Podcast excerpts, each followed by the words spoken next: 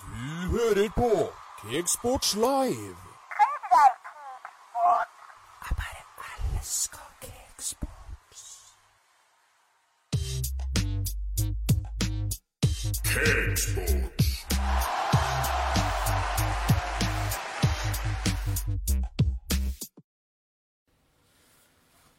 Velkommen, velkommen til barn. Nok en gang. Og vi er så glad nå, for eh, det er dags for sesong to. Dette er en liten beta-versjon, og vi ønsker dere alle sammen velkommen. Og i dag har vi et program som lukter svidd. Vi skal eh, dele ut drakt. Vi skal eh, prate litt og gi dere noen nye, fine spalter som kommer i sesong to. Og vi skal selvfølgelig holde dere oppdatert eh, over hva som har skjedd på overgangsvinduet nå i sommer. Alt her eh, i Cakesports er ekte, og det er ærlig, og det er høvelig tatt på sparken. Velkommen til baren barn til en ny episode. Dette er Cakesports Live. Cakesports.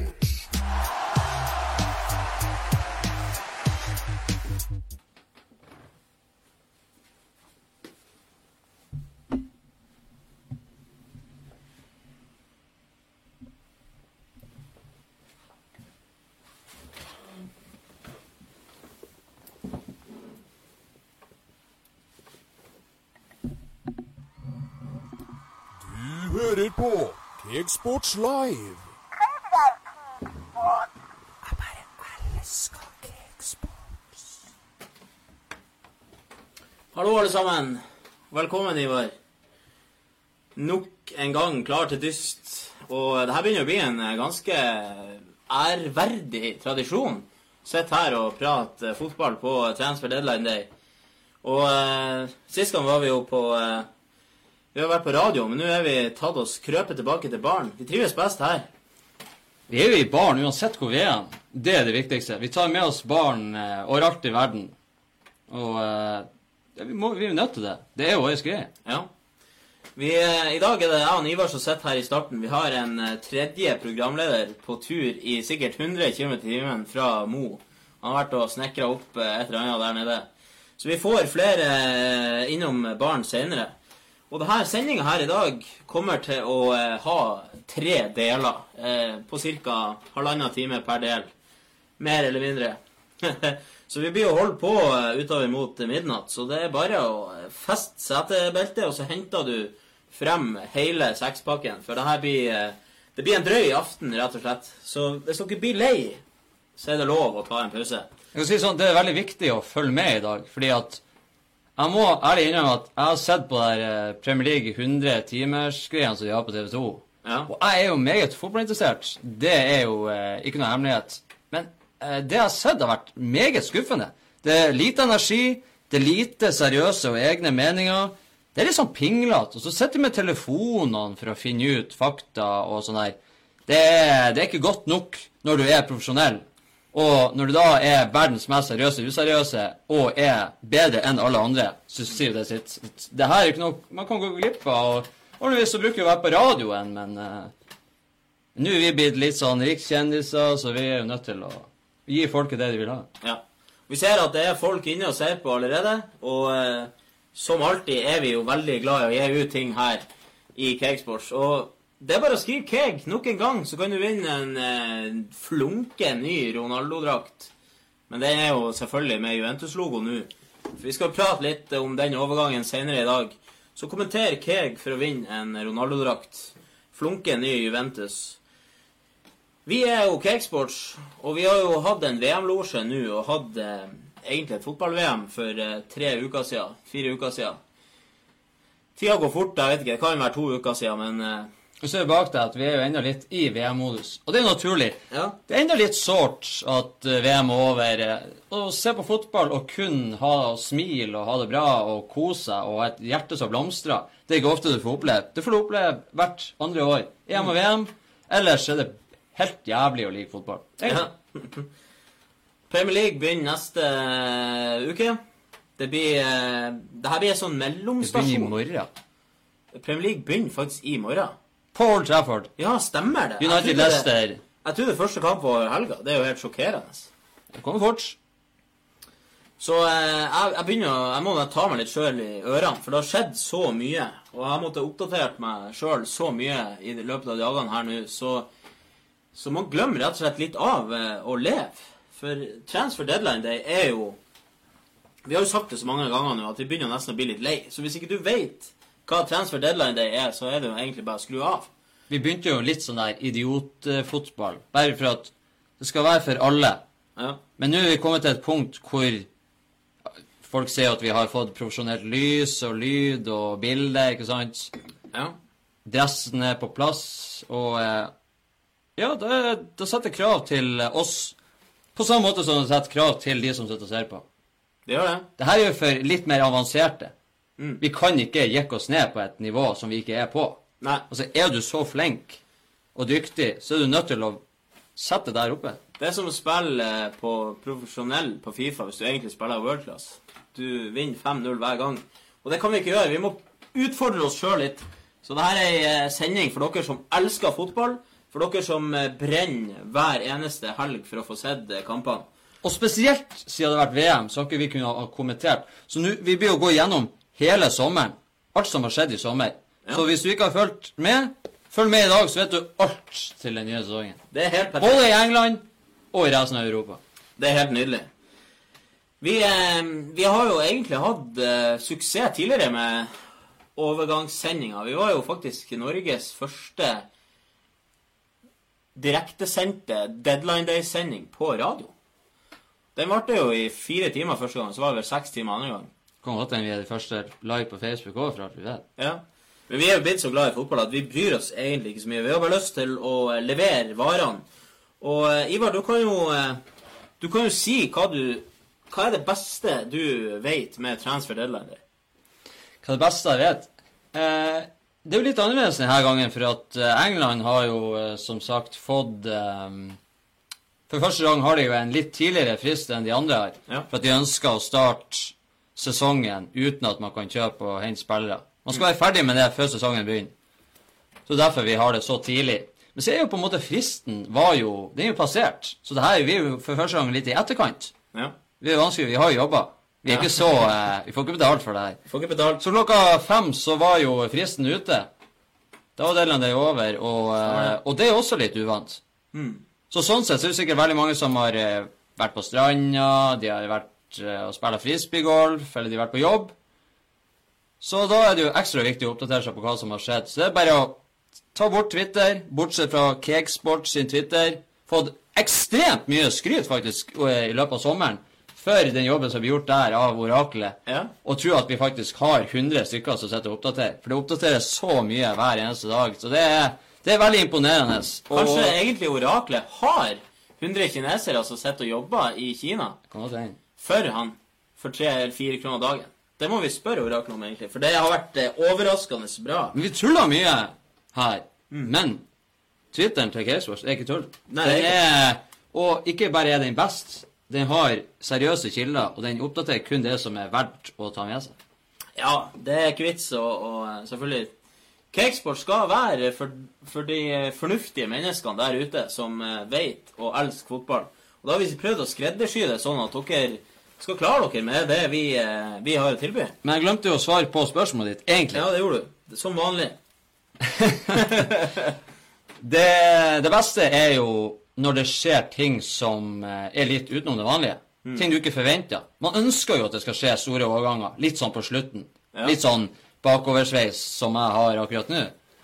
Så eh, Og det har jo skjedd noen ting. Hvert fall helt på tampen. Ja, det har. Så det, jeg synes det har vært, sånn sett så syns jeg det har vært en veldig bra del av det, egentlig. Det har det vært mye store overganger. Verdensrekorder for Jeg tror det er to verdensrekorder som er blitt brutt bare på keepere nå i sommer. Så det er jo ganske utrolig. Det er jo enorm økning hver sommer, og hver eneste deadline day så sitter vi her og er sjokkert og litt sånn i, i vantro mot de summene som blir brukt. Men det er jo ikke annet å gjøre enn å prøve å legge litt skygge over akkurat det, for eh, det er jo bare sånn det er blitt. Og eh, vi har fått et spørsmål allerede her fra en Simon Gønningsæter. Han eh, spør om vi tror han Pogba blir solgt. Og Der kan jeg egentlig bare si med en gang at eh, det er helt sikkert at han ikke blir. kan si sånn at eh, United har jo hatt sånne problemer med å få inn spillere at eh, jeg tror neppe at de selger kanskje sin aller største stjerne. Du, de, de kan vel fortsatt selge spillere, selv om overgangsvinduet er stengt? Men jeg har eh, veldig vanskelig Da tror jeg det skal være Da skal det være bra ille. Men de siste ryktene i dag sier jo at har Pogba egentlig ikke har lyst til å dra. Ja. Nei, jeg tror jeg har følelsen av at Pogba blir i Vi skal komme tilbake til det her, for jeg tror at det kan bli Jeg tror enkelte spillere i United kan få en god sesong, selv om det ikke virker sånn nå. Nei? Så har jeg en, li, jeg en sånn liten eh, En sånn liten tanke om akkurat det der. Takk for spørsmålet, Simon. Eh, Og dere kan kommentere Keg. Være med og vinne en eh, Ronaldo-drakt. Juventus. Helt nydelig. Og til dere der ute, så er det bare å komme med spørsmål eller nyheter, eller være med og snakke med oss, for det her blir en lang kveld. Vi trenger litt eh, innspill fra dere der ute for å holde hodet over eh, glasskanten her. Eh. Og det, det er litt viktig at vi eh, samarbeider, for da blir det best. Jeg tror Ivar, vi har jo et langt program å gå gjennom. Og vi skal gi dem litt eh, innblikk i hva som ventes i sesong to. Vi har jo prøvd å, å lage noe litt, litt nytt og litt spennende. Men i dagens sending da, så skal vi jo selvfølgelig ha litt kjente spalter. Å ja, sier du det? Kommer etter hvert. Vi skal prate fun facts og unyttige ting du ikke trenger å vite, men som du burde vite. Og så vi har jo selvfølgelig også en del overganger vi skal gå gjennom. Eh, oppsummering av gårdagens og dagens nyheter, Ivar. Der har du, eh, der har du rett og slett dyppa døppa hodet ned i eh, Fedmen. Ja, det det jo mye å meske seg i. Ja, altså, du har det jo foran deg. Det er bare å ramse opp hva som eh, Så skal jeg ta de på strak arm. Ja. Vi kan jo begynne med Arsenal. De har jo nettopp eh, fått unna Callum Chambers der. Callum Chambers eh, skrev jo ny kontrakt med Arsenal i sommer. Det var en langtidskontrakt, fire-fem år. Jeg tror det er mest pga. Eh, jeg kan ikke tro at de har eh, så veldig store forhåpninger til han. Jeg tror det mer går på den her home ground-regelen, hvor du må ha eh, engelske spillere eh, for å kunne eh, i det hele tatt være en fotballklubb i Premier League. Ja. Så eh, Men han har gått på utlån til Fulham. Eh, Spennende. Eh, Fulham har gjort veldig mye spennende, ikke bare i dag, men ellers i sommer. Så jeg tror Fulham kan kan bli et av eh, overraskelseslagene i år. Det skal vi eh, prate litt om senere. Fulham ser jo eh, ser bra ut. Det er et spennende navn. Og så har vi han Matei Vidra fra Derby til Burnley. Bare kjapt å nevne der. Det var vel kanskje Du kan jo egentlig bare fyre fyr videre hvis du har eh, Nei, jeg har eh, deg som eh, Du har meg som eh, Jeg har deg som eh, kilde, så eh, Ja, men det er fint. Jefferson Lerma, Levante-spiller, har gått til Bournemouth for 25 millioner pund. Og det er jo en litt overraskende signering. Har brukt så mye penger på en, en som kommer fra Levante. Jeg tror det skal være ny rekord. Ny rekord for Bournemouth. Ja. Ganske sikker på det. Adama Traoré, som mange husker, han har nå beveget seg fra Middlesbrough til eh, Wolverhampton. Bare tar med litt kjappe ting som har skjedd nå i går og i dag, før vi, eh, før vi skal eh, gå inn i hovedkjøttet, da, rett og slett.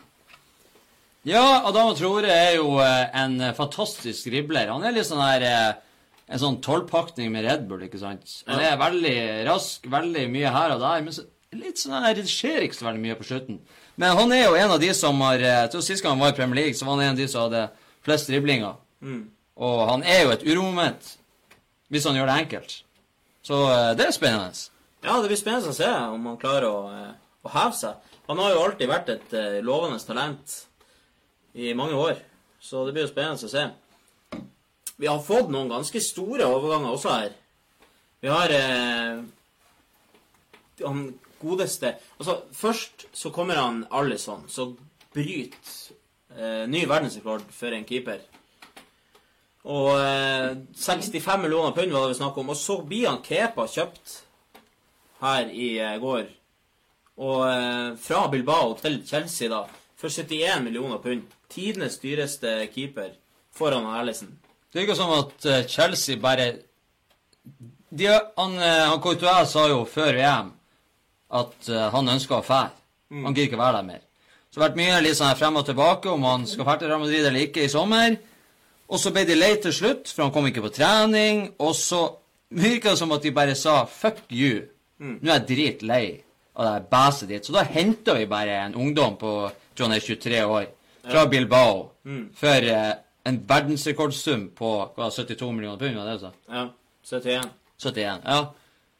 Eh, en spiller som har eh, 50 Jeg tror han har 53-54 kamper på seniornivå. Har én landskamp, og så blir du tidenes dyreste keeper. Ganske spesielt. Sånn ikke bare på hårstrå òg, ganske sikkert tidenes beste keeper. Der er faktisk en keeper som Real Madrid var nær å hente i januar for jeg tror det var en eh, Hvis jeg husker 15-20 millioner pund. Og så selger de han nå, et halvt år etterpå, for 71. Da kan du snakke om profitt. Ja. Men sånn er det når du Når du på en måte skal selge en av de beste spillerne dine. Så eh, Når du da skal ut på markedet og hente nye, så blir det dyrt, for de vet du har mye penger. Og så er det selvfølgelig for at det var jo utkjøpsklausulen. Ja. De klausulene i Spania har vi jo snakka flere ganger om. Eh, kan jo nevne det for de som eh, ikke visste det fra før, at i Spania så er det alltid en klausul i, i kontrakten som gjør at du kan kjøpes ut for en bestemt sum. Og der er det ofte veldig drøye summer, rett og slett. Og da er det naturlig å nevne at han Thibaut Courtois går da fra Chelsea til Real Madrid, som erstatter godeste Godeste Keylor Navas. Keylor Navas i mål der. Og det er jo helt utrolig. Vi snakka litt om det i går. Keylor Navas. Fantastisk. Eh, egentlig vært veldig god til tider for Real Madrid. Så skal de hente en som er hakket bedre, eller Helt ærlig, altså fotballen er jo brutal. Det er litt sånn, Jeg føler sånn utakknemlighet. Kelo Navas har vært eh, enormt god for Real Madrid ved så mange anledninger. Og ikke bare mange, men veldig mange viktige anledninger. Som gjorde at de vant Champions League tre år på rad, ikke minst. Og én god keeper, altså etter min smak, eller mening, blant de fem-seks beste keeperne i verden. Og Keylor Navas har sagt nå at Han uttalte faktisk i dag at mitt ønske om å forlate Real Madrid er like stort som ønsket mitt om å dø. Ja, ikke sant? Så han har sagt at jeg blir her og kjemper om plassen. Jeg gir meg en god faen. Ja, men det er godt å høre. Men har han Keylor Navas og han Courtois. Det er to keepere som kler svart veldig bra. Ja. og der får jeg beskjed fra oraklet som sitter og eh, saumfar det som skjer nå.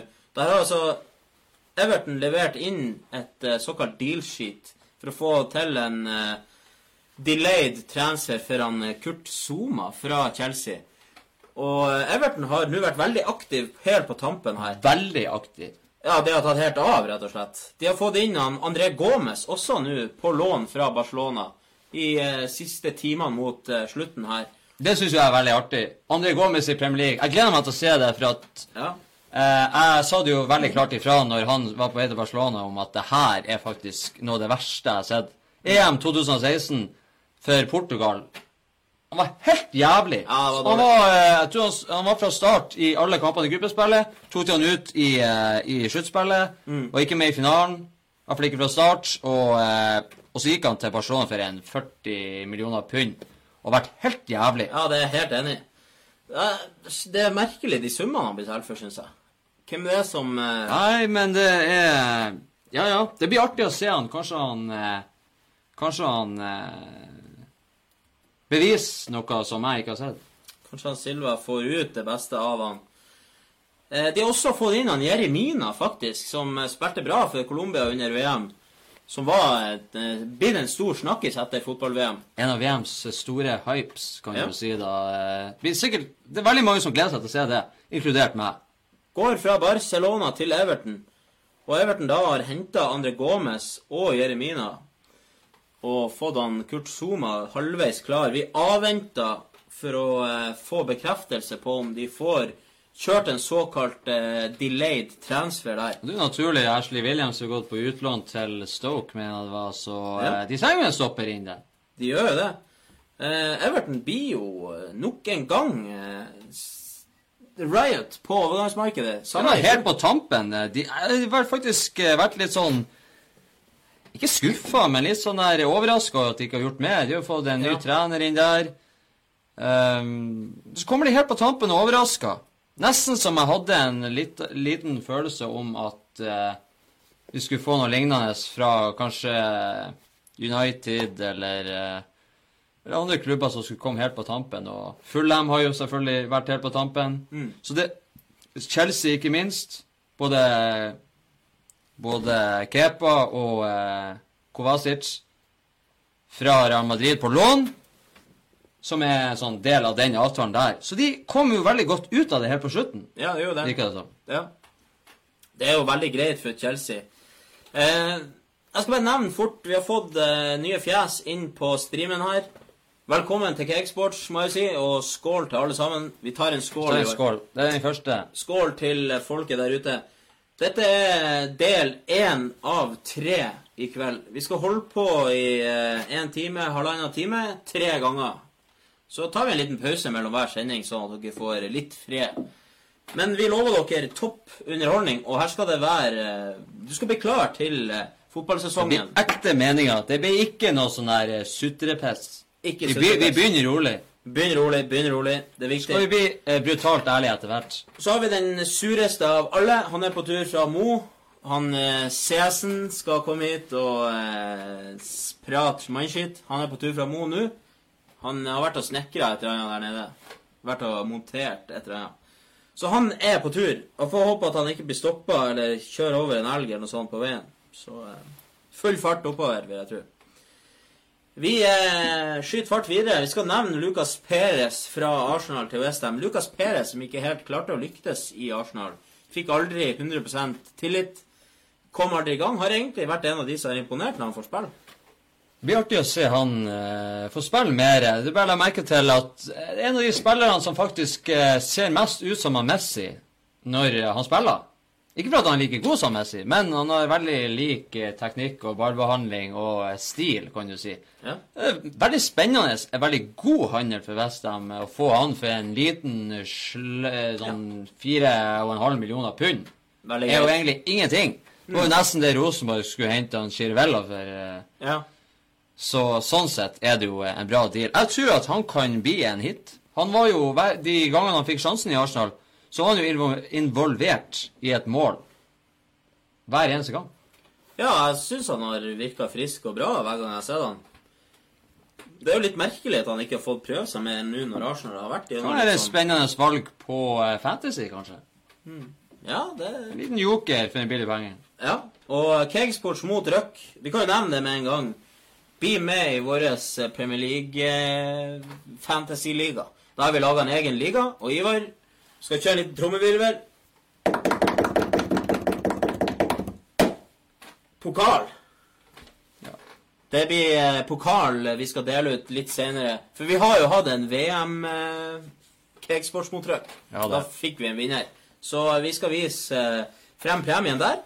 Men hiv dere med og bli med i årets eh, Premier League Fantasy, så kan dere vi- vinne litt bedre premie. Og så heder og ære, selvfølgelig. Det tror jeg kan bli meget bra. Altså, Fantasy er jo noe som gjør det litt mer spennende å se Westham mot eh, Swansea, hvis du sliter med å finne interessen. Så det er bra. Kommenter Keg i kommentarfeltet. Vinn en Ronaldo-drakt. Juventus nummer sju. Det er jo eh, Størrelse large. Vi bestiller alltid størrelse large. Ja, det er det vi gjør. Vi, eh, vi, har, eh, vi har tro på at folk klarer å vokse inn i en drakt. Ja, det- Så kan du trene deg ut av den hvis du vil. Så får du være sånn som Valencia gjør, at du pakker den inn i shortsen. Ja. Filip Benkovic fra Dinamo Zagreb til Leicester. Carlos Sanchez fra Firentina til Westham. Da får vi inn to nye fjes. André Gomez har vi nevnt. Bernard faktisk har jo gått eh, fra Sjaktar til Everton gratis. Og Bernard er jo en evigvarende hype, kan man egentlig si. Ikke, ikke god eh, noen ganger. Det er jo en grunn til at han har gått et helt overgangsvindu uten å få seg klubb. Så Det må jo være noe greier der. Det er liksom han Max Meyer som endte opp i Crystal Palace. Ja. For bare to-tre sesonger siden så var han jo ikke bare på Fifa, men han var jo generelt i verden blant de mest lovende talentene som var der ute. Ja. Og når du da er gratis og det går en hel sommer, og ingen vil ha deg. Det er litt rart.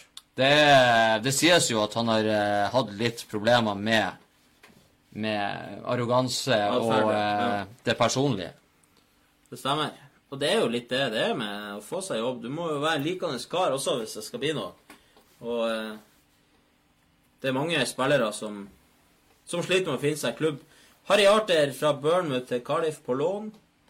Det er veldig fint. Eh, Vi kan jo nevne Dan Byrne, gått fra Wigan til Brighton. Han lånt tilbake til Wigan igjen til januar. Dan Ings Det ryktes at han er klar for Southampton på lån, muligens. Eller fast avtale. Vi har ikke fått det bekrefta ennå. Vi skal holde øynene våre på den overgangen der. Danny Ings er jo Det er jo mange som sikkert eh, hadde stor tro på han Danny Ings. Han har jo vært en liten sånn folkefavoritt i Liverpool. Han eh, Stor innsats, og når du får to korsbåndskader på rad, så blir du jo på en måte heia litt på. Så Vi kan heller, vi kan jo heller si det veldig enkelt at den tid er forbi. Den Liverpool-æren er, i hvert fall her og nå, den er forbi hvor de henter litt sånn middelmådighet. ja. Det har vi jo sett nå i sommer, at nå kan de faktisk begynne å hente fra øverste hylle. Da er det jo klart at sånne detter utafor. Og jeg tror selv om han ikke har fått de her skadene, så hadde han ikke Nei. Da hadde jeg endt opp på samme vis uansett. Og man kan jo si at Liverpool er jo skyldig Southampton en tjeneste. Ja, det er for så vidt sant. De kan gjerne jo bare kjøpe han så, uh, Ings fra Liverpool Southampton, så, så blir det kanskje litt bedre bedre Det har vært eh, litt sure miner mellom de klubbene her, for å si det sånn. Eh, Premier League har mottatt ti dealsheets, får jeg nå fra orakelet. Dealsheets er jo de her eh, arkene man sender inn. Det er jo nesten som i gamle dager. Faksa inn et papir. Ni av dem er fra Everton. Ja. og de har frem til klokka åtte da å ordne overgangene. Eh, klubbene, altså. Så da sender man en varsel til Premier League og sier her har vi en overgang på gang. Kan vi få eh, frem Kan vi få lov å utvide fristen? Og da har de til klokka åtte. Så det blir jo spennende for oss. Da har vi noe å følge med utover kvelden. Det er jo helt nydelig. Det er helt nydelig. Ti, det er innafor. Ja, det er ti eh, overganger nå som skal prøve å bli Kanskje det er en liten sukkerbit inni der. Ja, det kan hende. Det er jo helt nydelig. Det er spennende, og spenning det er vi jo glad i. Jeg syns det er veldig få som har lyst til å vinne fotballdrakt. Det kan hende at kommentarene på Facebook her er litt sånn eh, treige med å komme inn her. Så hvis dere eh, sliter med å få spørsmål til oss igjennom, så eh, må vi bare beklage hvis det er litt sånn treghet på Facebook. For noen ganger så er det ikke alle spørsmålene som kommer opp. Så har vi jo fått sagt det. Og så er det jo faktisk sånn her at du kan jo kommentere mange ganger. Ja, det kan det. Det er lov. Det er lov å kommentere flere Flere ganger. ganger, selvfølgelig. Det Du har større sjanse. Det er veldig fint. Det er helt nydelig. Eh, videre i eh, programmet så skal vi jo eh, Vi har jo Det er jo sikkert flere tusen overganger. Vi har jo valgt oss ut de mest interessante overgangene. Eh, så vi skal gå gjennom det mest viktige, og så har vi valgt én overgang hver eh, som vi skal ta i løpet av hver sending. Så eh, det blir litt ærlige meninger, og eh, ikke bare litt, men det blir masse ærlige meninger. Vi skal snakke litt om spesielle spillere, og vi skal eh, prøve å holde litt pulserende, sånn at vi ikke går inn i noen tunge baner. Vi kan jo selvfølgelig ikke prate om alle lag. Nei. Vi vil jo prate om de fleste lag i Nå er det selvfølgelig Premier League det er snakk om. Mm. Eh, men de mest interessante kjøpene der. Noen tar vi og utdyper litt, noen tar vi litt på det korte, og eh, så skal vi ta det som skjedde i Europa. Ja. For jeg personlig Jeg er jo veldig glad i Premier League, men jeg er jo, eh, jeg er jo litt sånn eh, Ja, skal vi si det Jeg er litt nerd, så jeg liker jo alt som skjer Ja. i Europa. Kanskje enda mer interessant med det som skjer ute i Europa, enn det som skjer i Premier League. Ja. Det er litt lettere å få tak i det. Det er så mye som skrives om det som skjer i England. Man føler at man er litt sånn på undergrunnen og leter når man er i Nei, Eresdivise og litt sånne ting. Vi skal lære folket litt i dag. Ja, vi skal det. Og vi har jo eh, Vi har jo mange, spill, mange klubber som ikke blir nevnt her i dag, dessverre. Så hvis det er noen der ute som tilfeldigvis eh, liker en klubb som ikke blir nevnt, så går det an å skrive oss en melding, så skal vi be oraklet om å, å komme med oppdatert informasjon.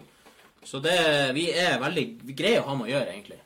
Spesielt når vi har fått litt kaldt i glasset her. Ta en ny skål. og Ta en ny skål. Ja, vi gjør det. Så får vi håpe at dere er friske og raske der ute.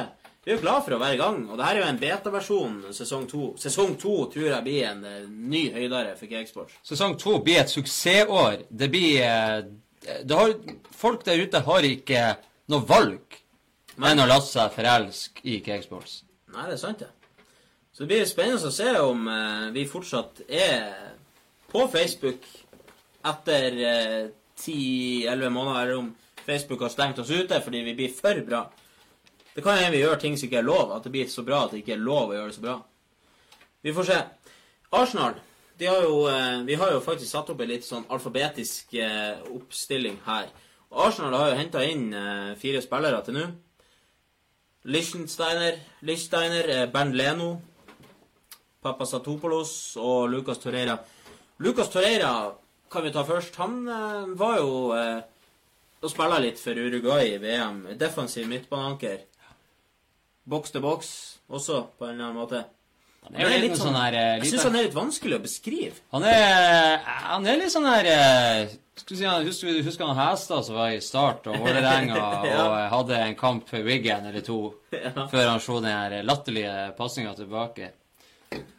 Er litt som en sånn klegg som skal henge på deg. Det er litt sånn Kanté-type. En liten jævel som drar rundt og biter deg i ræva. Ja, en mygg på midten. Ja, som plager deg. Og, og de her avtalen eh, der eh, Det sies jo at det skjedde allerede før VM, at vi har blitt enige der. Og så hadde han jo en veldig god eh, En veldig god, en viss veldig god figur i VM. Mm. Mange Arsenal-supportere som ble veldig sånn her de kjente at å, det er det her vi har mangla siden vi eier det', ikke sant? I hvert fall en som er litt tøff i trynet og ikke snur ræva til. Ja. Du hiver deg med hodet først, som vi så ved en anledning der at han blokkerte med hodet. Ja, det er fint å se. Og du har en sånn jævel som eh, ikke sant, Han har jo regulering. Han er ikke redd for å miste tann. Nei, ikke sant. Han er ikke så opptatt av sveisen.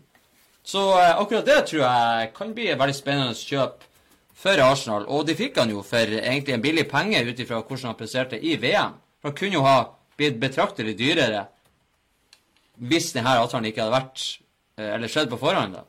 Så ja. Eh, det tror jeg er en god deal for et Arsenal som vi eh, sa i utgangspunktet ikke hadde for mye penger å bruke i det her overgangsvinduet. Ja, de har jo, eh, de har jo alltid sånn skattkiste, Arsenal, som de drar frem. Så er det, de virker veldig forsiktige når de kjøper spillere. Og det er jo klart, den, den, Det mest spennende som har skjedd med Arsenal i sommer, er jo ny trener.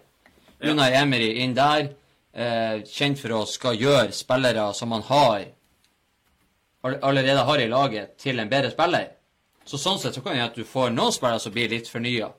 Veldig mye analyse frem og tilbake, hvordan man skal jobbe, og hva man skal gjøre, og hva man ikke skal gjøre. Mm. Så sånn sett så eh, det er spennende. Ja, det blir bra. Sokratis eh, Papastatopoulos fra Dortmund, 17,5 millioner pund. Eh, Papastatopoulos, litt som eh, Sokratis begynner å dra litt på årene Nei, jeg mener han Mustafi. De er jo litt like. Like i spillestilen. Du er utrolig flink til å si pappa Papasopoulos. Ja, jeg er faktisk det. Jeg, har, jeg liker han. Du har gått eh, kurs på eh, gresk uttale. Han Hvis du eh, deler det i to navn Hvis du først sier Papastat, og så sier du etterpå Du sier først Papastat, og så sier du Hopolos. Ja, det ble egentlig enda vanskeligere. Men ja, jeg er enig. Mustafi er et veldig godt eksempel. Heter Mustafi eh, Det var på en måte sjansespill. Eh, det blir litt sånn enten-eller. Ja. Det kan bli jævla bra, men så kan det bli litt skuffende òg. Ja. For det er kanskje Er du der du har vært, på det nivået, eller er du på en måte kommet litt lenger ned? Mm. Sokratisk skårer og vært suveren for Dortmund i flere sesonger. Ja, Kommer inn nå og mange får litt forventninger. Så er det blanda følelser. Det er jo en grunn til at Dortmund velger å selge han. Også for en litt billigere penge. Ja. Men også selvfølgelig ut ifra kontrakt og alt det der. Men han blir jo ikke yngre. Nei. Det kan bli en veldig eh, god signering. Men samtidig så kan det Det kan eh, bli en litt sånn her Mustafi Men det er også der. Han Emry skal jo på en måte være den eksperten og gå inn og vet hva han skal på en måte peke på når det gjelder forskjellige spillere. Ja. Det blir spennende å se. Jeg vet ikke, jeg har, Personlig så har jeg ikke den aller beste følelsen med det der. Jeg tror ikke han er på det nivået som han har vært før. Vi har henta Bernd Leno. Direkte konkurranse til eh, Peter Czech. 19 millioner pund fra Leverkosen. Så de har jo brukt penger, Arsenal også. Ja, det er spennende keeper. Jeg tror han er 23-24 år. Ja. Vi tar litt på sparken her. Jeg tror Men, han er eh, 22 eller 23, faktisk. Ja, det var Ja. 23, gjetter jeg. Og eh, Og eh, ja, veldig spennende keepertalent. Eh, Tysk er alltid bra. En av mine eh, ordtak i fotballen tysk er alltid bra. Tysk er alltid bra. Ja, tysk er alltid bra. Tyskland vinner alltid. Bortsett fra Mertesaker, så er tysk alltid bra. Ja. Og ja, jeg tror han kan bli en, en bra keeper med årene. Nå sies jo at etter at han Emil kom inn med en ny keepertrener, så har han check fått en ny vår. Ja. Og har imponert i preseason, så er det ikke bare bare. Han har faktisk redda del to straffer? Ja, jeg tror han redda minst to straffer. Da står jo ikke verden til påske når han sjekker redda straffe. Ja, det er akkurat det. De har også gjort litt, eh, litt aktivitet ut for Arsenal. Callum Chambers på lån til Fulham. Lucas Perez, som vi nevnte tidligere, har gått til Westham for 4,5 millioner pund. Og så var det mange som satt og håpa på at det skulle skje storsignering nå siste dagen. Ja. Litt også pga. situasjonen med Krønke, så eieren som kjøpte opp eh, klubben. Ja. Fått 100% av aksjene. Og at eh, supporterne er Og det her skjer rett før sesongstart, når sommeren har vært veldig positiv og fin. Så kommer de her i fleisen, og så tenker de at ah, men nå kommer de til å smekke til med ei skikkelig storsignering Ja. for å kompensere med det her og få en sånn eh, en god følelse inn i, eh, blant supporterne igjen. Men eh, det ser dårlig ut. De har brukt 72 millioner pund, eh, Arsenal, og er, ser seg fornøyd og klar til uh, ny sesong som begynner i morgen. Brighton har fått inn uh, han Alireza Jehan Baksh. Litt vanskelig å uttale korrekt. Uh, hvis det er noen som vet hvordan det uttales bedre, så er det bare å sende oss en melding. Det liker jeg å si, fordi at Tenk hvis vi hadde fått en melding fra en eller annen fra Iran, eller der For eksempel hvis det var en spiller fra Iran, og så var det en fra Iran som sa nei, det uttales ikke sånn. Hva var det du sa overgangssummen var der? 17 millioner. Det er vel han uh, ut ifra Nå må jeg ta det ut ifra din uttalelse. Men det er jo vel han uh, Det er jo selvfølgelig han uh, iranske kantspilleren Ja. som var i Var det PSV? Jeg bruker å blande PSV og Ajax. Men han var der. Alkmaar. Det var før han for til Alkmaar, mener du? Han er i hvert fall henta fra Alkmaar. Aset Alkmaar. Ja, det stemmer. Nå tenker jeg på Der ser du det i uttalelsen din. Men det er sant. Det kan være uttalelsen. Eh, veldig eh, Du tenker på han Bakali, kanskje? Ja, det, ja, ja, det kan være det. Men eh, faktisk veldig spennende kjøp, det også. Med tanke på fantasy, hvis eh, folk er interessert i det. Og Ja. har, jeg tror han skåra en rundt Jeg tror han skåra i snitt hver tredje kamp. Eller noe sånt statistikkmessig. Så eh, veldig spennende spiller. Spennende for, uh, for Brighton å få inn De har jo brukt, uh, brukt veldig lite penger det her overgangsvinduet, så de står vel på stedet hvil og er klare for ny sesong i Brighton også. Det blir jo spennende å se om de klarer å holde hodet over vann i år også. Gjorde det jo overraska litt i fjor med å klare å holde seg oppe i Premier League. Og så må jeg bare si, før vi går videre, at jeg, vi, de som sitter og ser på, må komme kommentarer. Kom med meninger. Kom med hva de syns har vært bra. Hva de Ja. syns har vært dårlig med overgangsvinduet. Hvem har vært bra, hvem har vært dårlig. Hva er overraskelsene? Det er viktig å være med og uh... Og Kom med spørsmål. Det er, det er herlig. Det er nå det virkelig begynner. Det er det. Og vi har jo litt øynene eh, fortsatt på det som kan skje fortsatt. For det er ti klubber som visstnok skal ha Eller i hvert fall ti tilfeller av eh, Ja, hva man kan kalle det utsatte overganger som har frist til klokka åtte for å bli klar. Så det kan jo fortsatt skje eh, ting. Brighton har også eh, nå på slutten gjort litt mer eh, Litt mer eh, aktivitet. Fått inn han Fernandes da Silva jr. fra Red Bull eh, Leipzig. Og det er jo eh, Altså han, Bernardo Fernandes da Silva jr. Når det er et så langt navn som eh, kommer opp på skjermen Det høres jo ut som verdens beste fotballspiller. Ja. ikke sant? Så er han sikkert helt jævlig. Ja, det vet, det vet man aldri. Han har jeg ikke noe kjennskap til. Vi har ikke fått noe sum opp av han enda. Eh, Leon eh, Balogun fra Mainz og Florin Andone fra Deportivo er kommet inn på Brighton. Det der er jo litt ukjent for ukjente fjes og få inn Jeg syns det er hvert eneste år så jeg gleder meg til å se alle lagene. Så de første tre-fire rundene så prøver jeg å se alle, alle, alle kampene som går. Det er det som er litt Får sånn nye fjes og folk du ikke har sett før. Det er helt det som er også veldig spennende i år, eh, er jo at det er veldig mange av de kanskje mindre gode lagene som har kjøpt veldig mye spennende spillere. Ja, det er det. Absolutt. Vi kommer jo inn på noen etter hvert her. Og eh, det har vært, vært masse, så vi skal ta tak i det fortløpende. Burnley har eh, Der er, der er eh, oraklet og stoppa meg litt her. For Brighton har også mulighet for å hente han Martin Montoya fra Valencia på lån.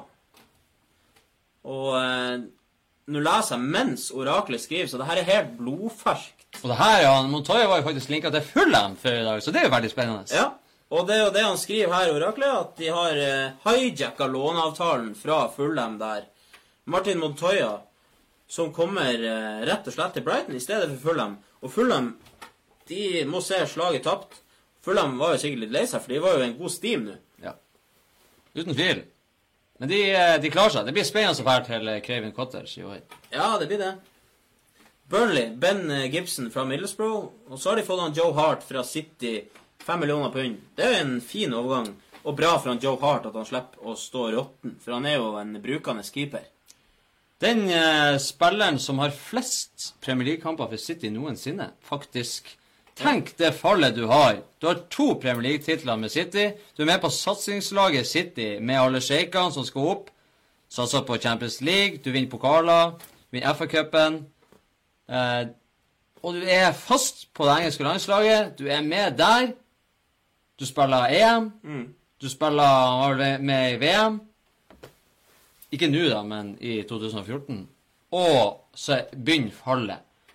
Guardiola kommer inn, du drar på lån til Torino. Gjør en dårlig figur der. Du drar til Westham på lån.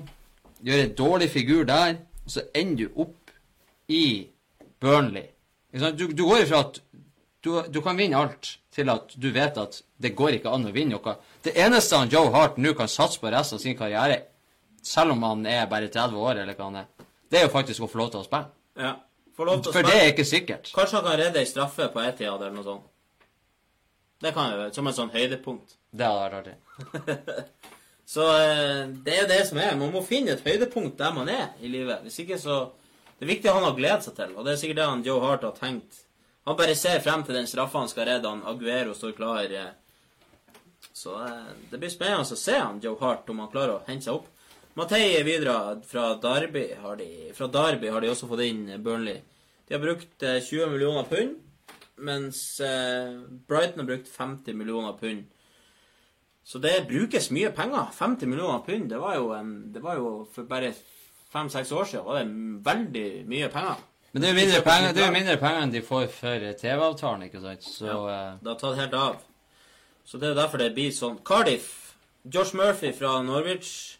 Greg Gunningham fra Preston. Alex Smithis fra Queens Park Rangers. Bobby Reid og Victor eh, Camarasa er kommet inn på lån fra Real Betis. Og eh, de har vel egentlig Det er ingen summer som er nevnt der, så det her er ikke Det her er rett og slett spillere som er henta på eh, på god gammeldags eh, øksemetode. Du bare henter inn eh, gratis, eller så å si gratis, og så prøver du å få det til å funke. Cardiff de har en jobb å gjøre i år. De har kvittet seg med Craig Halford. Bare ha det bra. Omar eh, Bogle solgt lånt til Birmingham, og samme er han Lee Camp. Men der er han solgt, og det er ikke nevnt noe sum. Du må ta de her klubbene òg, for det er jo det som gjør hele Premier League så fantastisk. Det er jo når du skal eh, se de her kampene, så kan du jo tenke at ah, det var der de henta i sommer. Ja, Det blir spennende å følge med. Så eh, det er litt viktig å få med. Og Chelsea, de har jo gjort ganske De lå litt stille en stund. Var ute og vaka, men eh, så smalt de til med han Jorginho, da. Fra Napoli. Godeste Sarri der. eh, Er det Napoli Hva var det du kalte det for? Napoli-pakken. Napoli-pakken, ja uh, Henta manager inn der eh, som eh, har en litt dårlig følelse egentlig når det gjelder det der. Jeg tror personlig, og det sa jeg egentlig før jeg så Charity Shield-kampen mot City, jeg har en følelse på at han kommer til å få sparken i løpet av sesongen. Eh, det er jo gjerne sånn i Chelsea at managerne vinner første sesongen, og så gjør de det litt dårligere enn de andre, så får de sparken på slutten av den andre sesongen. Chelsea blir ikke å vinne Premier League denne sesongen. Det kan jeg nærmest garantere. Så jeg tror at Og han virka litt sånn her snillere. Når han var i Napoli, så så han jo litt sånn her Nils Arne Eggen med boblejakke og beisa, ikke sant. Tok seg en sånn tyvepakning 20-pakning på sidelinja under kamp. Nå så så han der litt sånn der med, med hendene i lomma og ser litt sånn der eh, vet ikke helt hva han skal gjøre. For han, han, har litt, han er ikke vant til å tjene så mye penger som han gjør nå i Chelsea. Så han står litt der. Henta han Jorginho, selv om han hadde lova at han ikke skulle ta med seg spillere fra Napoli. Jorginho var jo Jeg skal ikke si at han var klar for City, men City hadde veldig lyst på han. Mm. Eh, og så sies det at Jorginho valgte Chelsea da annet for at han har lyst til å bo i London isteden. Så han er jo italiensk, kan ikke engelsk. De har jo Chinatown, de har jo eh, Nord-Korea-town, Sør-Korea-town, de har Italia-town, de har eh, America-town. Ikke sant? De har alle de her townene Ja, det i London. Så det er litt lettere å være der. Ja, det er det. Så eh, jeg tror Nei, jeg har eh, Jorginho var helt jævlig i Charity Shield-kampen mot City. Sånn helt grusomt dårlig. Men skal ta han i forsvaret og si at han David Silva var også helt jævlig de to første månedene han var i Premier League. Så eh, det kan hende at det er bare en sånn finjustering på, på tempo og press og, eh, og bli litt varm i trøya. Så var vi jo innom eh, keeperrekorder tidligere. De har jo ikke akkurat slått rekord når de henta Robert Green. Han kom gratis fra Huddersfield. Men rekord slår de når de henta han Kepa for eh, 72 millioner pund fra Atletic Bilbao. Det er Og bare- der har Atletic Bilbao gjort et kjempesalg. De kjøpte han for eh, hva, 500 000 euro eller noe sånt. Altså, det var gratis. Og så selger de han nå altså for 720 millioner. Holdt på å selge han for eh, 15 millioner pund i januar til Real Madrid. Mm. Nå får de 71 millioner pund for en spiller som har spilt 50 og, noen og 50 kamper på seniornivå, én landskamp. Forstå det den som kan. Og så kan, da, da kan jo folk som eh, altså for, for eksempel han Ellison, s- 65 millioner pund. Han Ellison har jo ikke akkurat direkte oppnådd noe, han heller. Men når det blir sånne summer for uh, keeperne, så er det jo noe som sier at eh, det her er keepere som skal prestere, og som skal være ypperste klasse. Så han Kepa han har jo en det et enormt press. Courtois går til Real Madrid. Kepa kommer inn der. Det blir, eh, det blir hardt for han Kepa med den, den eh, prislappen på hodet. Men han Ellison er det litt annerledes, for alle vet om han Ellison. Alle på en måte vet at han er en dyr keeper. Mens han Kepa kommer litt ut av det blå der, den summen. Ellison har jo også blitt hypa litt mer. ikke sant? Ja. Det her med han Kepa kom jo litt ut av det blå. Han Ellison er jo kul med sine svarte keeperhansker. Han har jo kult hår, han har kult skjegg. Han er litt sånn keeper utenom det vanlige. Ikke mange keepere som har skjegg, forresten. Nei, det det- tenker man om. Og skal på en måte være blitt eh, kalt keepernes Messi òg, ikke sant. Så da blir det litt sånn Da blir det mer spennende. Kepa ja, eh, Jeg kan, ikke ta det på, helt på tunga. Jeg har ikke fått den innkjørt på tunga. Nei. Fulle navnet. Eh, men Ali Reisha heter det, ja. jeg, jeg stiller meg litt sånn der uforstående til å bruke De bare plutselig punger ut på en spiller.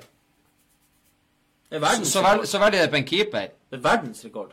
Men viser jo, undersøkelser viser jo at keepere har jo lenge vært De har jo lenge vært billigere enn utespillere. Ja. Men så er det også sånn at keeperne har alltid vært dårligere, dårligere lønn enn utespillerne. Men nå er det en trend som vi ser som begynner å forsvinne. For nå får jo eh, De Gea kan få tre millioner i uka, og, eh, og de koster jo flest, keeperne nå. De er blitt så viktige nå. De små marginene som avgjør eh, kamper. Det er klart at de er viktige, de òg. Ja, det er blitt så marginalt. Til slutt så er det så marginalt eh, fotballen at det er om å ha best keeper. Så eh, tilbake, Courtois går jo relativt gratis hvis man skal sammen... oh, unnskyld. Eh, sammenligne prisene, da. 31 eh, millioner pund til Real Madrid. Siste år Han har vel ett år igjen av kontrakten, så man kan vel si at det, det er derfor. Men allikevel, veldig god eh, business av Real Madrid. Og så ble det jo selvfølgelig, som en del av den avtalen, ble jo Som skjedde i dag, offisielt, Ja. Kovacic klar for Chelsea på lån. På lån. Uten opsjon på kjøp. Ja. Og det er jo viktig å ta med seg, fordi at eh, Real Madrid uttalte jo før det her skjedde at Eller han Lopetegui, som er den nye Real Madrid-treneren, han Julen Julen. Han, eh, han ville ha han. Eller så har vi sikkert tatt litt sånn for og imot. Hva er viktigst, han Courtois eller han eh, Kovacic? Så ble det jo sånn. Og da kom plutselig Chelsea litt sånn der Godt ut av det helt på slutten. Ja. Litt sånn der eh, grå sommer for Chelsea. Som eh, egentlig har nesten at man har forventa at han Hazard skal fære. Kanskje en William skal fære, man vet ikke. Vært kanskje snakk om at han Giroud allerede skulle fære til Marseille, eller men eh, Så de blir litt sånn på stedet hvil, og så har de plutselig fått en ny midtbane nå med han Kanté og han Jorginho og han Kovacic. Eh, Litt eh, mer defensiv midtbane enn det jeg liker, men eh, absolutt eh, ei midtbane med kvalitet og eh, ambisjoner om å vinne pokaler. Absolutt. Det blir spennende å se Chelsea. Det handler jo mye om å få eh, mobilisert så eh, raskt. For nå har de henta inn på slutten her, og sesongen begynner. Ny trener, lite tid, det har vært VM, slitne spillere. Så det er Det, det er mye som skal kokes i hop i den eh, nest- gryta Det er når man snakker om farmerklubbene, sånn vi snakket om i stad, Southampton-Liverpool. Men det her forholdet Chelsea-Real Madrid er faktisk ikke til å legge bort. Du har jo Courtois, som har vært i begge klubbene. Så har du Robben, som har vært i begge klubbene. Du har Essien, som har vært i begge klubbene. Anelka. Nå har du Kovacic. Du har eh, Makelele. Du har eh, Skal vi se om jeg klarer å ta alle på rappen. Nei, men det er bare for å nevne noen, da. Ja, det stemmer. Jeg har fortsatt eh, preppen det er sånn. Jo, men ta det litt på sparken, så er det en sånn her greie der. Chelsea-Real Madrid har et kjærlighetsforhold. Ja, det er fint. De har jo eh, Mourinho Real Madrid, ikke sant? Det er noen eh, connections der, det er ikke noe tvil om det. Vi skyter inn eh, kommenter Keg i kommentarfeltet. Vinner en Ronaldo-drakt. Juventus, helt nydelig. Vi har eh, sending én av tre i kveld. Og eh, vi, vi skal holde dere oppdatert. Sitt her helt til vi er ferdig. Så får vi se hva, tid, eh, hva klokka er når det, når det skjer. Har du spørsmål, eller har du et eller annet som du lurer på? Bare kom med det til oss. Så må dere huske å invitere en venn til Cakesports mot Røk. Fantasy-ligaen vår. Det er veldig viktig å invitere en venn, eller to venner. Så får vi flere med, og det blir jo enda mer artig og enda bedre å vinne. Eh, Crystal Palace, som jeg har en liten eh, Jeg har litt tro på Crystal Palace. Vi, vi sendte Gaita gratis fra Getafe. Han så jeg faktisk i en kamp. eh, Jeg lå på hotellrommet i Trondheim og så Getafe der spille. Og da var han fantastisk god. Han kan bli en spennende signering. Selv om han kanskje ikke får spille så mye, så, så er han en bra spiller.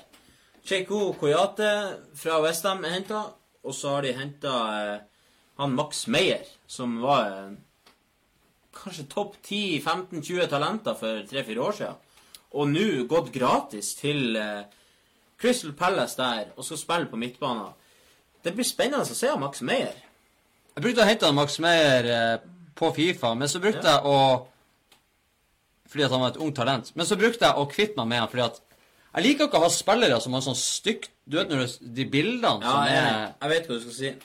Når man har et bilde på spillet, hver enkelt spiller på Fifa, så hadde han sånn her, sånn her stygt bilde. Jeg syns ikke det var noe Ikke at han er stygg, men det var et veldig lite pent bilde. Ja, og så sånn ut som en sånn her eh, sur dritunge. Sånn her Ja. bølle. Så jeg ville ikke ha så jeg solgte han Bunja Ville. Etter en stund. Så han fikk aldri nådd potensialet sitt i, eh, i klubben sin på grunn av det. Så unnskyld. Unnskyld meg. Men ja, det blir spennende å se hva han kan prestere når han har vært et såpass stort talent som han har vært. Veldig ettertrakta for noen år tilbake siden. Ja. Snakk om eh, veldig store summer. Så eh, offensiv eh, midtbanespiller som kan være litt sånn der Det blir Nei, det er absolutt også noe å ta med seg i Fantasy. Kan være sånn der veldig bra eller veldig dårlig. Roy Hodgson har bursdag i dag, forresten. Gratulerer med dagen. Gratulerer med dagen, Roy Hodgson. Det må jeg jo faktisk eh, tørre påstå. Det er jo helt utrolig han Roy Hodgson at han enda er Jeg tror han blir 72. Mulig jeg tar feil. Jeg tror han har passert 70. Han, er, han, han kommer til å være trener helt til han blir senil, og så får han ikke lov mer. Fordi folk er så glad i han i det der Det er sikkert ikke han som tar ut laget engang. Nei. Han våkner etter kampen. Han vet jo ikke hva spillerne heter. De har brukt 10 millioner pund, eh, godeste Crystal Palace. Så det er ikke så mye som har skjedd inn der, men eh, de har klart å beholde han Saha, og eh, det er jo bra for Crystal Palace. De trenger han Saha, for han er fantastisk god når han er i, i siget. Skulle gi han en ny kontrakt på en 120 000-130 000 pund i uka. Ja. Sies det. Så er det frista. Vært litt snakk om Tottenham, men Tottenham har jo ikke råd. De har jo bygd seg ny stadion. Hmm. De har jo ikke gjort en skit på overgangsmarkedet. Verken for eller imot. Så uh, Saha blir nok på stedet hvil. Men det er jo bedre å være i den største stjerna. Ja, det er jo det. Bedre meg for ei stjerne han er på Twitter Ja, det er helt og på sosiale medier blant Crystal Palace. Hvorfor skulle du ønske å fære en annen plass? Så blir han å fære til uh, Tottenham, og så blir han en sånn her uh, van der Fart som eh, ja, gjør en god kamp her og der, men uh, hvem bryr seg? Ja. Nei, det, det er fint å se at folk kan eh, være i en klubb og sette pris på det, selv om man ikke har nådd det høyeste nivået ennå. Eh, Ivar, jeg tror vi skal ta oss en liten tur ut i Europa. rett.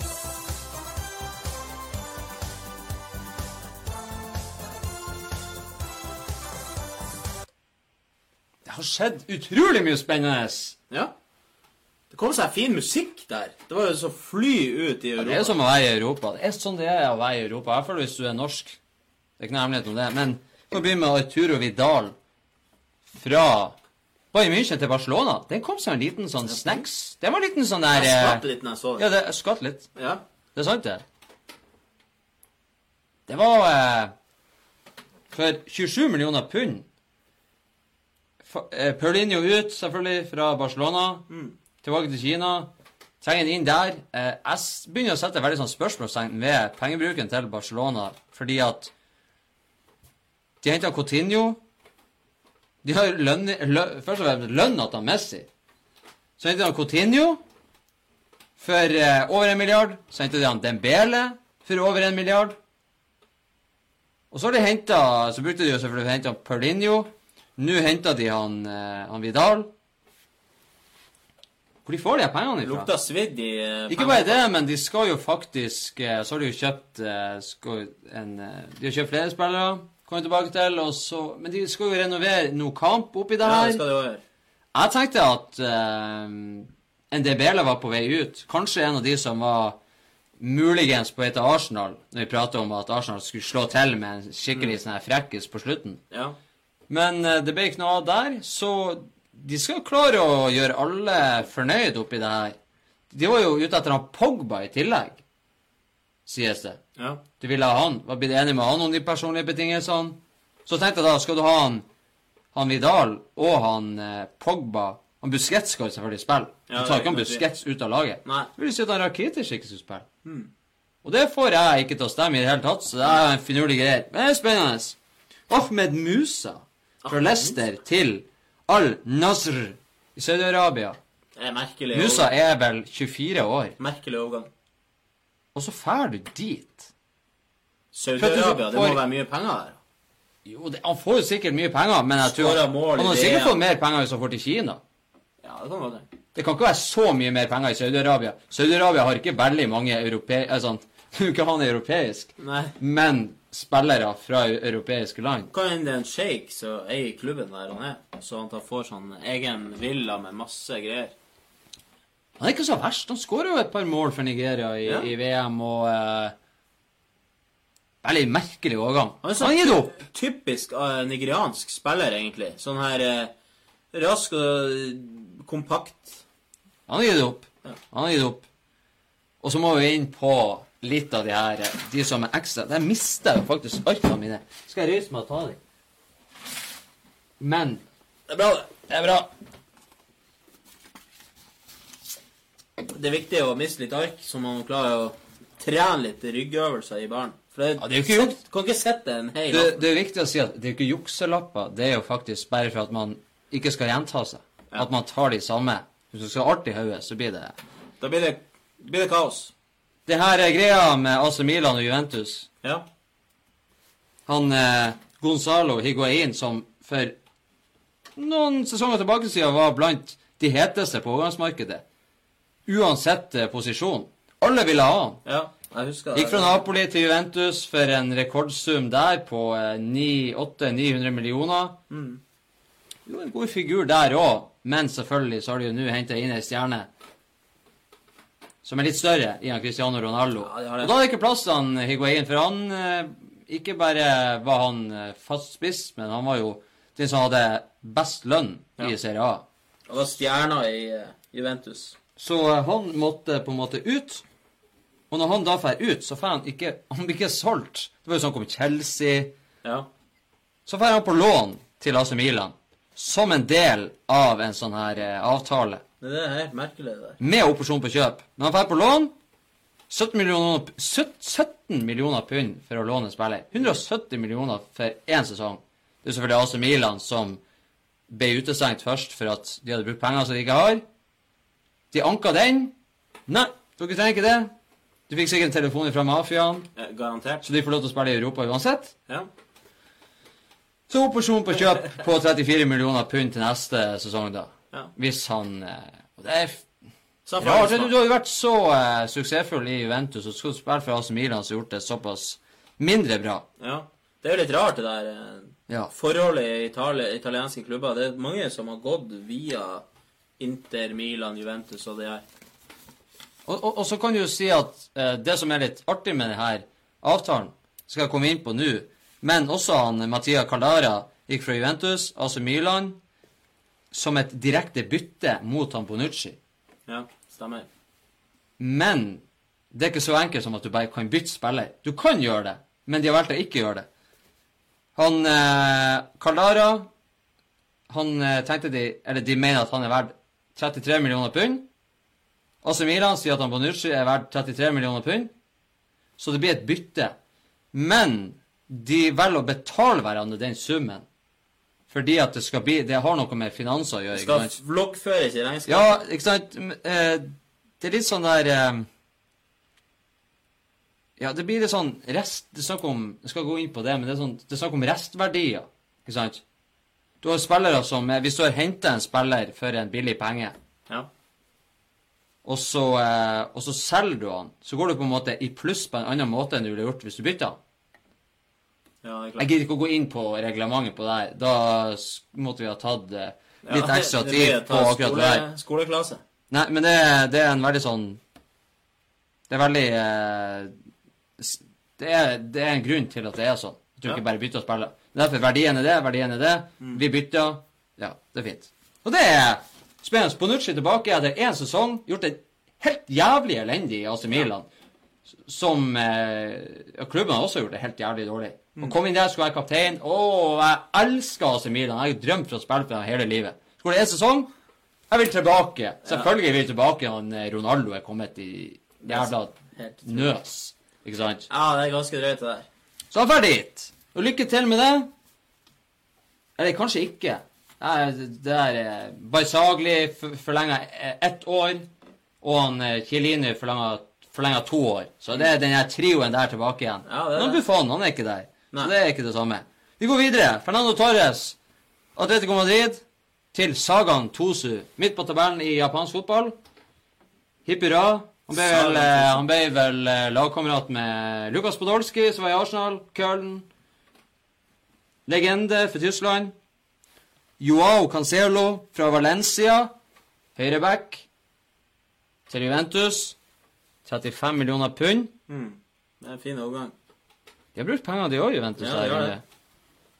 Og så siste fra Europa i denne, eh, i denne omgang. på Ståre. Som også har vært en sånn kasteball kasteball som alle har lyst på i alle år. Nå gikk han fra PSG til Roma. 21 millioner pund, takk for alt. Det er en liten sum for en så uh, attraktiv spiller, kan man si. Han han har liksom falt litt mellom to stoler i PSG. Har ikke helt uh, slått til. Nei, men selvfølgelig, du er jo en av mange stjerner. Det er sånn det er. Veldig bra at folk kommenterer Keg. Jeg får opp flere og flere kommentarer her, så det begynner å komme seg. Hvis dere har ting som eh, vi har glemt å få med til nå, eller som dere vil at vi skal ta opp, eller kom med et spørsmål, så er det bare å skrive oss en eh, kommentar. Vi tar med det meste. Og eh, bli med i vår fantasy-liga. Hvis du har joina oss allerede, så få med en venn eller noe. Få med, få med noen andre. Så blir vi større og bedre, og det blir artigere å vinne, rett og slett. Så kan du jo eh, egentlig bare gå og, og hente noe godt i glasset, hvis du ikke har gjort det allerede. Ta en, eh, en til skål. Gjør det. Det er viktig å skåle, spesielt når vi skal ha tre sendinger. Det er en hel kveld. Det er en hel kveld. Det er viktig å Men dere må dra på jobb i morgen uansett. Ja, vi skal være i seng innen eh, rimelig tid, og hvis vi kan gjøre det, så kan dere òg gjøre det. Så det er bare å henge med her. Og sesong to er jo eh, for Cakesports noe ekstra spesielt. Men for eh, dere så er det jo bare en ny Premier League-sesong som er i gang. Men vi skal jo kjøre sendinger hver uke. Hver eneste uke i Premier League-sesongen så kommer vi til å ha sendinger her fra baren. Og eh, vi skal bli bedre enn det vi har vært. Og skal bli nye spalter. Og eh, nå skal dere få den aller første nyheten i sesong to. Det er rett og slett eh, Cakesports mot Røk.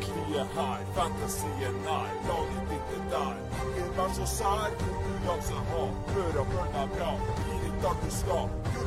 Skal ta, men nå er du stuck. Bare legg på trykk, laget ditt er møkk. 3 mot trykk. 3 mot trykk. 3 mot trykk. 3 mot trykk. 3 mot Røk.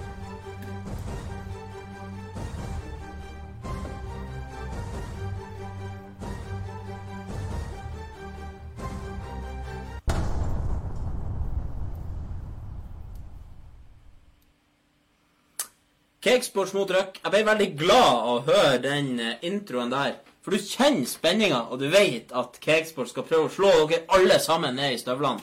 Og vi har eh, fire eksperter. Det er vi, og så er det Kristian, så er det Oraklet, som skal sette sammen et lag. Så skal vi prøve å bli bedre enn alle dere der ute. Skal ikke prøve. Vi kommer til å bli bedre. Nå er det om å bli nummer to. Nå er det om å bli nummer to. Det er som kampen om andreplassen, rett og slett. ja, det er det. det. Så, eh, så lunka det jo noen eh, fantastiske eh, gevinster underveis. Og det er jo sånn at vi har jo hatt Vi har hatt en eh, Cakesports mot Røk tidligere. Og det var jo under fotball-VM fra VM-losjen. Og da hadde vi tre karer som vi har lyst til å trege frem her. Vi skal begynne med tredjeplassen. Skal jeg få en liten trommevirvel? Tredjeplass, Kenneth Jonassen. Han tar en eh, fin tredjeplass. Kenneth Jonassen, 384 poeng. Og eh, slått med ett poeng fra andreplassen. For der har vi Morten Torskog med 385 poeng. Som eh, har sneket seg inn der eh, imellom han Jonassen og han som vant. Og Jonassen har altså 384 poeng. Morten Torskog fikk 385 poeng. Og på førsteplass, der er det Jeg må få en ny trommevirvel. Vinneren av Av Cakesports mot Røk VM er Gøran Olsen. Det er bare å gratulere. Jeg bare gratulerer. Og idet vi klapper, så skal jeg da heve pokalen. Jeg må bare se om jeg klarer å løfte den. Den var så jævla tung. Og da sier vi 3, 2, 1, og så Oi! Der, er er den. Fantastisk. Den er altså helt fantastisk. Det er en eh, Det er en uh, Supreme uh, En uh, liten sånn miniversjon av Champions League-pokalen. Ekte sølv. Uh, Laga i Katmandu, for øvrig. Ja. Det er En veldig, veldig nydelig, fin pokal å ta med seg og ha. Grunnen til at han er i denne sausen, er jo at du kan ha den hvor du vil. Mm. Hvis han blir for stor, så får han ikke inn i hylla. Den kan du sette på TV-bordet, sånn at du ser den til enhver tid når du har sett og ser på, på Cakesports. Og for å gni det skikkelig inn til alle kompisene du var bedre enn, så kan du drikke øl av den når du er på vors med dem. Bare husk på å vaske den i oppvaskmaskinen først, for den er fra Katmandu. Og så er det veldig viktig at når du har en pokal med to hanker, er at du holder i begge. Ikke hold den sånn. Nei, hold ordentlig. Det er litt sånn omvendt vinglass. Ja, det er det. Du skal ikke holde i setten. Nå skal du holde i Hold i ørene. Det er viktig. Nydelig. Så den har vi Gratulerer med den. Skal vi vise premien for eh, sesong to også, eller? Det kan vi jo gjøre. Ja. Vi har en sesong eh, to. Der er om å bli best i eh, VM-manager, sier i Fantasy. Og da har vi altså en ny pokal. Oi! Og den er selvfølgelig litt større, for det er jo en hel sesong med Fantasy. Premier League 2018-2019-sesongen. Og Caseworks blir jo større og større. Jeg skal vise den også litt bedre frem her. Så får dere se eksklusiv printa inn Cakesports-logo her. Sesong to, Cakesports mot Røk. Så denne kan vinnes rett og slett i vår fantasyliga. Det er bare å hive seg med og invitere alle du kjenner. Så vi skal jo gå litt gjennom eh, vi skal selvfølgelig gå litt gjennom eh, hver eh, runde i Cakesports mot Røk. Gå litt mer i dybden enn det vi har gjort under VM. Prøv å komme med litt tips. Prøv å se hva andre gjør som er dårlig og bra. Skal ikke komme med tips. Skal komme Vi skal, komme, vi skal sitte og flire av hvor dårlig alle andre er. Det er det vi skal gjøre. Ja, det er fint, det. Det er Altså, jeg, jeg, jeg tenker på Det er jo litt sånn rart å lage en pokal til seg sjøl. Du, du kjøper en pokal til deg sjøl. Det føles litt sånn rart. Ja, det gjør det. Men, eh, men når vi har laga en konkurranse, så må det jo bare bli sånn. Så, eh, Ja, det det må er ingen som slår oss. Det kan jeg garantere. Det blir fint. K Kanskje vi må gi den til andreplassen, da, hvis vi vinner så At vi vinner Hvis vi vinner mer enn 20 poeng, så gir vi den til andreplassen. Bare for å være grei. Ja. Så eh, ja, Sindre Abelvik kan kommentere 'Wow, se på den', skriver han. Så det er flere som er imponert her over eh, pokalene. Det er fantastisk håndlagd smidd i Katmandu, som han Ivar sa i stad. Det er god kvalitet. Så det er ikke noe å kimse av, rett og slett. Og Cakesports mot røkk. Hvis du er bidd med allerede, så er det kjempebra. Få med en kompis eller to til. For det hadde vært artig å, eh, å få flere med. Jeg tror vi var 50 i morges da jeg sjekka. Så det hadde vært artig hvis vi klarer en 70-80. Det hadde vært helt nydelig. Hvis alle får med én til, så er det 100. Så det er Det, det viktigste er hvor mange vi er. Det viktigste er at folk eh, ikke gir opp etter én runde, eller etter fem eller etter ti. Kjør nå løpet ut. Det er en lang sesong. Selv om du gjør det dårlig i noen runder, så er det det er så mange muligheter, det er så mange lag, det er så mange spillere. Ja. Det er Det er, det er ikke sånn som det er VM. Ja, det VM er jo Gjør du det dårlig i én kamp, så er det nesten kjørt. Det fikk jo vi kjent på sjøl. en runde, for øvrig. ikke sant? Ja. Nå må du ta litt hensyn til uh, de som skal spille Champions League, de som skal spille cup. Hvem blir å spille, hvem blir ikke å spille. Mm. Hvem som blir hvila. Så det, det er artige greier. Ja. Det er sånn liten sånn her uh, krydder i hverdagen. Det er viktig. Og det koster ikke penger. ja, og gjør du det bra, så kan jo hende at lagnavnet ditt kommer med på live TV. Det er jo, Bare det er jo en ære Det kan ikke hende det blir å skje. Og det er jo en av Det er jo en premie i seg sjøl at vi sitter og prater om det. Ja, det er det. Det er ikke noen tvil. Det er helt nydelig. Vi kan jo bevege oss litt eh, videre inn i materie her gjennom eh, Vi skal jo gjennom masse i dag. Som jeg nevnt sikkert et par ganger allerede, så har vi jo én av eh, tre sendinger nå. Så venter vi på han Christian. Han er på tur hit. Han, han sitter i en bil og kjører i mange kilometer i timen. Prøver å rekke hit så fort han kan. Så det blir bra. Eh, vi skal prate litt om Everton. De har jo henta inn en del spillere. Vi har jo nevnt at de har henta inn Jeremina og André Gomez. Jeremina er permanent. 32 millioner pund. Eller euro, faktisk.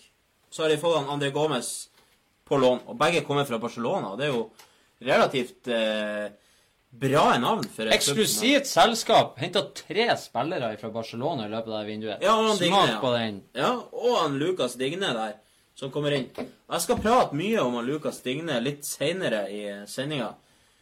Vi har eh, valgt oss ut tre overganger hver, så vi skal ta eh, Kommer tilbake til han. Så har jeg henta han eh, Rikard Lierson fra Watford for 40 millioner pund. Det er en ganske drøy sum for en som er egentlig lovende blad, men Det, Har ikke det smaker en Gullfisk Sigurdsson over den der eh, litt sjokkerende høy sum. Mm. Richarlison er et fantastisk fotballtalent. Det er mange jeg snakka med i løpet av forrige sesong som lar seg imponere over han, eh, hans driv og eh, pågangsmot og fart og teknikk. Som er en veldig spennende spiller, men litt som han Kepa, som gikk til Chelsea. Bare for at du er ung og lovende, betyr ikke at du er verdt en halv milliard. Eller nærmere en milliard. Det er helt på trynet. Ja, det er det. Det er helt på trynet at fotballen skal bli sånn. Det er faen meg folk som sitter og sulter ute i verden. Og så går han for å spille noen kamper for Watford. Watford. Så skal han komme til Everton. Det samme med Kepa. Han har jo faen ikke spilt flere kamper på seniornivå enn det vi har. Med Junkeren, eller hva faen vi har spilt på. Nordstranda og eh, Ja. Det er helt jævlig på trynet. Det, verden er syk. Ja, det er syke summer. Men eh, hva det er med Everton og Dash? Hvor du får alle de pengene ifra? De eh, velger å satse, og selvfølgelig, de har jo fått investorer som har kjøpt opp klubben. eh. De har det. De skal jo prøve å bygge ny stadion etter hvert òg. De har ikke fått alt på plass ennå, men eh, Få flere supportere òg, må de. ja, det må de ha. For å få fylt opp. Ja, det må de ha. få flere supportere. Kanskje derfor de henter Barcelona-spillere. Men jeg tror ikke det blir bedre etter at Gomez har vært der en sesong. Nei. Det blir spennende å se om Marco Silva vet hva han gjør. Det er jo relativt eh, bra eh, signeringer for Everton. Men det sa man jo også før sommeren i fjor. Der Everton-supporterne var veldig optimistisk. Veldig klar for å ta fatt på sesongen. Hadde kjøpt inn eh, veldig mange spillere, brukt mye penger.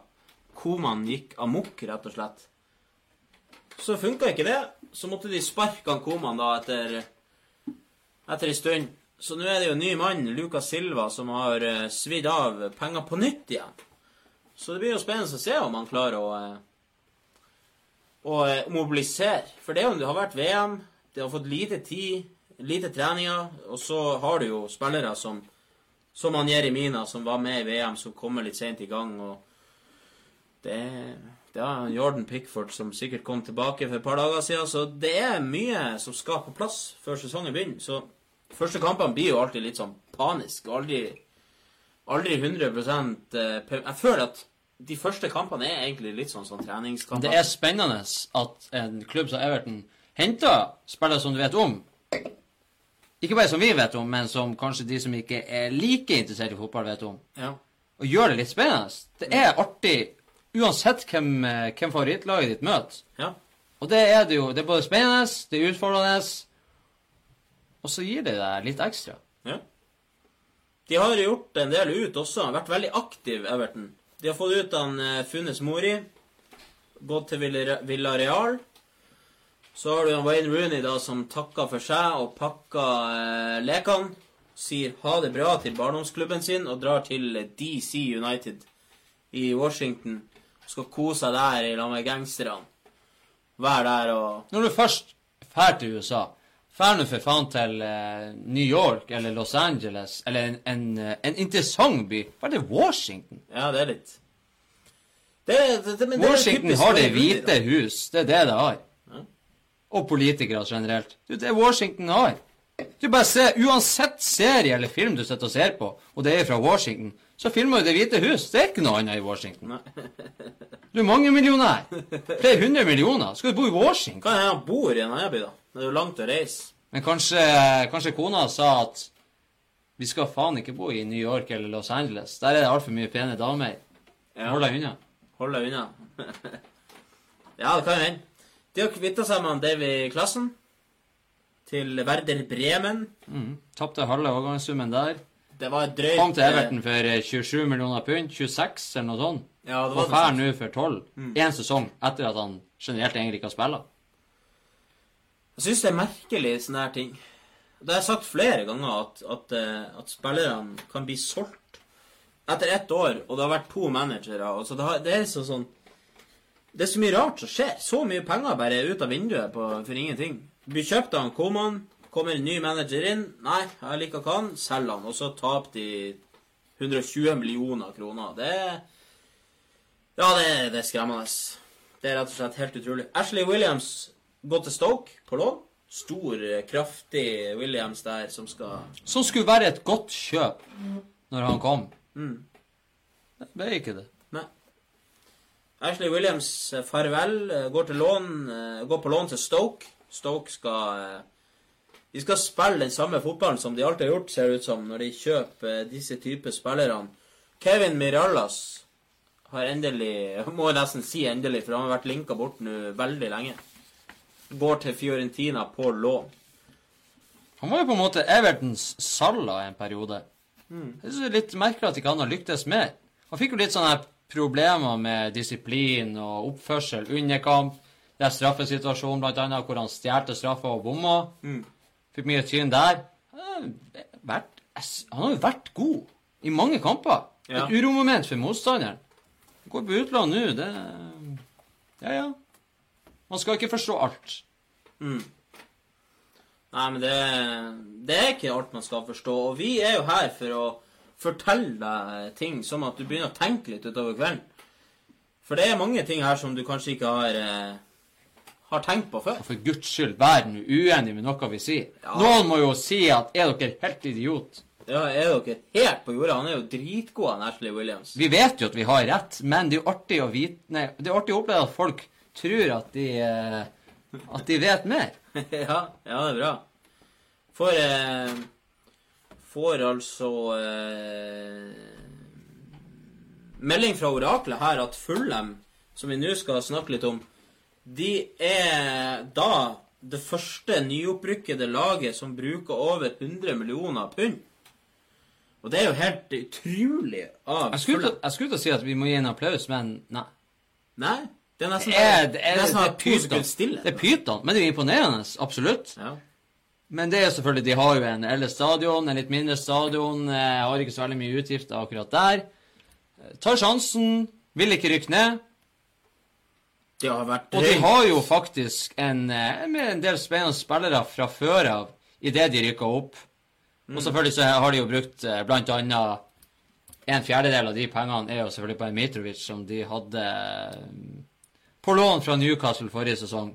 Som gjorde en veldig fin figur, figur der Ja. i forhold til det han har gjort i Newcastle. Mm. Så de brukte vel eh, Mitrovic rundt 25 millioner pund. 22-23, noe sånt. Ja, noe sånt. Inn der og eh, skal gjøre en jobb. Og eh, har spilt Premier League før. En stygg faen som liker å albue seg frem. Bite litt i, eh, i nakken. Da kan være, hver gang jeg ser han Hver gang jeg ser han Mitrovic, så bommer han hele Altså, han bruker så mange sjanser på å score. Han gjorde jo det. Du så jo VM òg. Ja. Vi hadde jo han med på vårt eh, lag i en periode i eh, Kakesports mot Røk. Men han hadde en del store sjanser han burde ha skåra på. Men eh, du skal jo komme deg til sjansene òg. Og kommer du deg til nok sjanser, så blir det mål etter hvert. Det ser vi med Stirling. De har henta mange spillere. Seri, Jean Michel eller Sean Og det er jo for meg helt fantastisk snadderovergang som vi skal prate om seinere. Nå sier vi veldig mye at vi skal prate om det seinere. Men vi skal det uansett. Så Ja, vi- folk må bare være her, for at Seri kan faktisk, eh, etter min mening, bli en av årets signeringer. Ja. Blir spennende å høre hva du har å si om han. Vi eh, skal komme tilbake til han. De har henta andre Schürrle på lån fra Dortmund. Det er jo veldig Også meget spennende. Vært i Chelsea. Veldig spennende. eh, gjorde det dårlig der. Ja. Wolfsburg, vært nå i Dortmund, kommer dit. Han er, For meg ser han skyldig. Han er som en Ramsey på kanten. ja. Han er litt for seig og treg i steget for å få det skikkelig til. Men selvfølgelig, en nyopprykka klubb som Fulham, eh, han der Jeg tror det var med opsjon på kjøp. Så det er jo meget spennende. ja. Det er jo sånn Når Fulham henter spillere, tenker jeg Hva tenker han Stefan Johansen? Ja, hva tenker han? Jeg så han var intervjua. Han gleder seg til en ny sesong. Fulham har mange spillere som skal kjempe om eh, plass på laget. Alfie Maasen er henta inn fra Swansea. 16 millioner pund. Callum Chambers er kommet på lån fra Arsenal. Sergio Rico på lån fra Atletico. Eh, og så er det altså han Luciano Vietto på lån fra Atletico Madrid. Det er ikke helt bekrefta ennå, men det er nesten klart. Spiss òg, for øvrig. Dette er han eh, Han og han eh, Mitrovic i lag på topp. Det kunne blitt som en Giroud Griezmann eh, på Ja. Frankrike i lag. En kjapp, liten, kvikkere jævel, og så er det en stor og stygg jævel som, eh, som stusser han bak. Mm. eh, Fulham er virkelig i støtet. Ja. Så venter vi da også på bekreftelse på han Timothy Fosu Mensa, som ryktes inn fra Manchester United til Fulham. Der er det ikke bekrefta helt ennå, men vi skal komme tilbake på, til det. Eh, Sergio Rico eh, eh, kom på lån fra Sevilla. Jeg sa feil i stad, beklager det. Huddersfield, de det er litt, Huddersfield er en klubb jeg liker, men samtidig så, så er det vanskelig å, å vite hva som skjer med Huddersfield. Jeg er ikke noe glad i blått når det gjelder fotball generelt. Og, og det har ikke noe med lagene å gjøre. Det er bare at eh, bl eh, Det er noe med blått Sånn hvitt og blått og blått generelt er Ja, ja, nå har vi jo Ja, Island er kanskje greit. Ja, Italia er kanskje greit, men eh, blått er Ja, Inter er også faktisk ganske fint, når jeg tenker meg om. Så er egentlig så er helt feil. Egentlig så liker jeg blått. Marseille jo lyseblå, det er fantastisk. Ja, det er helt nydelig. Lazio er lyseblå. Nei, jeg tar det tilbake. Ja, du liker Ja, Huddersfield. jeg liker faktisk blått. Ja, du liker Huddersfield. Så det, det er fint. Huddersfield har henta inn eh, Erik Dørm fra Dortmund. Eh, Adama Diakaby fra Monaco. Og en eh, Terence Kongolo fra Monaco også, faktisk. Faktisk. Eh, og, og der igjen Veldig artig at de får henta sånne typer spillere som gjør at eh, det blir litt fargerikt. Til og med klubber som Brighton, Huddersfield og de her, som du tenker at ah, Gidder jeg se Gidder jeg se Everton Huddersfield? Ja, du har all grunn til å se det. For det er jo like fantastisk som å se El Clásico eller uh, Merseyside Derby eller uh, Ja. Liverpool United. Det er helt nydelig. Alle, alle lagene har henta spillere, nesten, bortsett fra Tottenham. Så det her blir, eh, det blir bra. De har også henta Juninho Bakuna fra Grøningen og han eh, Jonas Løssen fra Mainz. De har brukt 35 millioner pund.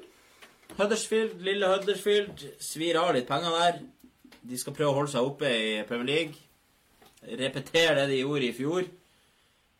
Mange som mener at Huddersfield hadde litt flaks og mye dommeravgjørelser med seg, men eh, det blir eh, Huddersfield er jo for meg en av de lagene som må kjempe litt i, i, i lavere i bunnen der.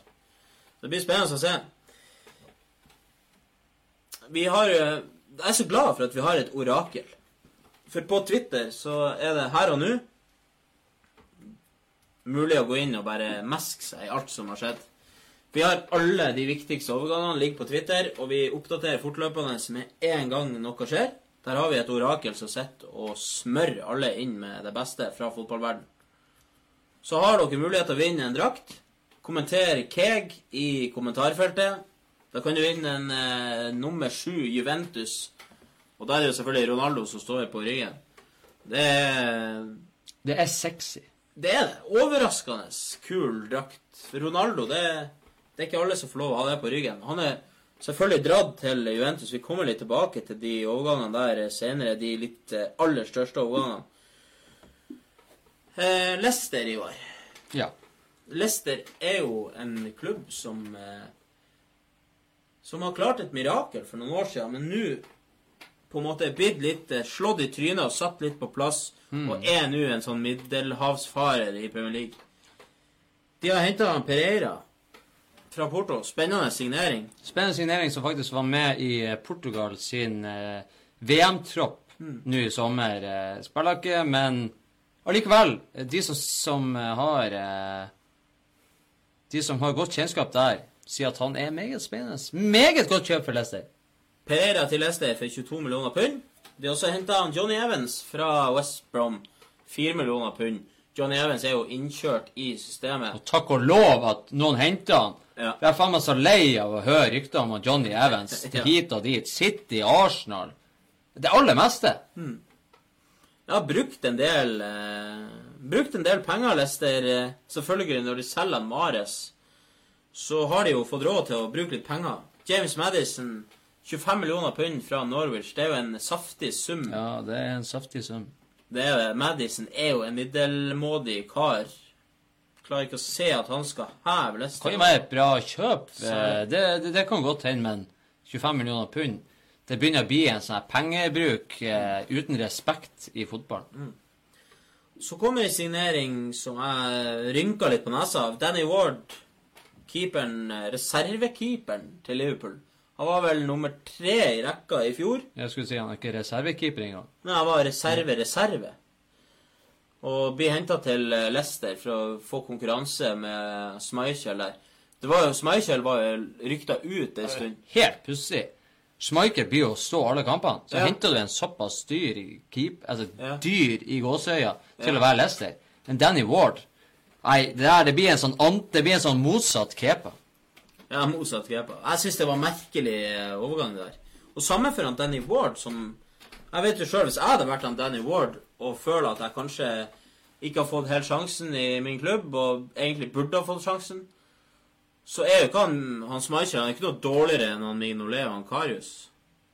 Så hvordan skal han liksom eh, slippe til der? Er det noen der som har hviska i øret sagt at han Schmeichel er på tur ut om et år eller et halvt år? Er det noe som skjer? Danny Ward er talent. En, uh, på, veldig- Schmeichel er jo 30 år. Han har jo 10 år igjen som keeper. Ja. Jeg syns det er merkelig. Danny Ward uh, Talent. Veldig lovende talent, syns jeg. Uh, så det er rart å se at han går dit for den summen. Men for Liverpool så må jo de synes at det er helt fint å selge for den prisen. De har også eh, fått inn han Rashid Gesal Ghezal fra Monaco, 14 millioner pund. Filip Benkovic fra Dinamo Zagreb, 13 millioner pund. Og eh, Vardi signerte akkurat i dette sekund en ny fireårskontrakt og blir værende i Leicester i fire år til. Fordi at det skal passe så jævlig godt inn i den Hollywood-filmen hans. Ja, det skal passe inn. ja. Det Han kunne ha gått til Arsenal for to sesonger siden. mm. Hadde han gjort det, så hadde det liksom vært prikken over i-en på Hollywood-film. Og så nå blir han og sier ja, men jeg hadde aldri tenkt til å fære. Han har sittet i ettertid og angrer som faen. Det skal jeg garantere deg. Ja, det tror jeg òg. Men absolutt artig å være helt i egen klubb. Det er det. Det er fint for han Vardi. Han på en måte blir en folkefavoritt der. Han er jo, Det går ikke an å ikke like veien til han Vardi, men han er jo en litt sånn der eh, uortodoks kar. Eh, så har de henta inn eh, Jeg får akkurat beskjed fra oraklet også. Han må egentlig lære meg å vente til han er ferdig å skrive. For når han skriver, så kommer det som en sånn gammel dataskrivemaskin. Sånn tikk, tikk, tikk, tikk, tikk. Så det er litt spennende å se. Det er som å se tekst-TV. Men han eh, Soyonsu 20 millioner i dag. 20 millioner pund. Jeg skal vente litt til oraklet, for det her er jo helt eh, umulig å skjønne hva han mener med det der. Og da skal vi bevege oss litt inn på Liverpool. Vi eh, skal ta det litt kjapt. Eh, Fabinho inn fra eh, Monaco. Kom litt ut fra det blå. 40 millioner pund. Egentlig veldig skjult overgang til å være en såpass stor Han eh, var jo, kom, kom jo faktisk litt som lyn fra klar himmel, egentlig. En Ja. spiller som har vært linka til både hit og dit. PSG var egentlig gått til PSG for en sesong siden. Etter at Monaco vant seriegull. Mm. Veldig eh, eksklusiv der. Var jo eh, så å si klar i gåseøya for United. Ble ikke noe av der. Og så bare plutselig, fra intet, så ender han opp i Liverpool. Mhm. Det er veldig spennende. Veldig spennende. Det er veldig spennende. Nå tror jeg jeg har eh, fått eh, Fått eh, bra nok eh, info fra oraklet. For eh, det som sies, er jo at de har brukt litt penger mer, mer i dag, Lester. Så de har da totalt brukt eh, 113 millioner pund. Oraklet er altså så nøye og så på stedet her at hvis jeg sier noe som ikke er rett, så, så kommer det opp her en sånn error. Og det er helt nydelig. Da vet vi at det er innafor. Liverpool også henta inn han eh, Nabi Keita. Det var jo egentlig en overgang fra i fjor sommer som først blir eh, utført nå. 53 millioner pund til eh, Leipzig. Jeg skal bare putte inn veldig fort der. Nabi Keita, jeg tror han er For meg så er han én av fem kandidater til å bli årets spiller i Premier League. Ja. Det sier jeg her og nå. Jeg har en følelse på det. blir spennende å se. Veldig aggressiv kar. Vi skal prate mer om han også senere. Samme skal vi gjøre om han Sherdan eh, Shakiri, som er gått eh, for en overraskende lav sum. Samme som han Danny Ward gikk til eh, Leicester, 13 millioner pund, sånn cirka. Fra Stoke til Liverpool. Han skal vi også prate mer om senere. Så har vi jo verdensrekordsigneringa Alison Becker, som var verdensrekord helt til Chelsea henta han Kepa. 65 millioner pund fra Roma. Også en keeper som jeg, eller spiller som jeg er dritlei av å høre av. Jeg er veldig glad for at han fikk seg en klubb til slutt. Slipper vi å høre om at han skal til Real Madrid, at han skal til Chelsea, at han skal til Liverpool. Endelig har han fått seg en plass å være, så slipper jeg å høre om han på overgangsmarkedet de, de, de nærmeste årene. Og det er gledelig. Og endelig fikk Liverpool seg en ordentlig keeper. Ja, de har faen ikke hatt en ordentlig keeper. Ja, De fleste sier at de har ikke hatt en ordentlig keeper siden Reina. Men Reina hadde nå òg sine greier. Han Reina var en keeper som tok alt han ikke skulle ta, og så slapp han inn det som han kanskje burde ta. Nå tror jeg de har fått en Nå er det en keeper som er litt sånn her Van der Sar, veldig aktiv med beina eh, i redningene. Og så er han litt sånn her leken. Han er jo sånn her eh, Noyer-type. Han er litt sånn utenom det vanlige. eh, Ja, kult med skjegg, kult med svarte hansker. Er han på en måte en fotballspiller i mål? Det, er, det er veldig spennende. Ja, det er, det, er en ny type Liverpool, keeper. Liverpool har savna å kunne slå Jeg husker når de hadde han Reina i mål, så var det jo Han hadde seg signaturutspill og slo opp på han Torres. Fantastiske passinger gang på gang. Og nå med den eh, angrepsrekka Liverpool har, så er det fint at de kan eh, få et sånt våpen som, som han Ellison inn. For han er Det er faktisk ingen i verden som slo flere langballer enn han i fjor, som faktisk traff medspiller. Så han er utrolig god med beina. De har kvitta seg med Emre Chan, gikk gratis til Juventus. Ben Woodward har gått til eh, Sheffield United på lån. Og så er det da tre spillere som har gått med han Gerard til Rangers, da. Selvfølgelig Gerard har tatt med Er det, Ryan- er det korrupsjon? Ja, det er korrupsjon. Lobbyvirksomhet. Det er, det er akkurat det det er. det er rett og slett Flanagan han gikk vel gratis til Rangers. Ja, annet. han ble vel løslatt av Liverpool. Han ble vel dømt for eh, Hvis, hvis du slåss på bar, altså på en pub i, i, eh, i Glasgow, så er vel det mer, eh, det er mer greit enn at Ja. du gjør det i Og så er det mer greit at du slår DJ enn, enn at du slår kjerringa di. Ja, For det, Gerard han slo jo ned en DJ en gang. Og det er ikke greit for Liverpool. Men uh, slår du dama di, så blir du kasta ut. Ja, det er ikke lov. Vi elsker kvinnfolk. Ja, vi gjør det. Det vi elsker det vi kvinner. Skål for kvinner. Ja, det er fint, det. Skal, kan slå DJ-en hvis han setter på feil sang, men vær nå glad i dama. Sånn er det. Eh, Flanagan, Ovie Ejaria og Ryan Kent er gått eh, Flanagan er altså fast overgang til Rangers. De to andre er på lån. Liverpool har brukt mye penger. Ca. 170 millioner pund. Det er mest i Premier League i år. Mest i Premier League. For en gangs skyld. For en gangs skyld. Og eh, mange hadde jo trodd at eh, Sturridge, Origi, Mignolet De typene der var på tur ut, men nå Jeg har mer- jeg er faktisk mer overraska over at de ikke har kvitta seg med noen. Ja. Jeg tror at det kommer til å oppstå en, eh, en misnøye blant enkelte spillere. Origi og de her inni der. For jeg klarer ikke å se. Og så har Sturridge med den jævla ringen i nesa. Mm. Ikke sant? Ja. Så, så, som, eh, som spiller preseason og kommer alene med keeper, og så skal han være litt sånn Bardotelli og være så kul. Kan du ikke bare, kan du ikke bare pet- pisse han i mål? Må det være så dandy, eh, sånn her van Persie-aktig? Hendene overalt. Han er jo som en sånn her Du, du vet, utfører sånn bilforretninger. Når de har sånn her eh, De har blås? de har sånn- Ja, de har blås. Han er litt sånn der, ikke sant, når. Det er så keitete. ja. Nei, jeg er overraska over eh, og, og, Men jeg må faktisk si at Liverpool er jo for meg en av eh, vinnerne på overgangsmarkedet. De er absolutt det. For nå kan de kjøpe fra øverste hylle. De har folk som tror på Klopp sitt prosjekt. Og derfor er det at det her er første sommeren på veldig mange år hvor ikke bare Liverpool-supporterne er positive, men også ekspertene der ute som skal analysere og tippe hvordan sesongen kommer til å ende opp. ja. Det er Så det er veldig stort pluss for Liverpool. Og jeg vet jo at det er mange eh, Hvis du går på motsatt side, som er United-supportere, så begynner de å skjelve litt i buksene, for de liker ikke at Liverpool kan begynne å nærme seg en eh, Premier League-pokal. Og det er artig. det- er artig. Det, det setter sånn ekstra stemning for eh, sesongen som kommer.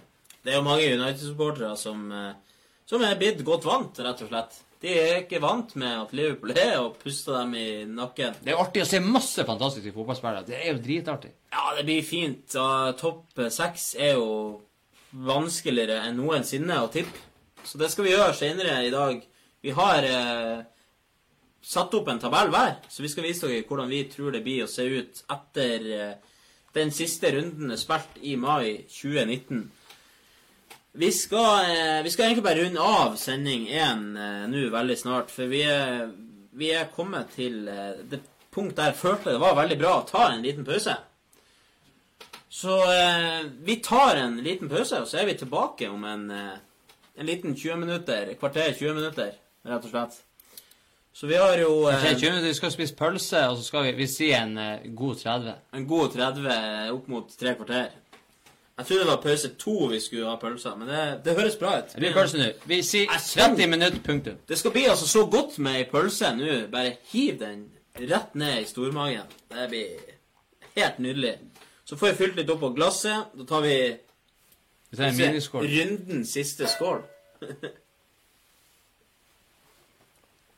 vi er tilbake om en drøy halvtime med mer eh, transfers, mer rykter og enda mer uh, artige greier. Vi skal Oja, sier du det? Vi blir uh, innom Cakes. Vi, vi skal innom Glimt, vi skal innom alt, og det er da Det er da temperaturen begynner. Det er da det blir artig. Det er da det begynner å spisse seg til. Du må spisse albuene litt her i baren. Så da sier vi bare på gjensyn, og så sier vi adjø. Vi ses om 30 minutter. Du hører på Cakesports Live. Jeg bare elsker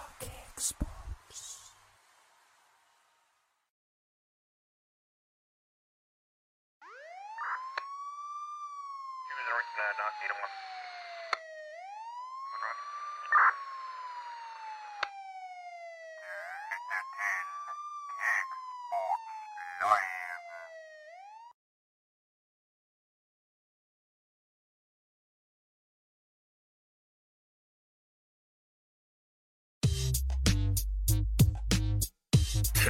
One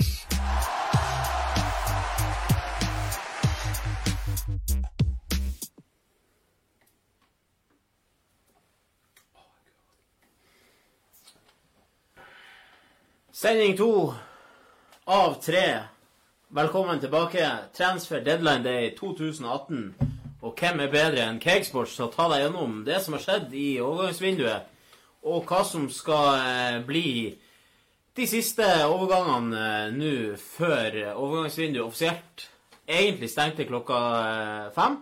Men noen klubber har fått utvida frist til klokka åtte, så det har skjedd nye ting som vi skal ta nå rett etter introen. Vi er glad for at dere er med oss. Vi har fått han Christian tilbake i baren, og vi skal ha eh, litt mer tempo i sendinga nå. For nå skal vi fyre oss opp. Vi skal prate litt om eh, klubben Bodø-Glimt. Vi skal prate om eh, Vi skal ta noen nye spalter som kommer i sesong to. Så det er bare å glede seg og feste setebeltet. Velkommen til baren, og velkommen til eh, Cakesports Live.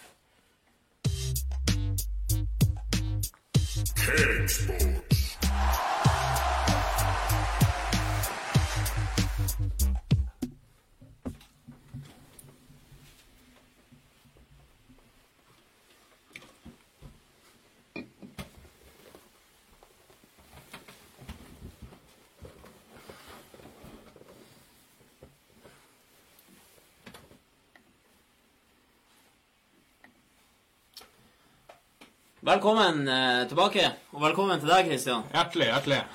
Endelig smurt deg inn i baren. Jeg skal jobbe 13 timer hver dag for å komme meg hjem til å rekke det her. Ja. Ble det mange fartsbøter? Nei, det blir null. Heldig med, heldig, veldig heldig med den, altså. Ja, det er bra. Vi har eh, kontakta Oraklet har jo sendt melding til Salten politidistrikt at eh, mellom Mo og Bodø i dag, mellom eh, tre og åtte, så var det ikke lov å ha kontroll. Så det var bare å kjøre. Vi har eh, Vi har et program vi skal gjennom. Vi skal fyre opp stemninga litt i dag. Vi skal snakke litt om Bodø-Glimt. Det har skjedd mye rart der i sommer. Men eh, før vi gjør det, så eh, så har vi tenkt å ta litt eh, overganger som har blitt klar etter fristen gikk ut klokka fem. Så bare eh, se om jeg finner de her. Vi snakka jo litt om eh, Vi hadde jo noen eh, noen overganger som eh, Jeg vet ikke om du har fått det med deg, Kristian. Du har sittet i bilen, men det var ti sånne her eh, delayed transfer sheets som ble eh, levert i femtida til Premier League. Jeg tror det er første gang det har vært så mange. Det har vært veldig mange. Kanskje klubbene ikke er helt klar for de her nye reglene. Ikke er helt kommet i gang. Det er hvert år. Jeg sier, jeg forstår ikke. Du har to måneder å kjøpe spillere på. Ja. Hvorfor skal du begynne å utsette? Kan du ikke bare gjort det før?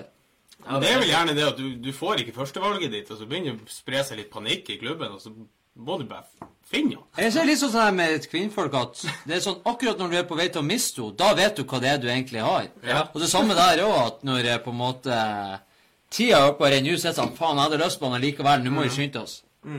Det er vanskelig å vite hva de tenkte. Vi sitter og funderer på det samme hvert overgangsvindu. Ja.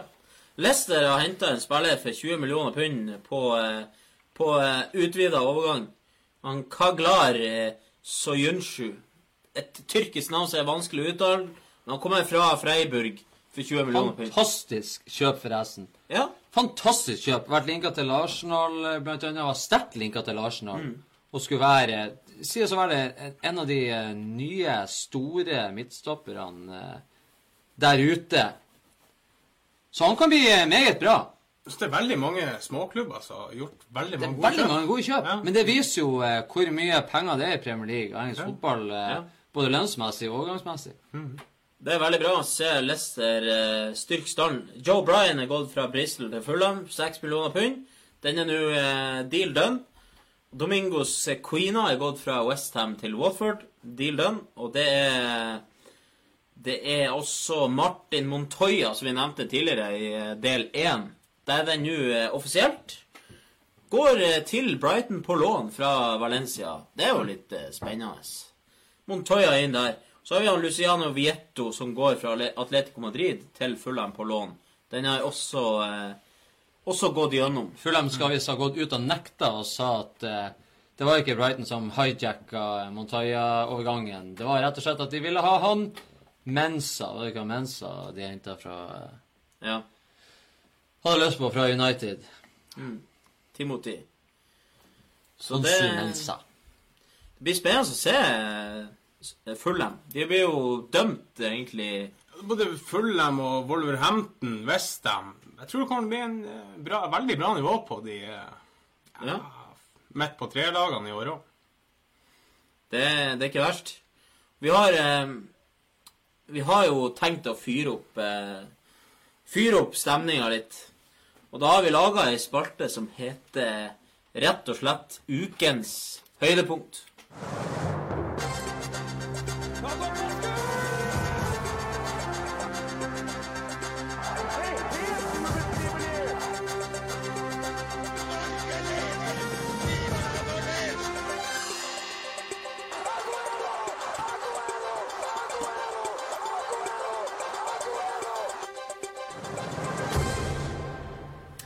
Det stemmer. Ukens høydepunkt. Og det er ei spalte vi skal eh, kjøre videre på i sesong to. Og denne gangen eh, Det er jo en liten sånn beta-versjon, det her. Så da er det jo ikke ukens høydepunkt, eller Vi har skrevet litt om til ukens eh, øyeblikk. Men det er jo egentlig ikke bare ei uke, for det har vært mye storm rundt Glimt i sommer, og det som har skjedd mm. sånn innføring i en ny greie. Ja. Må vi bruke det. Ja, det er det som er. Så eh, vi har jo rett og slett laga oss ei overskrift som heter Sirkus Glimt. For det har vært så mye å ta tak i. Det har vært eh, mye snakk. Vet du at eh, det er godt å ha sommerferie, men av og til så er det godt å, å bare leve og, og, og oppleve hvordan verden rundt deg egentlig kan oppføre seg og egentlig være. Fordi at det her det starter jo allerede Sirkus Glimt det starter jo allerede under VM. Men nå klarte vi å holde oss saklig til VM. Vi skulle ikke gå inn på det med klubbfotball når det var VM. Og så har det vært gått ifra at du blir på en måte du, Først så flirer du, og så blir du forbanna, og så blir du skuffa og lei deg. Ja. Og til slutt så bare sitter du og flirer, og du vet ikke om du skal flire eller skrike eller bli sint. Eller det som eh, Det er rett og slett en sånn her eh, Skal ikke være stygg, men det er en sånn her reise i psykiatrien. ja, det er litt eh, reise i psykiatrien. Og for de som ikke har eh, fått med seg alt som har skjedd, så skal vi jo nevne litt. For ved, ved hele tre anledninger så har eh, sommerferien blitt prega av eh, av negativitet rundt eh, det som skal være eh, Nord-Norges og Bodøs stolthet, Bodø-Glimt. Daglig leder Frode Thomassens kontring på avisinnlegget til han Freddy Thoresen i Avisa Nordland. Patrik Berg-saken, som eh, ikke ville forlenge kontrakt. Mye snakkes der, og har valgt å forlate superlaget på eget eh, initiativ. Og eh, nå saken hvor Glimt-legenden Trond Olsen har uttalt seg negativt om eh, sin egen arbeidsgiver på Egentlig rett og slett rett på TV2 si fotballekstrasending. Så det, var, det er mye å ta tak i. Jeg hadde ikke forventa han skulle gjøre det. Nei, Men først og fremst så tar vi for oss det nettopp Trond Olsen. Det kom overraskende på deg, Kristian. At han lufta, eh, lufta skjettenvasken i Ja, men det var litt artig å se om han er balla til å gjøre det. Jeg syns det var kjempeartig. Ja. Jeg syns det er på altså, Han må få lov å si meninga si. Ja. Hvis han føler seg råttent behandla, så syns jeg det er på sin plass at han sier det. Ja.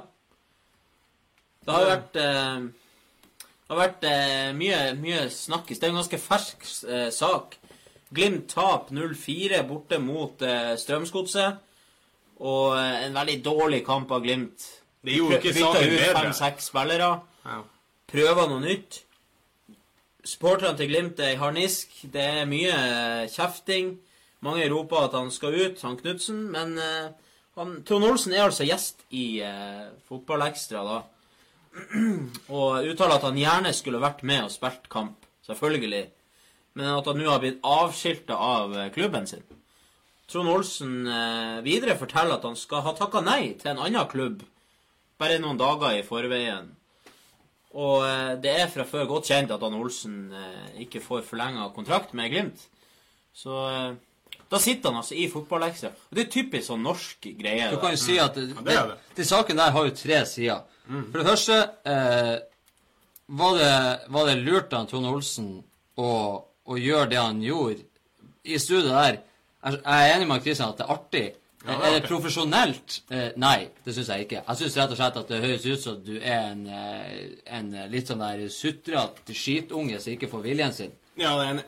Uten at jeg skal Nå mener jeg ikke at han er det, men akkurat der og da så virka det litt sånn der. Men jeg skal ta han i forsvar og si at jeg tror ikke det her var planlagt.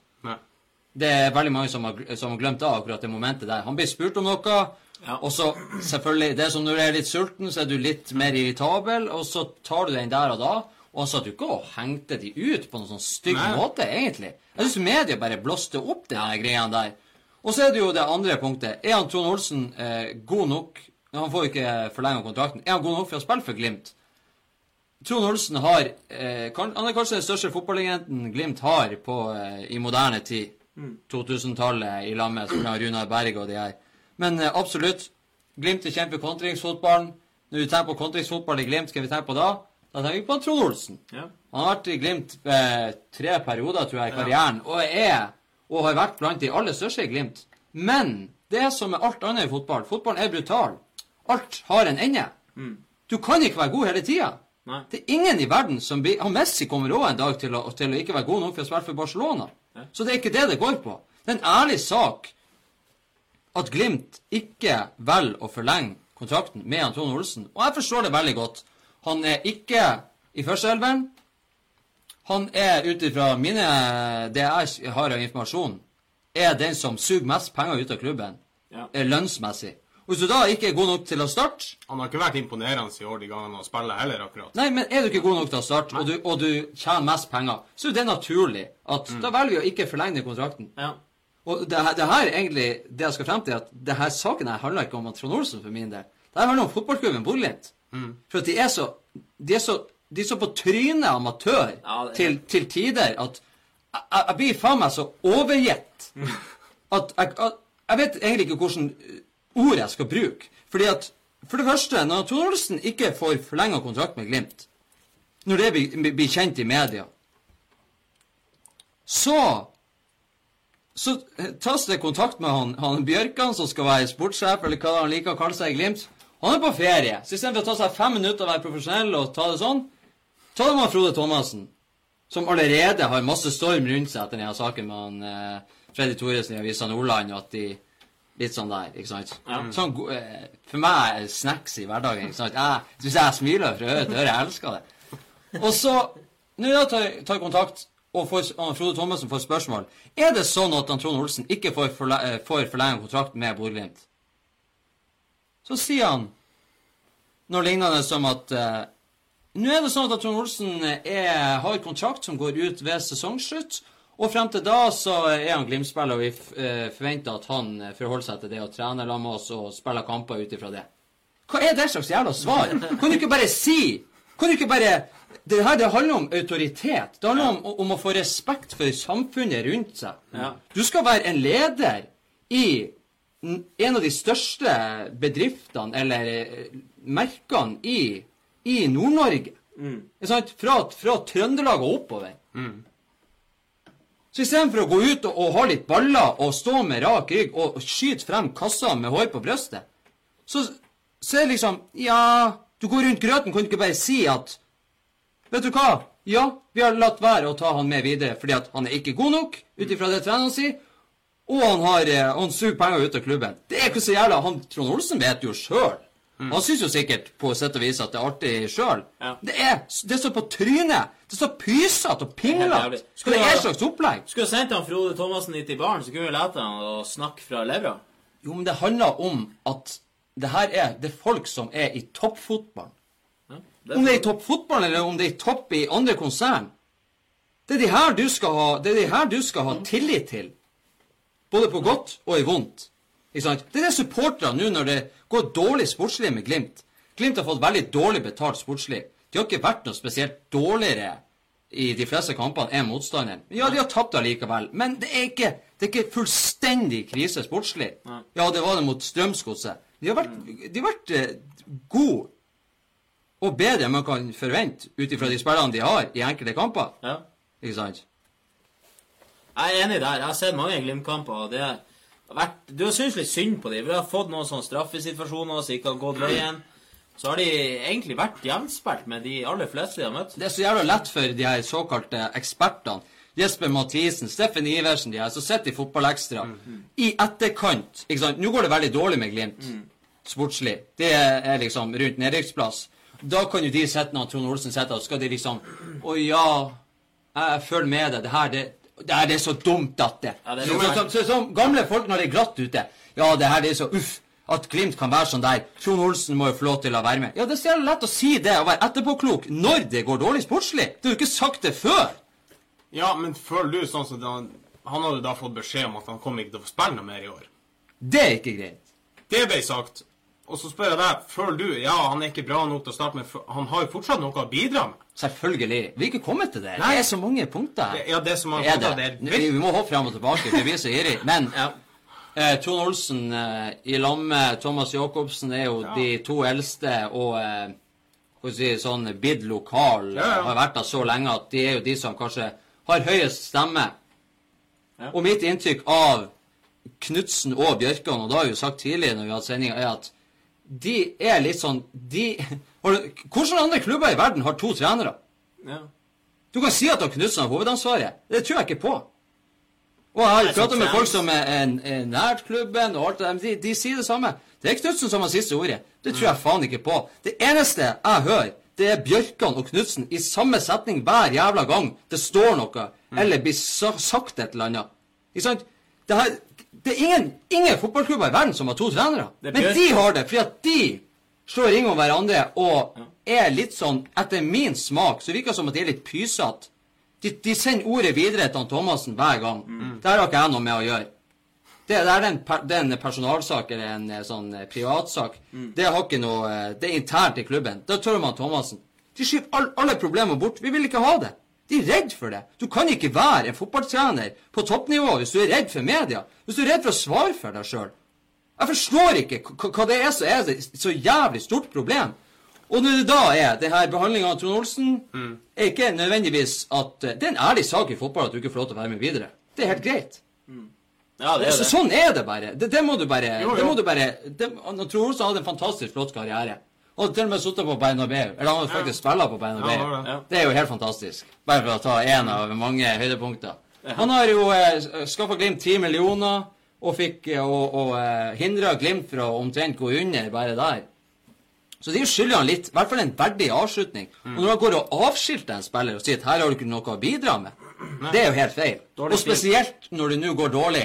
Og eh, den eh, treningskampen de hadde mot Tromsø skulle faktisk være banens beste der, selv om det er ikke noe sånn sammenligningsgrunnlag. Men selvfølgelig har du noe å bidra med, med i garderoben, med, med pågangsmot og eh, liksom Kom igjen, slå seg på kassa og vet hva det handler om i enkelte kamper. For de, her, de skal jo satse ungt. Du begynner med Håkon Evjen på indreløpet mot Strømsgodset, som aldri har spilt indreløpet før. Nei, Håkon. Mares Evjen, som jeg kaller han. Han er liksom Mares-type, og det er greit. Men du Ja, jeg skal gå inn på det sportslige, for det er ikke det vi Nå er det rett og slett profesjonalitet. Pyseklubben Glimt, som ikke har baller etter, det etter, min Det er ikke noe nytt. Men det er det er så pysete. Det neste blir vel at, at, at, de, at de handler spillere på YouTube uten å se dem. Ikke sant? De bare henter spillere. Det vet jeg jo faen ikke, men det er jo Det er liksom på det der nivået. Det er så pysete. Og, og når Patrick Berg velger å ikke forlenge kontrakten Veldig jeg liker han Patrick Berg. Han er litt sånn eh, Ikke sånn fotballspiller. Da, da, det, det, men jeg tror at han kan bli bedre i en annen klubb. Men jeg liker holdninga hans. Er at jeg er ikke han, jeg er ikke faren min. Jeg er meg. Jeg er han Patrick Berg. Ja. Og ha en sånn veldig sånn lugn, rolig, ro, rolig forhold til det der. Det står det stor respekt av. For det, det han har jo selvfølgelig veldig mange i rekka i eh, sin egen slekt. Så å klare å holde seg der, det er imponerende i seg sjøl. Ja. Men også der så eh, ryktes det om at du får en sånn vibba om at han velger å forlate Glimt som ungt talent, som de har lyst til å satse på videre. Han forlater fordi at det er noe krasj i, i På samme måte som Trond Olsen. Det er noe krasj i det personlige. Ja, det, det er profesjonelt eh, brudd der. Sånn som jeg forsto det, så var det at Patrick Berg ble tilbudt ei ganske lik kontrakt som han har vært på siden han var 16. Stemmer det? Og når du da er en av de talentene til Glimt som skal satses på, du er kanskje Du føler at du er en av de bedre, du føler at du er på tur opp, og du får en kontrakt på bordet, en ny tre-fireårskontrakt, så er det ikke noe bedre lønn. Nei, det er ikke noe plan fremover. Nei, da, får, da føler du jo litt sikkert som person at, at de føler at du ikke har utvikla deg så mye. Ja, er jeg like god som jeg var da jeg var 16? Ja. Eller Ikke sant? Og Sånn som jeg ser det, så, så tror jeg Glimt egentlig har skutt seg sjøl litt i foten med Patrick Berg. For var det en spiller de virkelig ville ha? Om Så- Det virker som at Glimt Det som at Glimt eh, kjører eh, underholdning eller hobby med å være komplett udugelig. Det har de gjort siden sommeren starta. Først det her med Nå skal jeg ikke gå inn på den heller, men det her med i Avisa Nordland, Freddy Thoresen og den der. Men så har du han så har han- men så har han Thomassen som da eh, velger å bite på.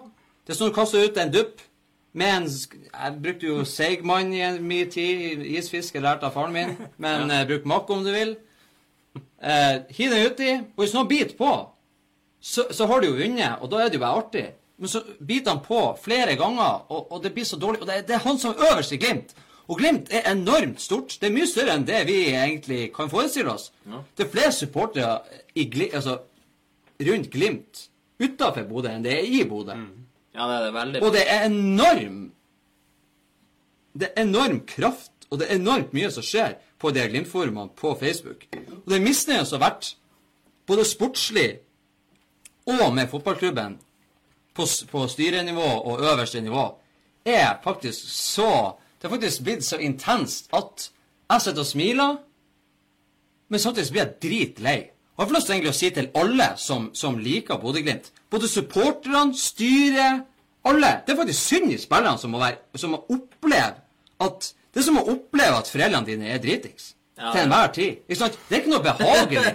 Du sitter på julaften, og, og, og så prøver du å ha det artig. Du prøver å gjøre en innsats for å ha det artig, og gjør det som du liker best. Og så har du foreldrene dine som på en måte er Som er Ribba var ikke godt stekt, poteten var halvkokt. ja, men du så hva jeg mener. Ja, ja. Det er sånn der. Spillerne Alle glemmer av spillerne oppi den sportslige krisa, hvis du kan si det for det. Ja.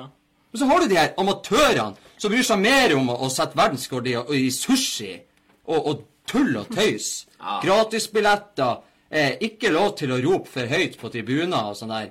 Nå skal vi ha flagg, nå skal vi ha konfetti. Skal vi sitte og vente på at traktoren brøyter den jævla banen på tre kvarter, ikke sant?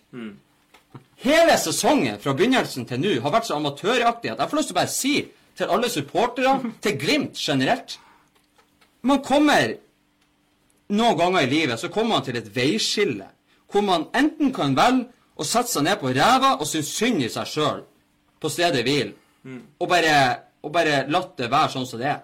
Det er så synd i meg. Det går så dårlig med Glimt. Vi har det så fælt. Alle hater de, og ingen som liker meg. Mm. Ellers kan du prøve å røyse deg opp, være rak i ryggen, og så stormer du fremover. Og det tar ikke én dag. Det tar ikke ei uke, det tar ikke en måned, det tar ikke ett år, kanskje. Men du er nødt til å gjøre det. Det eneste måten Glimt skal komme seg ut av det her på, er å prøve å bli et bedre menneske. Ja, det er det. Og, og det å styre eh, med, og, med Trond Olsen Når det her kom i tillegg, det, det er ikke til å tro. Og det er så mye dårlige unnskyldninger. Gang etter gang vi øver. Vi, vi skal satse ungt. Vi skal satse lokalt. Vi satser lokalt. Ja, Berg fær. Trond Olsen fær. Han er ikke lokal. Eh, Tom, hva skjer med. Thomas Jacobsen som er 35? Eh, Følingene sier at han Jens Petter Hauge kanskje er på vei ut. Hva som er lokalt, da? Da har vi han eh, Ulrik Saltnes fra Brønnøysund. Ja, ikke sant? Det er det som er lokalt. Så det er For, for meg så er det sånn her Det, det, det her er, det, her er det, det er på øverste nivå. At folk Jeg skjønner at folk gidder å være sur lenger. Det er jo, det- er jo, det er jo komisk. Jeg, det er jeg, ønsker, sånn- jeg ønsker Glimt alt godt. Jeg ønsker. Glimt alt godt. Selvfølgelig vil jeg det. Men hva i helvete er det de holder på med? Det er så amatørmessig.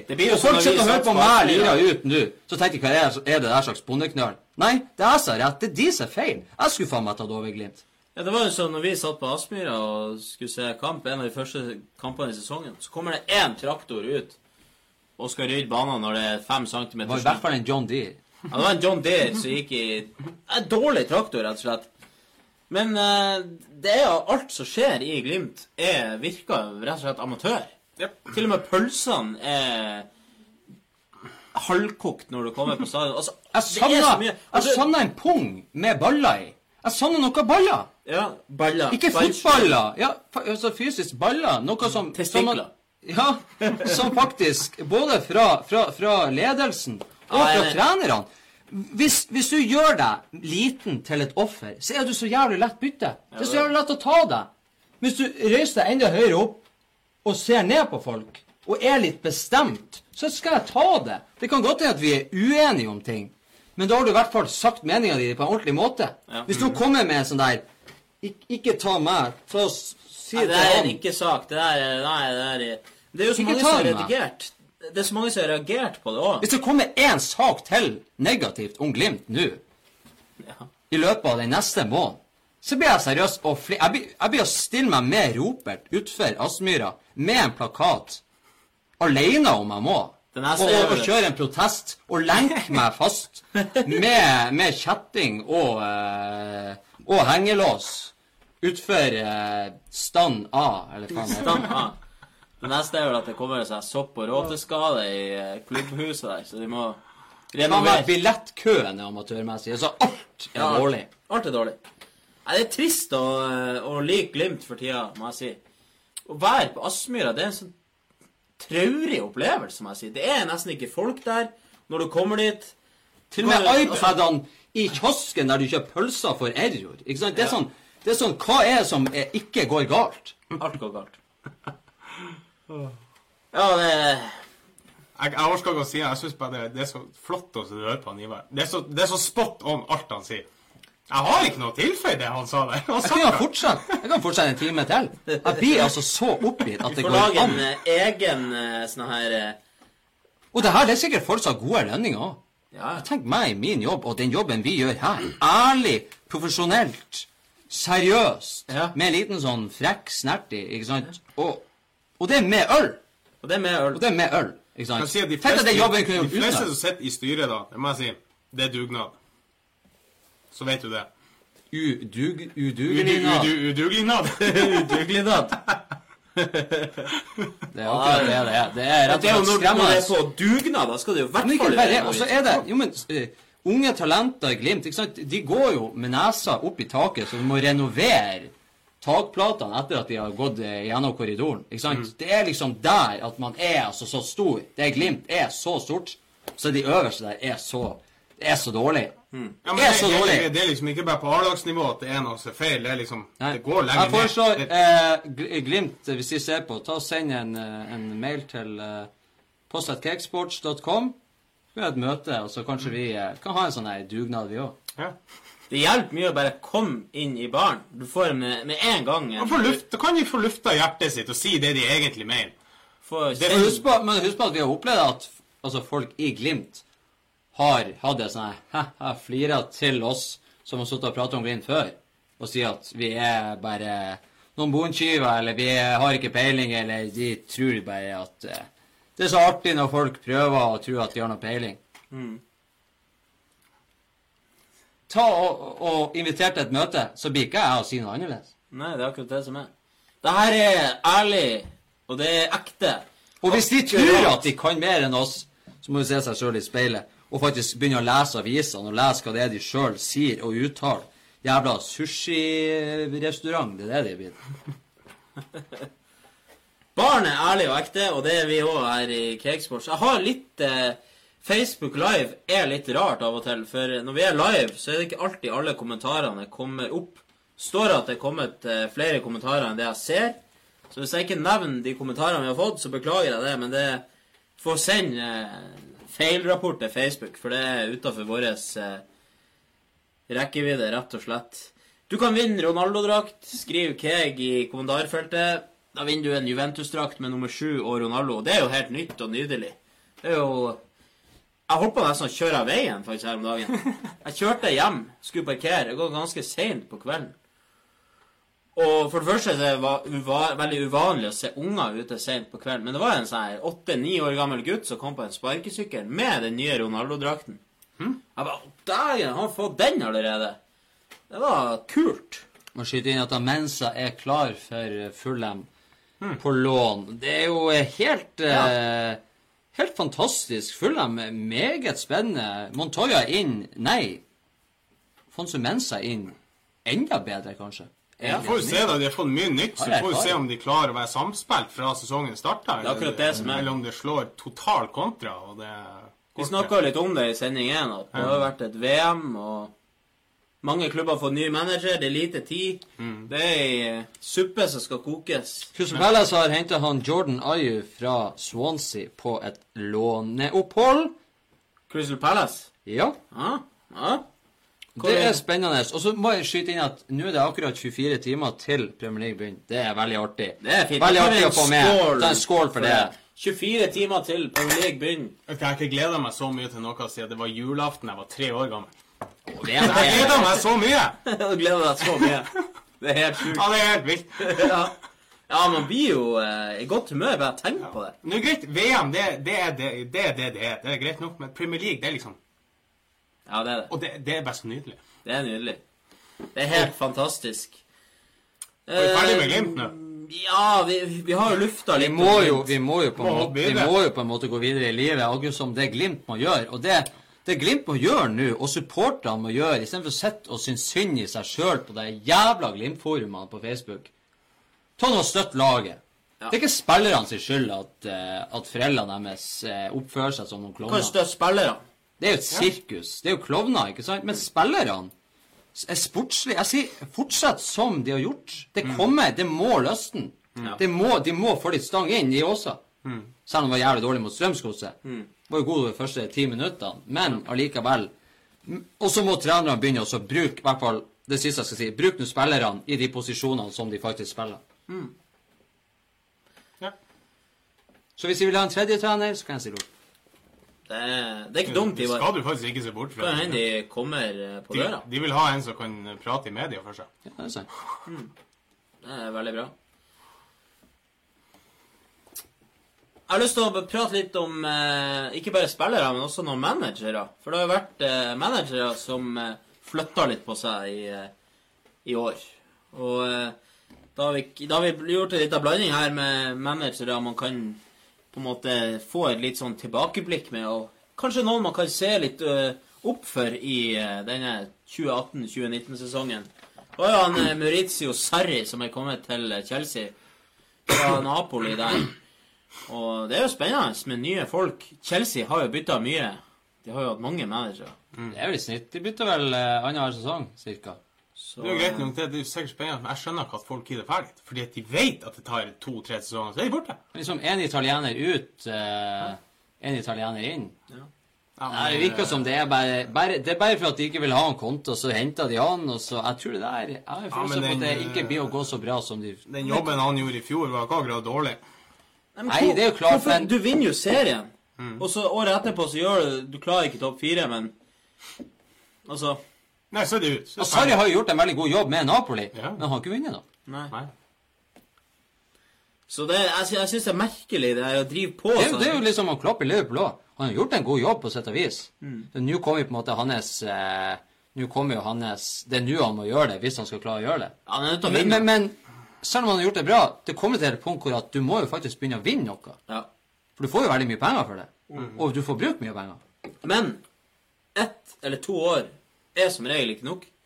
Hvis du tar over en klubb som er på turné, spesielt sånn som eh, Sånn som han eh, Emery nå i Arsenal og Klopp når han kom til Liverpool. Det, det er staller som kanskje må byttes en del i. Det, det tar tid. Jo, men, moderne, kan- jo, men moderne fotball er ikke sånn. Nei, jeg vet det, men Jo, men hvis du kommer til rette klubben, blir. Ja. så gjør du det. Hvis det Jo, blir Da får du tid. Sånn som kan Klopp nå med Liverpool. Ja. Hvis han bare får den tida han trenger, så gjør han jo det samme som han gjorde i Dortmund. Du får et fantastisk fotballag å se på. Og jeg tar heller Jeg tar heller 30 artige fotballkamper enn 25 eh, kjedelige, og så vinner Man ønsker jo at folk skal få sjansen, men fotball i dag er snakk om Det er business, det er penger. Det er det det handler om. Hvis han Klopp La oss si Hvis han Klopp ikke vinner noen ting denne sesongen her, så ville han fått sparken i alle andre klubber enn Liverpool. Nei, ikke alle. Jo, det tror jeg. Men eh, no, mange Det andre. her er hans, er hans, Ah, ah. det er hans tredje. Av eh, Ja, du kan si stort sett de fleste toppklubbene har sikkert gjort det. Ja. Ja, det er jo det. Jeg prater jo ikke om Fulham. Nei, men Eller, du, eh, du, du sitter jo i Arsenal. Du får men, ikke nei, men det er klart, det om er du gjør business. Og ikke minst når amerikanske eiere, så er det business. Mm. Hvis du bruker masse penger, og du får masse tid på deg, og du ikke får resultater Det er jo derfor Chelsea gjør sånn. Jeg sier jo ikke at det er rett, men, Nei, Chelsea, men, men- Chelsea vinner jo. De vinner jo Premier League en sesong, og, og så blir de nummer fire neste sesong, og så får du sparken. Men business er jo ikke resultater. Altså, du kan på en måte si at det er det, men de som eier Liverpool, de er strålende fornøyd med Klopp, for han har, han har tredobla verdien til Liverpool. Ja. De har kjøpt spillere smart. De har brukt ca. 20-30 millioner pund hvert år. De ligger eh, Men jeg skal fortelle deg hvorfor de er fornøyd med det. de er Det er fordi at. Liverpool har Champions League-plass. Den dagen Liverpool blir nummer fem, så blir det ikke det å, å, å ringe i samme bjelle. Jo, men poenget her er Nei da, men uh, han har jo Ja, Christian. Nei, bare snakk ferdig. Jeg, jeg kan vente. Du var inne på Han, noe. Klopp, han er jo Eierne til Liverpool skjønner jo at uh, Skjønner jo sporten. De er jo sportsfolk, så de skjønner jo at du kan ikke vinne Premier League ved å kjøpe tre spillere, og så vinner du Premier League. Han Klopp, han trenger tida, og eh, det har de skjønt. Og det, det syns jeg syns eh, eierne til Liverpool fortjener litt ros, fordi Jo, men- de har, jo, men jo, men fordi de har ro i ræva. De akkurat- vet at det her tar tid. Akkurat det som er greia, er at det er ikke penger å vinne Premier League. Hvis, hvis, du, hvis du blir nummer tre eller fire i Premier League, eller blir nummer én, det er ikke så jævlig stor forskjell. Hvis Nei. du får Champions League-plass, så er det snakk om oppimot en milliard ekstra i inntekt. Ja. Og om ikke mer. I billettinntekter, i omdømme, i, i turneringspenger, i, i TV-penger, Ja. i, i alt i salg av, Jo, jo. av utstyr og alt. Så er det snakk om Og det er jo det de vil! Det er det de Jo. bryr seg om. Det er det som har vært problemet i Arsenal, blant annet med amerikanske eier. Som Det er greit, Wenger, du får også bli nummer fire hvert år, for da har vi Champions League. Men du så med en gang at det er for første gang, når de datt utafor Champions League, Mm. og så en sesong til, da var det over og ut, Wenger. Ja. Til og med for han Wenger, som har sittet i så lang tid. Det er klart. Skjønner, men du snakker om sånne klubber som får nye managere, sånn som Klopp og han, eh, Conte når han kom. Så er du en god eier som tenker langsiktig at over fem år så kan vi bli et bra lag, og så kan vi holde oss der oppe. Du tjener mye mer penger på det enn å kjøpe noen spillere, og så er du god i én sesong, og så går alt til helvete igjen. Jo, altså Jeg hadde tenkt å komme med en ganske sånn standhaftig eh, påstand litt senere i sendinga. Vil du ta den nå? Men jeg skal bare min, jeg skal bare gi et lite hint nå. Vet jeg tror at fotball eh, er sånn trenden i fotballen er på tur til å snu. Jeg håper Jeg tror at de best betalte spillerne og de, de eh, Hvis man skal ta eh, f.eks. Manchester City, som har veldig gode spillere i ett lag, som er godt betalt, og de har mange av dem så tror jeg at ikke nødvendigvis det er de som kommer til å vinne til syvende og sist. Sånn som man ser nå eh, jeg, jeg føler at det er på tur til å snu. Sånn som Klopp får til, og med et lag med Nå har de jo selvfølgelig kjøpt en del dyre spillere, men allikevel Vi har sett det. Leicester klarte det. Det kommer til å skje igjen. Og jeg tror nå at vi får se en sånn her eh, Det blir en sånn generasjonsbytte. At det er ikke de Det er ikke alltid om å ha de dyreste og beste spillerne. Det er om å ha den beste på en måte manageren samla med ei spillergruppe som kan utføre en type strategi som hele klubben står for. Jo, men det er helt sant. Men å kalle en trend er jeg litt usikker på om det er Det går å kalle en trend at det kommer mennesker som er som han Klopp, det kommer mennesker som er som han Guardiola. Det er jo vanskelig å si, men det er jo en grunn til at de gjør det så bra som de gjør det. Du har Chelsea og, og mange klubber som vinner Eller la oss si Chelsea, da. De vinner Premier League første sesongen. Andre sesongen gjør de ikke det veldig bra. Ja, for da er du mett. Alle skylder på at du er mett. Men det er masse gode fotballklubber i England. Det er ikke bare sånn at du skal gå og vinne Premier League. Nei. Det, det er det jo overhodet ikke. Og, eh, og, og da er det business. De, de her trenerne de vet sjøl, de fleste, at de, er, de tør ikke å gjøre det til sin egen klubb fra, fra A til Å. Han Emery har gjort det i Arsenal nå. Han har byttet ut alt. ikke sant? Fra A til Å. For han tenker at, eller har fått en indikasjon på at her får jeg lov til å bli. Ja. Arsenal er en klubb som har jo hatt manager over tid. Og ikke han og andre enn Wenger i moderne tid. Og, eh, og United er en sånn klubb. Liverpool prøver jo også å være en sånn klubb. Og det som er fint for Liverpool nå, at det har blitt sånn som det har blitt, er jo at de har på en måte prøvd det her å bygge seg opp gradvis og kjøpe litt sånn her avdanka spillere, litt sånn her B-kjendiser, som du kaller det. Men så når de får en trener som holder rundt spillerne sine, kysser dem på kinnet, som han gjorde i Dortmund, han flirer når de bommer på straffe, han sier han skryter av dem i media, han, han, eh, han er og besøker kjerringa på sykehuset nå før. Han er liksom overalt. Han, han gjør sånn spillerne får lyst til å, til, til å være i klubben og spille for ham. De får respekt for ham. På sånn måte han Deiland han var i Strømsgodset. Bare sjøl. Han hadde møte med, med hver enkelt spiller, jeg tror det var én gang i måneden. Og da prata de aldri om fotballfaglig. De prata kun om familie, venner, personlige ting. Kjenn at du er tatt imot. Få litt varme fra treneren og manageren. Du er ikke bare et jævla spillerobjekt som tjener masse penger og har sykt masse press på deg. Det hjelper jo dem. Og Guardiola, derfor tror jeg òg, vi skal inn på eh, tabelltipset senere Guardiola er en sånn manager som ikke tillater spillerne sine å være mett. Nei, det Han er like nøye om det er en treningskamp på tidlig i sommeren, altså i slutten av juni, eller en preseason-kamp. Han gir seg en god faen. Det skal være kvalitet over hele linja. Derfor tror jeg kanskje at det er annerledes med City denne sesongen enn det har vært før, når de har vunnet én, og så Ja. Jeg er enig der. Og jeg tror det har jævlig mye å si det der med at du klarer å skape en kultur. Sånn som Liverpool nå, de er attraktive. De trenger ikke å overtale spillere til å komme. De kan. Spillere ser OK, de kom til Champions League-finale. De har en manager som spiller attraktiv fotball og ser ut som en uh, grei kar. Og så har du, bare for å ta motpunktene, da, motpolene, så har du Chelsea som bytter manager hvert andre år eller hvert år. Du kommer liksom ikke inn i en Det er ikke noe filosofi. Og det er det jeg mener. det er at Jeg tror at de klubbene med en klar filosofi er de klubbene som kommer til å gjøre det bra. Og de Ja. som tør å stå med en filosofi over lengre tid, sånn som Liverpool på 70-tallet. Ja. De vant alt. Ja. United med han Ferguson vant alt. Real Madrid har en filosofi. De har vunnet alt i alle år. Barcelona har en filosofi. Tro filosofi. De har vunnet alt.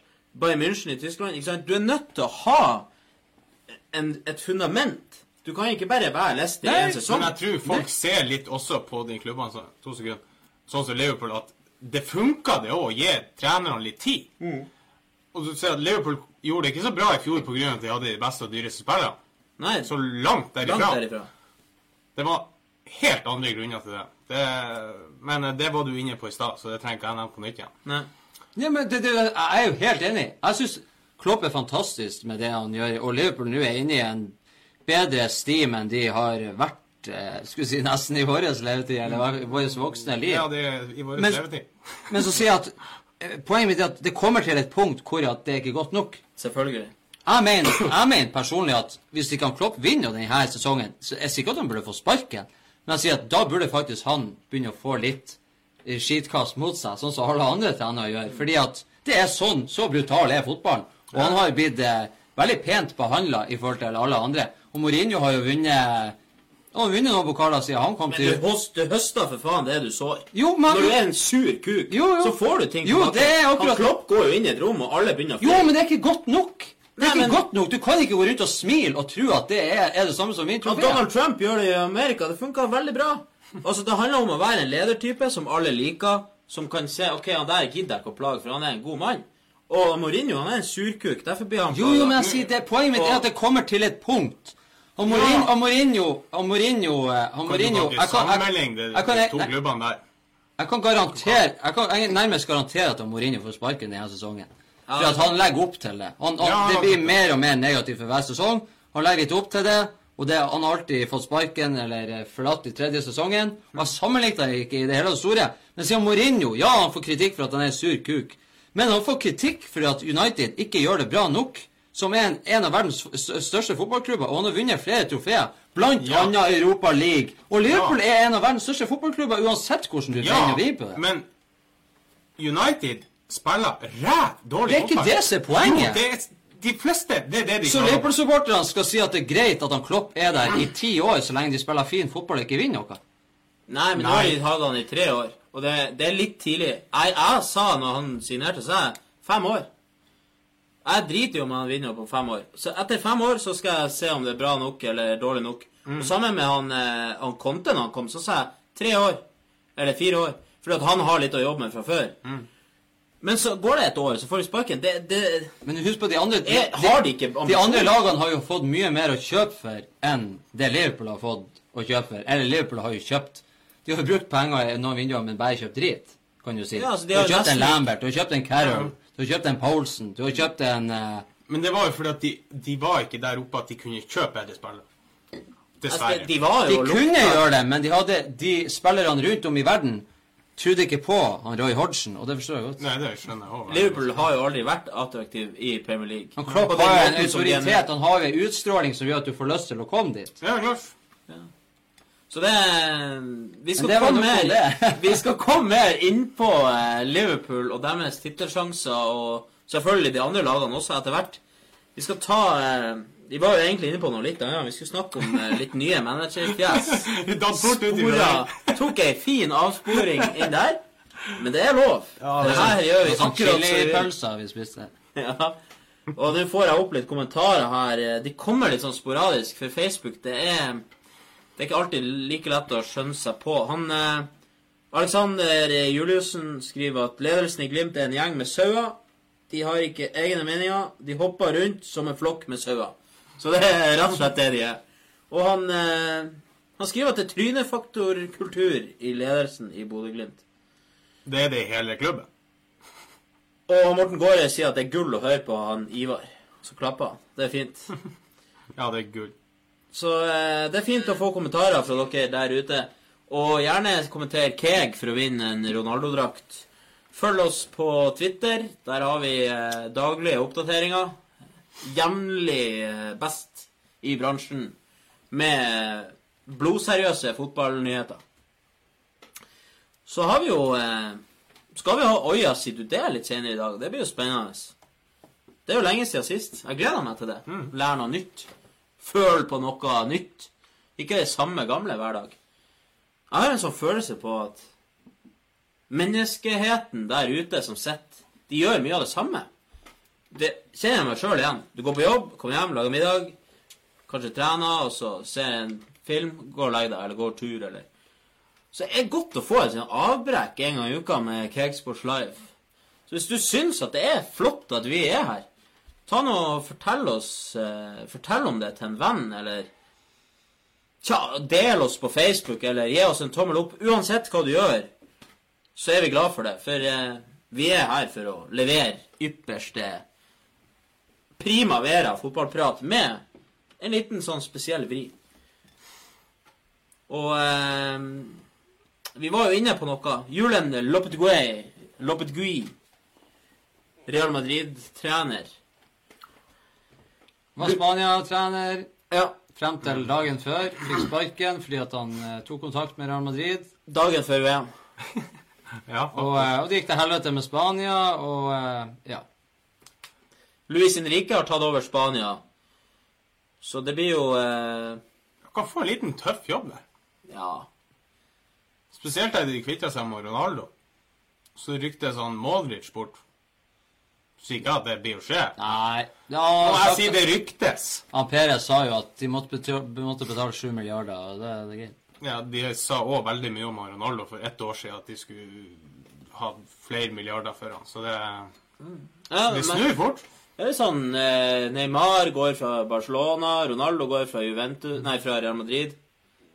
Det er litt sånn Det er litt, det er litt sånn spesielt, egentlig. Man føler egentlig Jeg følte liksom at Ronaldo var i Real Madrid for å og kommet for å være, men Så en god sammenligning med det der. Det er når du spiller som Fifa career, career mode. Det er på sesong tre. Ja. Det, alle overgangene. Det, det bare skjer i hytte og gevær. Ja. Ronaldo til Watford, og det Det, det er helt håpløst. Det er sånn du opplever nå. ja kanskje han tenker at han skal til de tre største ligaene. Spansk, det det, engelsk, italiensk. Det er, jo- det er jo rekorder som Ivar har nevnt. Det, det er det han vil ha. Ja, han skal jo inn i historiebøkene til slutt, og da er det kult å ha vært eh, litt her og der. Juventus, den gamle dame. Skal han klare å ta de eh, Han er jo kjent for å ta lag eh, til finaler. Det er vel ingen som har vunnet Premier League, La Liga og Serie A Det tror jeg ikke. i karrieren sin, så det er kanskje det han vil ha. Carlo Ancelotti har tatt over Napoli. Mark van Bommel har tatt over PSV. Philip Cocu har tatt over Fenerbache. Mye gamle fotballspillere ute og går. Ja. Så det er jo noen å følge litt med. Og Jugel, eh, Julian Nagelsmann eh, i Leipzig. Så har vi vår venn Uwe Røsler, som har tatt over Malmö. Spennende. Så får vi eh, se han godeste Uwe Røsler, eh, kanskje i Europa League etter hvert. Patrick Vera har tatt over Nice. Patrick Vera er jo eh, har jo franske røtter, så eh, skal han prøve seg på hjemmebane der. Det er mange av de her nå som begynner å Patrick Veira og nå Gary Neville og Frank Lampard, Steven Gerrard Mange av de her spillerne som eh, prøver seg på trenerfronten. Og Chris Coleman er gått til Kina.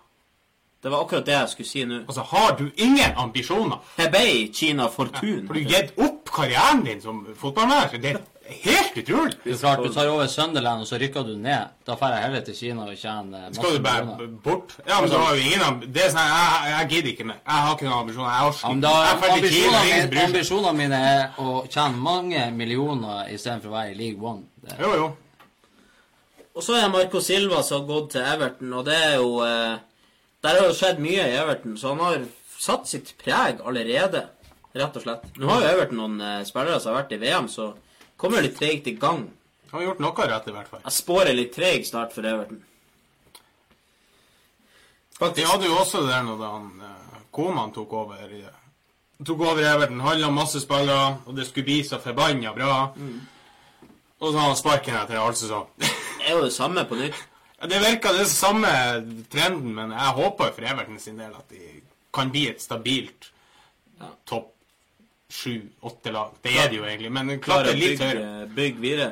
Ja, altså, de begynner å falle virkelig det, er vanskelig, fra det er jo vanskelig å komme inn på topp seks. Det er det. Nå var jo Everton, som jeg nevnte tidligere i dag Everton-sporterne var utrolig optimistisk før fjorårssesongen. Ja, ja. Og det var jo flere der som har blitt eh, kvotert, eller eh, sitert på at eh, de skulle klare topp fire. Men vi er jo like optimistiske for hver sesong. Ja, Og så er like Ja, er ikke det bra at noen er Jo, det er kjempebra. Alle skulle være sånn som Glimt-supportere og, og ledelse bare hat klubben og hat og, og se fotball. ja Kristian sier det er bedre å være pessimistisk, så blir du heller positivt overraska. Ja. Og da Ivar, skal vi ta oss en liten tur til Europa igjen. ja.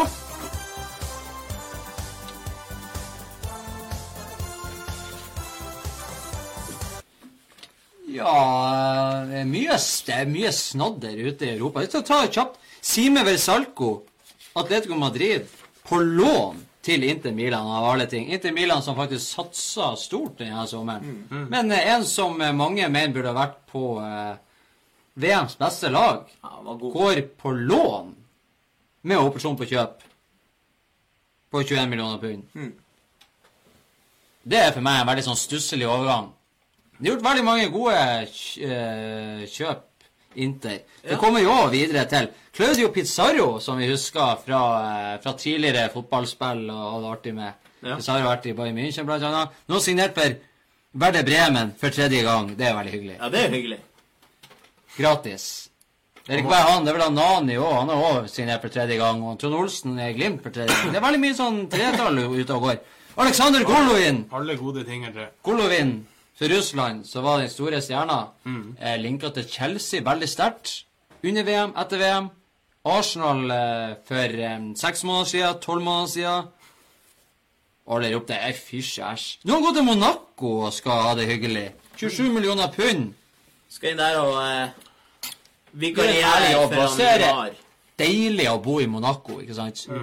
Monaco, det er som en sånn der Hvis du Skattefritt paradis. Hvis du har sett Star Wars, ikke sant De her fineste byene i Star Wars, Ja, det er sånn. ved havet, med sånne her kulehus og sånne her mur murer Ikke sånn betongfarge, men sånn her eh, fin sandfarge. Ja. Det er liksom der. Og yachter og, eh, og G-string og Ja, det er flott å bo i Monaco.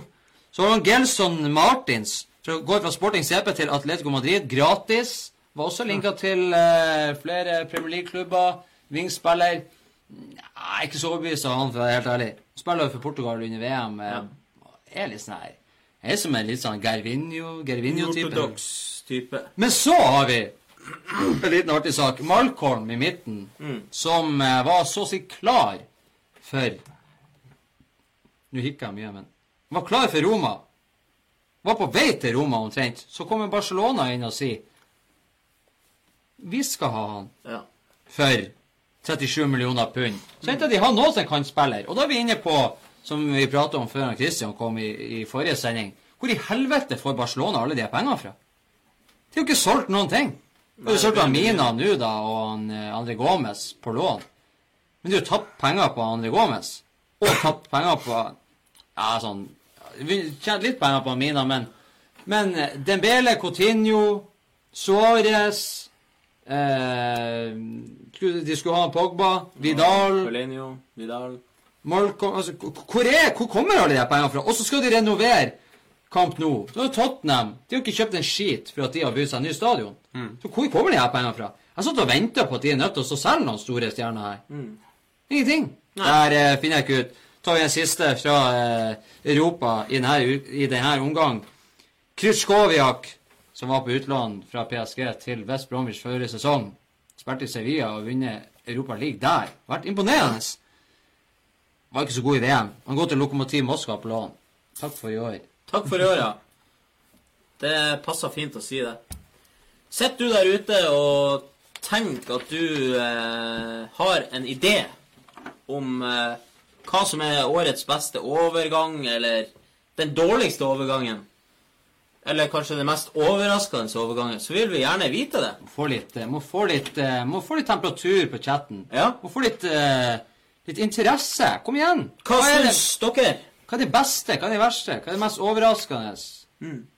Hvem blir den beste årets kjøp? Kom igjen. Vær med oss, folkens. Kommenter. Hvem er den beste overgangen? Hvem er den verste? Det er ingen fele svar. Har det vært overraskelser for deg? Vær med og kommenter her, så, eh, så blir det gull verdt. Ja. Vi har så mye på tapeten i Cakesports at uh, Jeg tror ikke vi har, vi har faktisk så mye at det går ikke an at folk får dem helt med Jeg seg. kan helt ærlig hadde, Hvis Facebook Live hadde tillatt det, skulle vi ha det i ti timer i strekk. Uten problem. Skal, hund, altså, hadde det ikke vært for at vi hadde jobb, så skulle jeg kjørt en sånn der 100 timer som TV2 har. Skulle bare slått eh, Guinness rekord. Fått satt intravenøst, så har vi sittet oss her, og så er det bare å sitte og prate. Få mat og drikke rett inn i kanyl. Kanyl. Det kan skje en gang. Ja. Det kan skje en gang. Det kan kanskje mm, Vi prøver oss på det etter hvert. Vi er jo kjent for å prøve, prøve sånn nye sprell. Manchester City De eh, har jo egentlig gjort veldig lite. De har fått ut et par spillere. Yaya Touré, utgående kontrakt. Joe Hart på uh, overgang til uh, Burnley. Det snakket vi om, eh, vi om tidligere. Men så har de jo henta Riyad Mares da, fra, fra Leicester for 60 millioner pund. Endelig Mares. Skulle egentlig dra Jeg skal snakke om han litt senere. Skulle egentlig ha dratt fire-fem ganger, men Ja. Kommer tilbake til han Riyad Mares. Det første jeg har tenkt, er hvor Skal ikke bruke Mares og han David Silva og han Bernardo Silva samtidig. Det er jo tre likedanne Ja. mestere. Men ble skada? Jeg har tenkt Han spilte seg Shield-kampen. Han. Og gikk på krykka to uker før. Ja. Forstå det, en som kan. Så er det bror eh, i samme by. United Manchester United. De har eh, vært overraskende eh, I hvert fall overraskende for han Mourinho, for han får jo aldri nok. Men de har jo kjøpt han Fred, da. 44 millioner pund fra Sjakta Donetsk. Brasilianer. Kommer inn der. Liten tekniker. Prate om han eh, forrige sesong. Ja. Eh, meget spennende spiller. Ja. Veldig spennende. Energisk. Eh, setter opp spillet og tar med seg ballen framover. Tror jeg kan være veldig bra for United. Og hvis han Pogba fortsetter den trenden som han hadde i VM, og ikke gjør så veldig mye ut av seg, slutt med hælsparket og hårfrisyrene, Vær en stabil eh, på midten der, frem og tilbake, så har de en Matic eh, som anker der, og har en Fred som fer litt frem, så kan det bli veldig bra. Og, og, og eh, jeg vet at det er, ut, det er utrolig mange United-supportere der ute som er forbanna. Det ser jeg på Twitter, det ser jeg på sosiale medier generelt. Vi kjenner folk som er det. Man, eh, man opplever overalt at de er forbanna sure og oppgitt, og at det her vinduet er det mest jævlige de har vært med på på veldig lang tid. Men så kan du se det på en, en annen måte, sånn som jeg velger å se det, er at den, den stallen til United er veldig bra. Det er veldig mange gode fotballspillere i United. Det er ikke til å legge skjul på. Det er ikke stand som problemet. hvis, du, hvis du skal si at det er derfor de ikke har, har, har vært med og kjempa om der oppe, så er det helt feil. Det er det vi prater om om Klopp, Guardiola og andre. Det er rett og slett treneren. Og det er jo ikke noe hemmelighet. Og Nå er det kommet til et sånt punkt Jeg skal ikke ikke sitte og henge ut av Mourinho. Det gidder jeg ikke, fordi at jo, Jeg blir sikkert gjøre det uansett. Men men det kommer til et punkt hvor det er så dumt. Altså, det Historien gjentar seg sjøl. Før hver sesong så blir han litt mer negativ for hvert år. Og så begynner han å henge ut dine egne spillere. Det har han gjort i fjor med Luke Shaw. Ja. Det jeg kaller mobbing. Jeg skjønner ikke hvorfor han får lov til det engang. Og så har han mobba sin egen spiller ute i media. Det kan godt hende at du sier at du er misfornøyd med spilleren, men du står ikke og henger han ut og mobber. Det er så på trynet pyton. Du skulle tro at du jobber i Glimt. Mange, Og- mange basic lederegenskaper som bare blir brutt der. Og, og, og så har du Mourinho har brukt rundt 4 milliarder. Er- Nå begynner han på sin tredje sesong, er ikke det? Jo. Nei, Jo, det tredje sesong. Den, Jo, så hvis du det tar med er den berykta tredje sesongen. Jo, det, jeg sa det jo i stad. Så hvis du da tar med det her vinduet så fra dit, på de tre årene, da, og ett vindu, eller hva du vil si, så har han brukt nærmere 4 milliarder. Og så sitter du da enda og klager over at du ikke fikk henta Perisic. Mm. Perisic. Eller at du ikke fikk henta Maguire, som var en hype, etter min mening, etter VM. Ja. Som bare var en annen Ikke sant? Og hvem de møtte uansett. Albania fire ganger, eller noe sånt. Hvis du tar det og setter det helt på spissen. Så Det er så lett å få unnskyldninger og klage på. Så begynner du å peke på Liverpool, og så begynner du å peke på City, og så begynner du å peke på Arsenal, du begynner å peke på Chelsea. Om at alle andre får kjøpe spillere, det får ikke du. Det har du gjort i alle år. Det er ikke bare i United. Det er i Real Madrid, det er i alle andre klubber. Og det er i Chelsea. Og du sitter og sutrer og klager over at det, når det går galt, så er det spillernes skyld. Når det går bra, så er du en trener i verdensklasse. Han er en forbanna sydpeis. Vet jeg blir så, jeg jeg blir så oppriktig provosert, men samtidig så blir jeg så oppriktig lei meg for på United-supporterne sine vegne. Fordi at United-sporterne er veldig kjent på, og det har jeg sagt hele tida, at de, det er en veldig bra egenskap de har i at de er veldig flinke til å beskytte sine egne. De er ikke sånn som oss andre som snakker, sier at fy faen hvor dårlig han der er. Så lenge han er i min klubb, spiller eller trener, så holder vi med han. Det sa vi om van Gahl når han tok over. Da sa jeg det samme. Vi snakkes om tre år, så blir du å si fy faen for en usmakelig drittsekk. Og det er det vi ser nå med Mourinho. Og det er det som kommer til å skje. Jeg kan sverge, jeg kan ta hånda på hjertet og si at jeg tror garantert at Mourinho blir å få sparken denne sesongen. Og det er, og det er ikke Og, da, og det er ikke Det er ikke på grunn av eh, nødvendigvis det sportslige. Det er for at United er verdens største fotballklubb per dags dato. Ikke i trofeer, men i omdømme, i, i, i supportere. Selvfølgelig sammen med klubber som Real Madrid, Barcelona, Liverpool eh, osv. Men de er verdens rikeste fotballklubb. De har mer sponsorer enn noen andre. De, har en, en, eh, de fikk en rekordavtale med Adidas når de fikk uh, ny uh, draktavtale der. Ikke sant? Og Mourinho, som sitter med et krusedullhår, grått som faen, og er så sur og negativ og lei seg, og faktisk oppfordrer sine egne til å ikke fære og se ungguttene spille fotballkamp. Hva er det slags reklame og omdømme for en klubb som United? Hadde jeg vært United-supporter, så hadde jeg skjemtes. Jeg hadde faen meg stilt meg utfor Old Trafford med, med en banner og en brannfakkel i handa og sagt og ei kasse nei, kanne bensin, bare for å ha i tillegg, hvis han formodentlig skulle komme ut av stadion og sette fyr på det grå jævla Men jeg vet jo mange United-supportere som begynner å bli lei ut av. Ja, begynner å bli lei. Ja, men det må jo ja, men det må jo være en grunn til Jo, at men, er jo- jo, men de sier det på en så fin måte. Nei, ikke de jeg snakker med. De har lyst til å si 'reis til helvete', men de tror. Men uansett, det som du sier, det er jo en Altså, det er jo ikke det at de ikke har råd til å spille, men jeg tror folk De har ikke lyst til å spille for ham. Men altså, er du Han er jo så sur og Ja, jævlig. Grusom. Du har flere, og, og det, det skal jo bevises, men det sies at Kovacic, som gikk til Chelsea, vil, har sagt at han ikke vil dra til United. Boateng vil ikke dra til United. Og i dag, eller var det i går, Aksel Witzel var ute og, og påstod at han har også takka nei. Og eh, han William og han Godin i dag vil være i Atletico. Men det trenger ikke ha noe med United å gjøre. Det er jo bare at han vil være der. Men poenget er at når en klubb på størrelse med United begynner å få spillere som ikke har lyst til å spille for deg, og så velger du heller kanskje en Boateng som heller ville dra til PSG og spille rolig Selvfølgelig, det er jo noen penger òg. Han har fått mye penger i, United òg, det er garantert. Når du sier nei til å spille for United, det har jeg aldri opplevd i hele mitt voksne liv. Eller i hele mitt liv for øvrig, at noen spillere takker nei til United. Jeg kan si, uh, uten å røpe det, det er mange som vet at jeg er ikke en, en eh, United-supporter.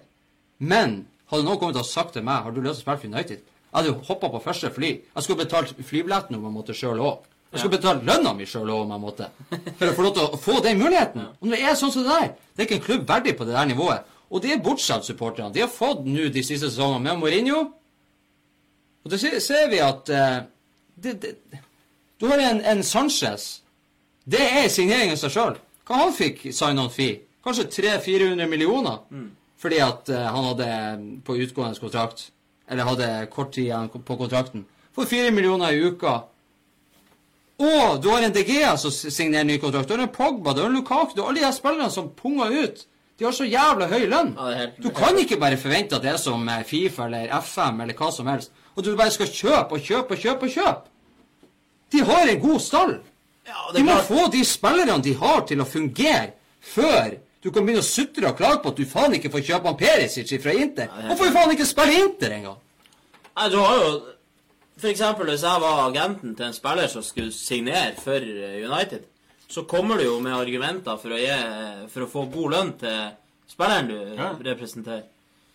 Og det er klart, når du har spillere der så tjener 4-3-3,5 millioner kroner i uka fra før, Da jo så bruker du det som argument, og da er det på en måte der oppe man legger seg. Men jeg tror ikke, som alle andre, at det kommer til å bli en sånn heskeren sesong som for United, som alle andre tror. fordi at jeg tror at hvis eh, Enten så gjør jo Mourinho det bra. Jeg tror det skårer ett mål i prisisen eller noe sånt. Hvis de ikke gjør det bra, så får han sparken. Og da henter de inn en som blir å få det til å fungere. For de har faktisk gode fotballspillere. Det Så det er ikke å legge skjul på det. Så man skal ikke avskrive dem helt og latterliggjøre dem helt. Men, De jo men, men eh, han Mourinho eh, Få han bort fra engelsk fotball en gang for alle. Det er ingen som vil ha han lenger. Send han til Kina, så slipper vi å høre fra han. Ja. Eh, Det er godt sagt.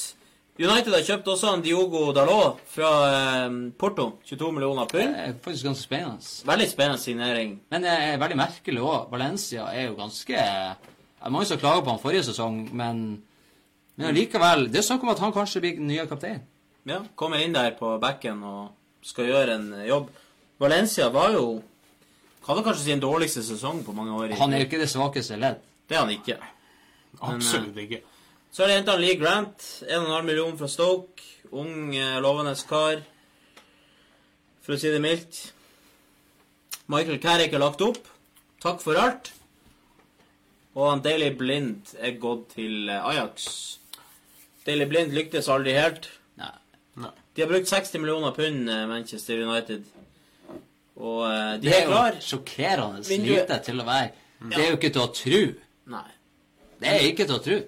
det er ikke til å Og tro. når du er verdens rikeste fotballklubb i tillegg, så det jeg sier Det er ikke bare å, å, å Så må du huske på det at de, de kjøpene som du har gjort tidligere år, de betaler du ennå på. Det mest vanlige er jo at du betaler en, en, en spiller over tre år.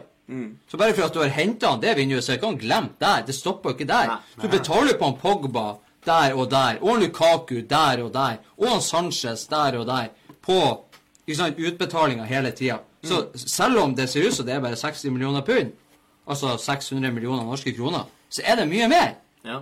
For du har avgifter. Du, du kjøper spillerne på avbetaling, med andre ord. Og når du kjøper dem for så høye summer, med så høye lønninger og så høye sign-on fees og det de gjør Og så er det bonus når du spiller så og så mange kamper, så må du ut med så mye. Og så, ja, det er helt horribelt. Mye penger. Det er jo mange United-supportere der ute, det vet jeg. Hvis det er noe dere er uenig med eller har lyst til å tilføye, så er det bare å kommentere. Skriv Keg for å vinne fotballdrakt. Det er Juventus nummer sju, Ronaldo. Og eh, vi, eh, vi er egentlig glad for å gi bort litt fotballdrakter, for eh, det er jo kjedelig å ikke ha ordentlig premie. Det vært kjedelig hvis det var ei penn. Det er for at vi samler på drakter sjøl. Ja. Det er jo så artig. Og når, da, eh, når du da blir litt, eh, litt voksen, om eh, to år, om fire år, sånn som vi hadde VM-losjen, da bruker du alt du samler på, og så lager du en heidundrende fest. Det er jo så artig. Det er helt nydelig, rett og slett. Og uh, Newcastle, uh, The Georgies oppe i nord, de har vært ganske aktive med Rafa Benitez i fronten. De har henta jeg Kan begynne med en Yoshinori Muto, som er henta fra Mainz for 10 millioner pund. Så har de henta Merino, Miquel Merino fra Dortmund, 7 millioner pund. Fabian Schar, 4 millioner pund fra Deportivo. Sung Yong Ki, gratis fra Swansea. Salomon Rondon på lån fra West Bromwich. Fredrico eh, Fernandes fra eh, Swansea. Den er ikke helt bekrefta ennå. Eh, det var vel en sånn eh, late bloomer, som man sier. Litt usikker på om den er blitt bekrefta, så hvis noen som vet det, så er det jo bare å, å rope ut. De har, solgt, de har fått ut han Dwight Gale på gått på lån til West Bromwich. Jeg hørte rykter om at han var litt misfornøyd, for han var veldig ute etter en en ny stopper. Mm. Blant annet han Klavan var på lista hans. Ja. Men så han fått, for i utgangspunktet har han fått beskjed om at vi skal gjøre vårt beste for at du skal få de du vil ha. Men de han ville ha, passa ikke filosofien til klubben og alder og whatever. Så han endte jo opp med å ikke få de han ville ha likevel. Så I hvert fall bakre ledd der. ja. Vi får se om det er nok det han har fått, da. Benitez er jo kjent og få ting, til Ja. ting med, med Altså, jeg unner Newcastle alt godt. Det er jo en stor klubb. Ja, jeg syns det de hører i hvert fall hjemme i, på t- øvre sjikt i Det gjør de absolutt. Jeg liker Newcastle. Jeg hadde en Alan Shearer-plakat på rommet mitt da jeg var liten. Sprang sånn her. Klassisk Alan Shearer. Får du en ny nummer ni i han eh, godeste fra West Bromwich, han eh, Rondon, Rondon. som har vært hittil en stor skuffelse i Premier League. Ja. I engelsk fotball. Etter ja, Han har aldri vært noen sånn her eh, superspiller. Og Før han kom til Premier League, så bøtta han jo inn mål. I hvert fall i en eller to sesonger. Ja. Og så vidt han skåra i West Bromwich. Jeg syns han har sett sånn keitete ut. Ja, gjør det! Vi er en sånn her alltid-år. Ja. Det må alltid være en dår. En. Alltid dår. Alltid dår. Alltid dår. Det er en sånn stor eh, spiller som bare aldri scorer. Alltid dårlig. Så Tempton inn med han Jannik Westergård fra eh, München Gladbach. 25 millioner pund. Vesentlig sum der. Westergård. Så har jo henta han Mohammed Elionussi fra Basel. 18 millioner. Det skal bli meget spennende for se. 18 millioner pund. Er det noen gang blitt solgt en så dyr norsk spiller? Nei. Det er vel eh, Det er 180 millioner. Det er mye penger. Å, det har jeg det på Det er i grenseland. Ja. Det er, ak det er der i Jeg tror kanskje akkurat Om man passerte like For det er det som er når vi prater om de her summene her, så er det jo Det er jo litt sånn svingninger fra, fra kilde til kilde, og eh, så er det jo eh, Noen har inkludert bonuser, noen har uten bonuser. Ja. Så de her summene som vi sier, om det er én eller to eller tre eller fire millioner pund forskjell, det er litt vanskelig å si. Det er I hvert fall en stor sum for en norsk spiller. Det er det. I hvert fall så tidlig i Det kommer jo alltid ut leaks etter hvert, men det er i hvert fall de som har sagt. Så har de henta Angus Gunn, 11 millioner pund fra City. Ut går han Dusan Tadic til Ajax, faktisk. Dusan Tadic er bra, en bra spiller. Så eh, Han drar rett og slett til Ajax. Og han Jordi Klasi går på lån til Feyenoord. Southampton, de eh, De er jo på en måte blitt en sånn her eh, De har etablert seg som en eh, Jeg måtte si Stabil, Tor, Tor André Flo mener jeg hadde rekorden. Han eh, Moi gått forbi han. Han har gjort det. Ja. Og Sørloth på tredje.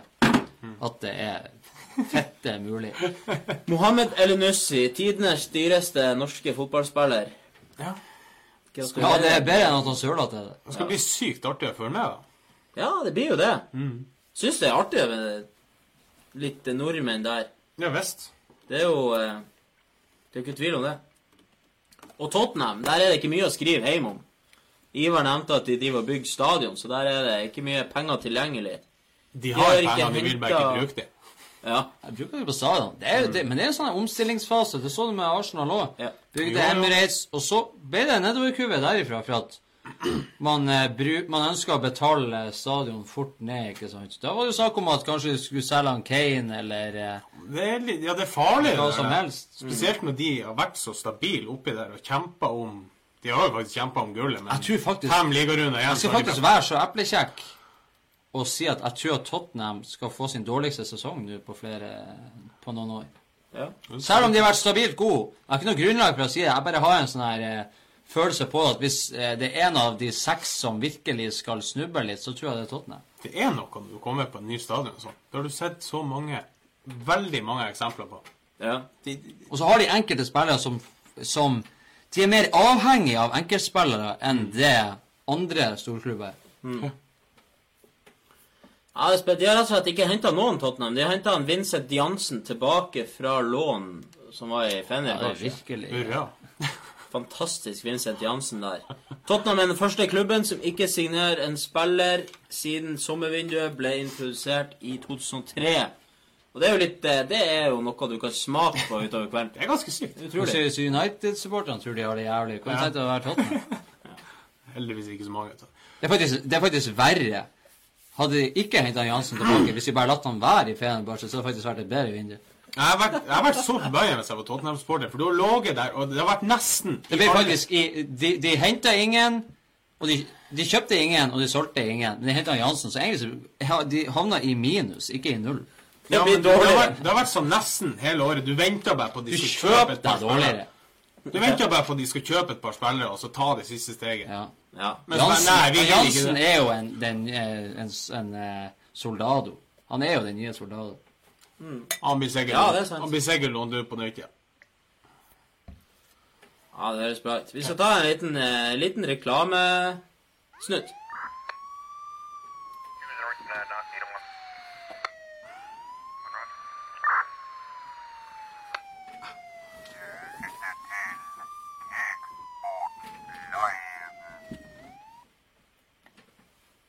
Det stemmer. Vi er jo Cakesports, og for de som ikke vet det enda, så er vi eh, fotballpodkast med stor P. Og kommer til å sende eh, live hver uke gjennom sesongen. Og vi har mange overraskelser på lur utover eh, høsten. Så det er bare å følge med oss. Bli med i eh, Fantasyligaen. Cakesports mot Røk. Vinn pokal. Har vi pokalen vi kan vise frem? Det har vi jo. Ja. Vi har delt ut én allerede, men her har vi jo Og det er viktig å holde i begge håndtakene. Vi har Man holder den i ro, så du ser det flotte på garnet. Fantastisk pokal. Den er, den er jo i sølv fordi at eh, Det er kun vi som fortjener gull. Vi er jo gullgutter her, og da er det nest beste det er sølv. Så den får de det som kommer på andreplass. Og selv om vi har kjøpt den til oss sjøl, naturligvis, når vi blir å med seieren, så kan vi jo Vi kan, eh, vi kan gi bort eh, en, eh, et sjef. For eksempel. Gå inn på fantasy.pemleague.com eller noe sånt. Så er det bare å bli med i Cakesports mot Røk. Eller få med et par kompiser. Det er minst like viktig. Sånn at vi blir flere og flere i, i kampen mot ære. Oppsummering av utførte overganger, og der har vi valgt oss ut et par egne spillere vi har lyst til å snakke litt mer om. Du skal få begynne, Ivar med den O store Cristiano Ronaldo. Cristiano Ronaldo, ja. Det er jo naturlig å ta den eh, Veldig naturlig. Egentlig så skal jeg være helt ærlig, syns jeg ikke det er så jævlig interessant. Jeg måtte bare ta den for at det var en jævla stor eh, overgang. Ja, det det, er, ha lest seg. Det er jo eh, verdens største fotballspiller. Ja. I hvert fall eh, kommersielt, i lag med Neymar og Messi, og eh, selvfølgelig mange mener at han er verdens beste fotballspiller, og kanskje tidenes fotball, eh, beste fotballspiller, hvis noen skal ha et ord med i laget. Og det har vært alltid snakk om at han skulle forsvinne. Nå skjedde det endelig. Jeg skal forklare hvorfor.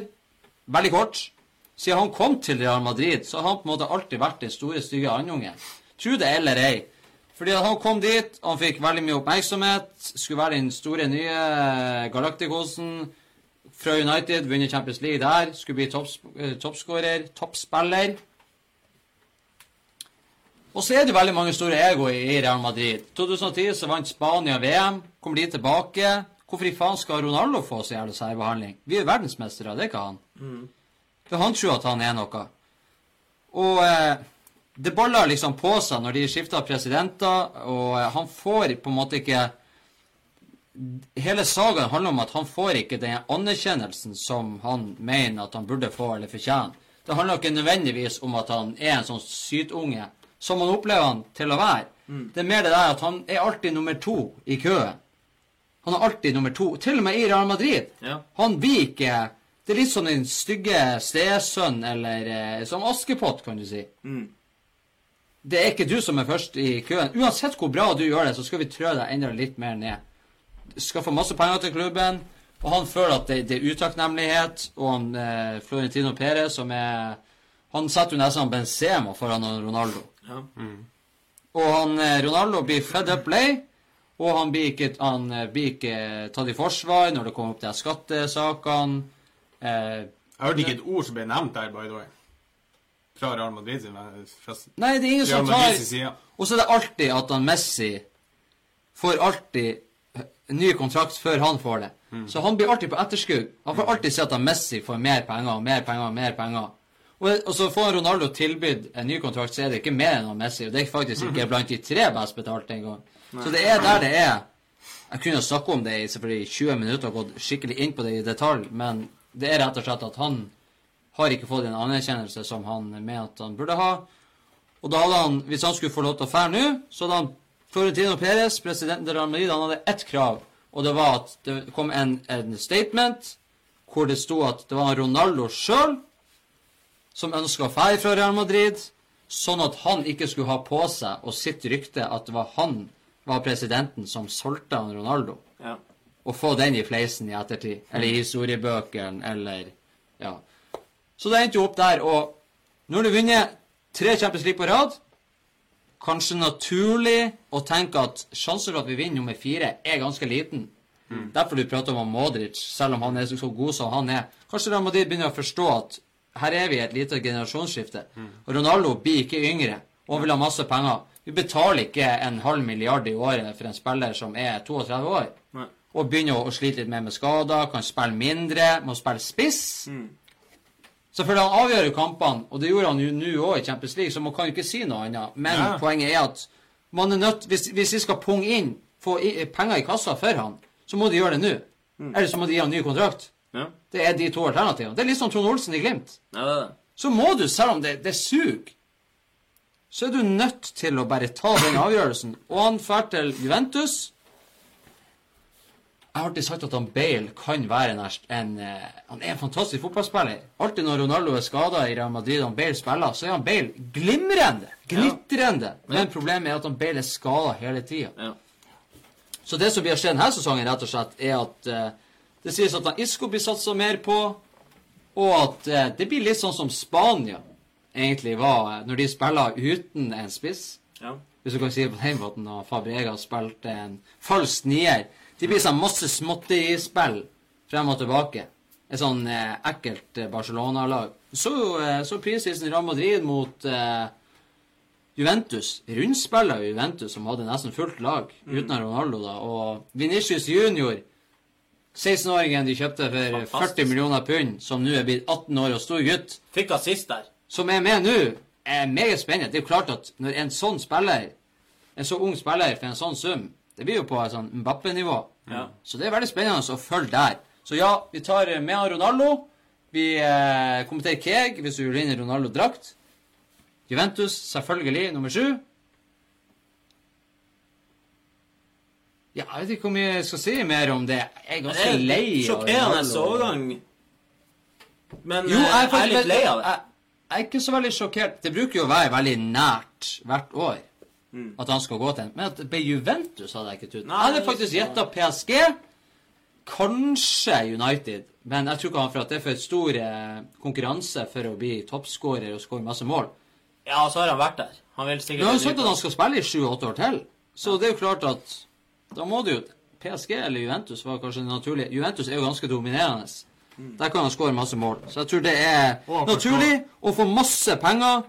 Og sponsorene til Juventus har allerede begynt å streike fordi at han får så jævla mye lønn. Mens de som eh, jobber for store sponsorer til Juventus, får ikke utbetalt lønn.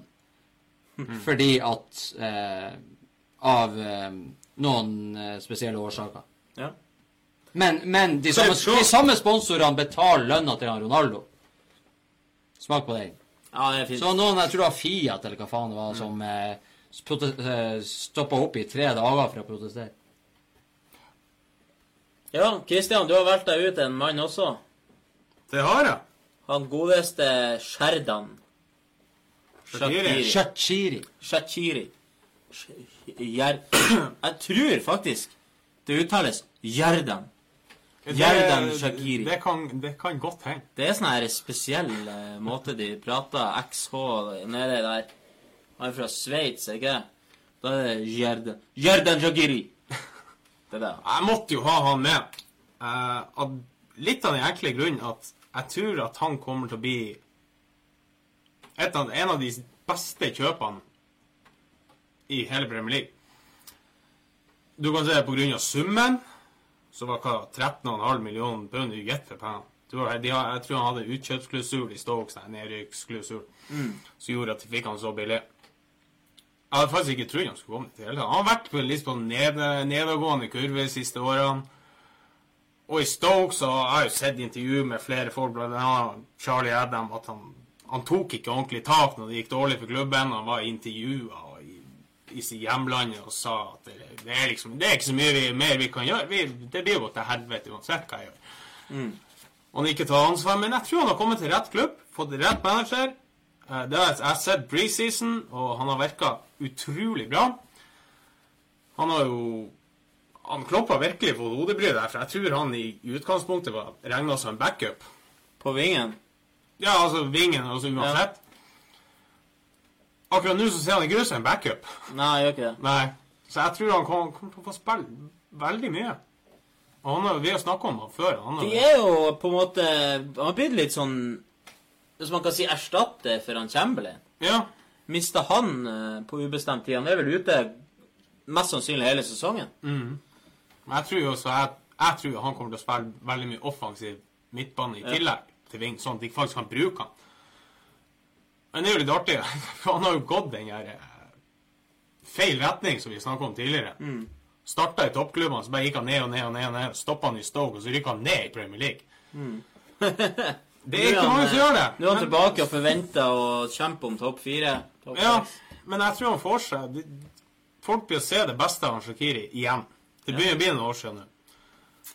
Men jeg, jeg, Alle blomster trenger litt omsorg. Det er også Ja. mennesker. Må gi dem vann for å blomstre. Og hvis du har eh, nok vitaminer i det vannet, så blomstrer det ekstra mye. Det er sant, jeg tror det der kommer Mange bli- spillere som trenger Det kommer til å bli veldig spennende å følge med han i år. For han satt og prata om for noen år siden en av de beste talentene du kunne finne. Ja. Og så bare, bare sånn, så var han borte. Han har jo egentlig alt man, som skal til for å pressere på høyt nivå. Han har det. Hvis han ikke fart eksploderer. Det ser ut som han sprenger Det ser ut som han har eh, trødd en sånn her, eh, sånn her sykkelpumpe opp i stjerna Ja. og er på randen til å sprekke. Han ser ut som en heliumballong. Ja, han er jo eh, han, han sprenger sidelengs. Han sier krabbe. Men ja, jeg er enig. Han kan bli, fort bli, eh, med tanke på sum og eh, Ja, 13,5 millioner pund. Når du ser de andre summene som går, ikke sant eh, Tadic gikk for 11 Liksom, hva, hva du får for den summen, sånn normalt sett. Mohammed Elunussi koster 18. Ja, ikke sant? Jannik Westergård koster 25 millioner pund. Ja. Så eh, Men det er selvfølgelig det er jo en nedrykksklausul. Jo, jo, men at du får en så bra spiller til den prisen, uansett om det er nedrykksklausul eller ikke Og det var liksom Shakiri, det var liksom Når Liverpool sto på døra, så var det jeg skal dit. Det var ikke noe spørsmål hvor han skulle hen. Det var dit. det er veldig det tror jeg har veldig mye med han Klopp og Han bryr seg veldig mye om spillerne. ja. Jeg tror han er en spiller som trenger det. Sikkert godt for han Shakiri å komme eh, Ja, det er mange spillere som trenger sånn omsorg for å blomstre. Og jeg tror han er en av de. Jeg tror han kommer til å få en ufattelig bra sesong med veldig mye spilletid. Mer enn folk har forventa. Jeg satt og så på eh, vi, vi ble jo selvfølgelig enige om at vi skulle ha tre spillere hver. Å finne de tre spillerne, det er ganske vanskelig, egentlig. Og mye bra å velge mellom, da. Men når, eh, når Lukas Digne ble klar for Everton, så hadde jeg ikke noe annet valg enn å ta han med, for Jeg så et bilde på Twitter der han eh, var avbilda i tatovering på brøstet. Der det står 'I'll never walk alone', står det. Og det er greit nok. Og så så er det jo godt kjent at eh, Liverpool har 'You never walk alone' som slogan. Og Liverpool-sporterne tok jo full fyr på det der og syntes det var artig at han hadde signert for Everton. Men det jeg stussa mest på, det er at når du går inn på Evertons hjemmeside og ser på eh, De har laga en sånn lang artikkel om han Lukas Digne. Velkommen til Everton. Alt han har gjort hele livet, nesten. Så har de på slutten en bolke der det står 'That's why'. Så jeg skal forklare alle tatoveringene hans. Det er forklart hver eneste tatovering han har på kroppen, men ikke den der 'I'll never walk alone'. Den har de bare Nei, den har han ikke. Den var ikke med. Så det er ikke noe tvil. forklare tatoveringer? Det bli helvete. Nei, det er jo som en Det er jo sånn her Er jo Noen Jeg tipper sånn se- se- Er det ikke det som- 14-15-16-åringer. De, de syns det er kult. Men ikke det er som er hele vitsen med tatoveringer, er at det er personlig. Du har de, og så er det Det er også som Ja, Når du var liten, så sa de hva du betalte for det. Ja. Hva det kosta. ja. Det gjør du jo ikke når du blir, når du blir eldre. så Og sånn er det med tatoveringer òg. Kan bare ha de. Jeg så jo noe han sa. Han sa bare ja, Liverpool-sporterne er bare misunnelige pga. at jeg takka nei til Liverpool sånn tre ganger. ja. Jeg sa OK, hvis, hvis du hadde sjansen, går du til Liverpool eller går du til Everton? Det er ingen som velger Everton. Det er ingen i hele verden som Kanskje det var i ungdomsårene. Man vet jo litt hva som er oppi det der. Det er jo Men altså, det er jo et statement. altså. Han Jeg syns det si er mer artig at han Richarlison, som gikk til Everton, sa som eh, Det er sånn klisjé som alle sier at han hadde Han har sett Everton da han vokste opp og ser Ja. spiller fotball. Men det er greit. Folk tar litt uh, ord, putter ord i munnen på han. At han har sikkert gjort det, og det har jeg òg gjort. Ja, alle har sett det. Jeg sier jo ikke at jeg drømmer om å spille for Everton. Det var en Jeg gjør drøm ikke han det. hadde. Det er jo kult at noen gjør det, men, Det er som å se Tippeligaen bare ja, det er jo kult. Det er jo kult hvis noen gjør det, men jeg tror ikke på han. Han er fra Brasil. Everton er jo ikke det laget som, eh, som folk går med i, i gatene. Ja, Lukas Digne går til eh, Everton for 18 millioner pund, og eh, han har jo gått gradene i er Barcelona-spiller. Gått gradene i Lille siden han var 12 år. Så gikk han til eh, det store dragsuget PSG i sommeren 2013 etter å ha imponert ganske mye for Lille. Og PSG signerte han da for 13,5 millioner pund. Så etter to sesonger i eh, PSG så gikk han på lån til eh, Roma i ett år. Da gjorde han det ganske bra. Spilte, spilte ganske mye. Så gikk han da fra PSG til Barcelona for to sesonger siden for 15 millioner pund. Der fikk han 46 kamper Og Han spilte 23 kamper i Champions League. Så her får Everton inn en rutinert eh, herremann som har spilt på aller høyeste nivå. 21 landskamper for eh, Le Bleu. Han har spilt 46 kamper med han Ghana Gueye fra tiden i Lill, så han blir jo partnerskap med han. Og er kompis med han Schneiderlein eh, på landslaget. Så det her er et bra kjøp for Everton. Absolutt.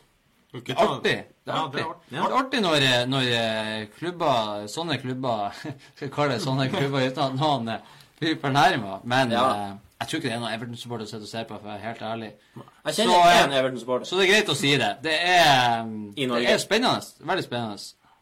Men det sa vi før fjorårssesongen fjorårssesongen òg. Ja. Da vi handla spillere for over en milliard. Utrolig spennende. Et jo år klart, jo, jo, men, jo, jo, da satt vi og kritiserte eh, Gulfi Sigurdsson for en halv milliard. Ja, ja. Det er Island. Når de henta tre Barcelona-spillere, det er jo litt eh, De er vant til en eh, god treningshverdag. Jeg Nå tror må veldig bra. dere holde kjeften, for nå er det Cakesports mot Røk. Partiet her, fantasien nær, laget ditt er der. Ingen vær så sær, konkurranse ha. Høra bjørna bra, gi ditt der du skal. Hjulet du skal ta, men nå er du stuck. Bare legg på trykk, Dagen ditt er møkk. Keks mot trøkk, keks mot trøkk. Keks mot trøkk, keks mot trøkk. Keks mot tre mot trøkk.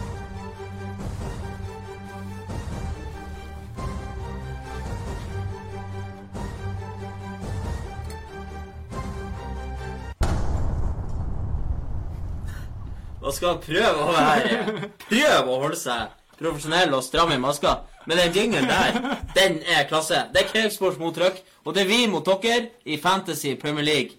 Gå inn og bli med, og vinn den pokalen som står der, hvis du blir bedre enn oss. Se hva flott er. Det. Det er altså helt sykt. Vi har en post på Facebook der det står kode og alt sånt her. Så det er bare å finne frem, og så inviterer du et par, tre, fire venner.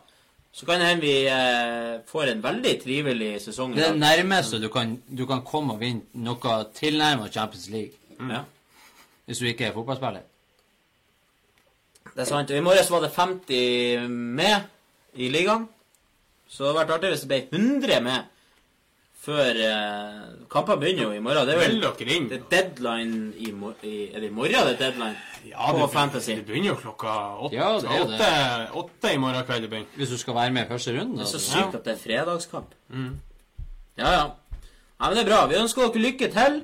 Og vi skal selvfølgelig gå eh, djupere inn i eh, fantasy når alt er i gang. For vi har, for å være helt ærlig, ikke vært alle spillerne ennå. Ja, vi er jo tre stykker, så det- er jo nesten umulig å bli enige. Ja, tre og en halv, fire. Ja. Så eh, sånn er nå egentlig det. Eh, Ivar, vi skal ta en liten tur til Europa igjen.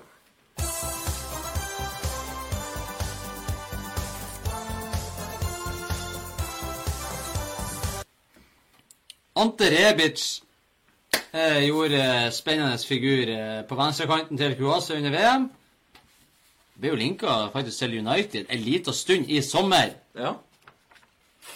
Men han gikk jo eh, Han var jo på utlån i Eintracht Frankfurt fra Fiorentina forrige sesong.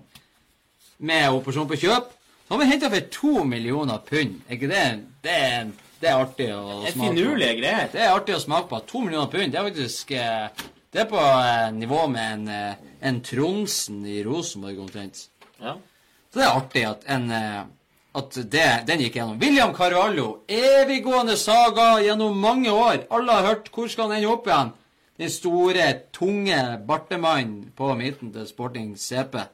Han har gått til Real Betis! Det er helt sjukt. Av alle ting. Han skulle ende opp i en storklubb. Han skulle bli Han var den nye store. Ja. Eh, turneringens beste spiller i alle sånne unge, eh, mesterskap for U21, eh, U19 og alt det der. Nye, store stjerner. Han er så tung i ræva at jeg ikke har sett Ja, er på maken. Syns er sånn Han så sa han min mamma der så husker Steve Urkel, han der politimannen. Han som var politi, han der politimannen med bart der. Det er litt der. 13 millioner pund til Real Betis. Helt jævlig. Lykke til videre. Blir ikke å høre noe mer fra han. Så har han Louis Cremy, som var i Chelsea, og har vært i Marseille. Han har gått fra, La, han har gått fra Las Palmas til Lille. Så kan du tenke deg han som var linka til absolutt alle storklubber, og så går han til Chelsea, slår han ikke igjennom, og så bare forsvinner han. Var jo så Han var faktisk ikke så verst. Han var faktisk ikke så verst. Nei. Han er som han Batsuai som Ja. er i Chelsea. Han er en sånn spiller som, som eh, med litt kjærlighet, som vi prater om han Klopp, og litt polering, men- så, så virkelig slår igjennom. Jeg syns bare det var så rart at eh, alle ville ha han, så gikk han til Chelsea. Når han skulle dra fra Chelsea, så var det ingen som ville ha han. Og han Arthur. Han Arthur. Han Arthur. Han har gått fra Gremio til Barcelona. 35 millioner pund.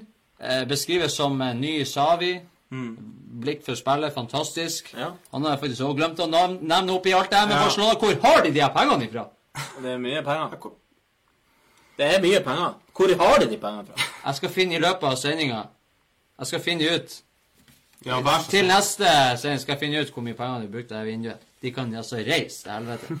Ja, det er mye Og så har du Paulinho, som har gått fra Barcelona til Guangzhou Evergrande, tilbake på lån med operasjon på kjøp. Så, uh, de nå, hvis uh, han blir kjøpt neste sesong, som han mest sannsynligvis blir, så blir han faktisk å gå inn på ei topp ti-liste over tiendes dyreste fotballspillere, eller noe sånt.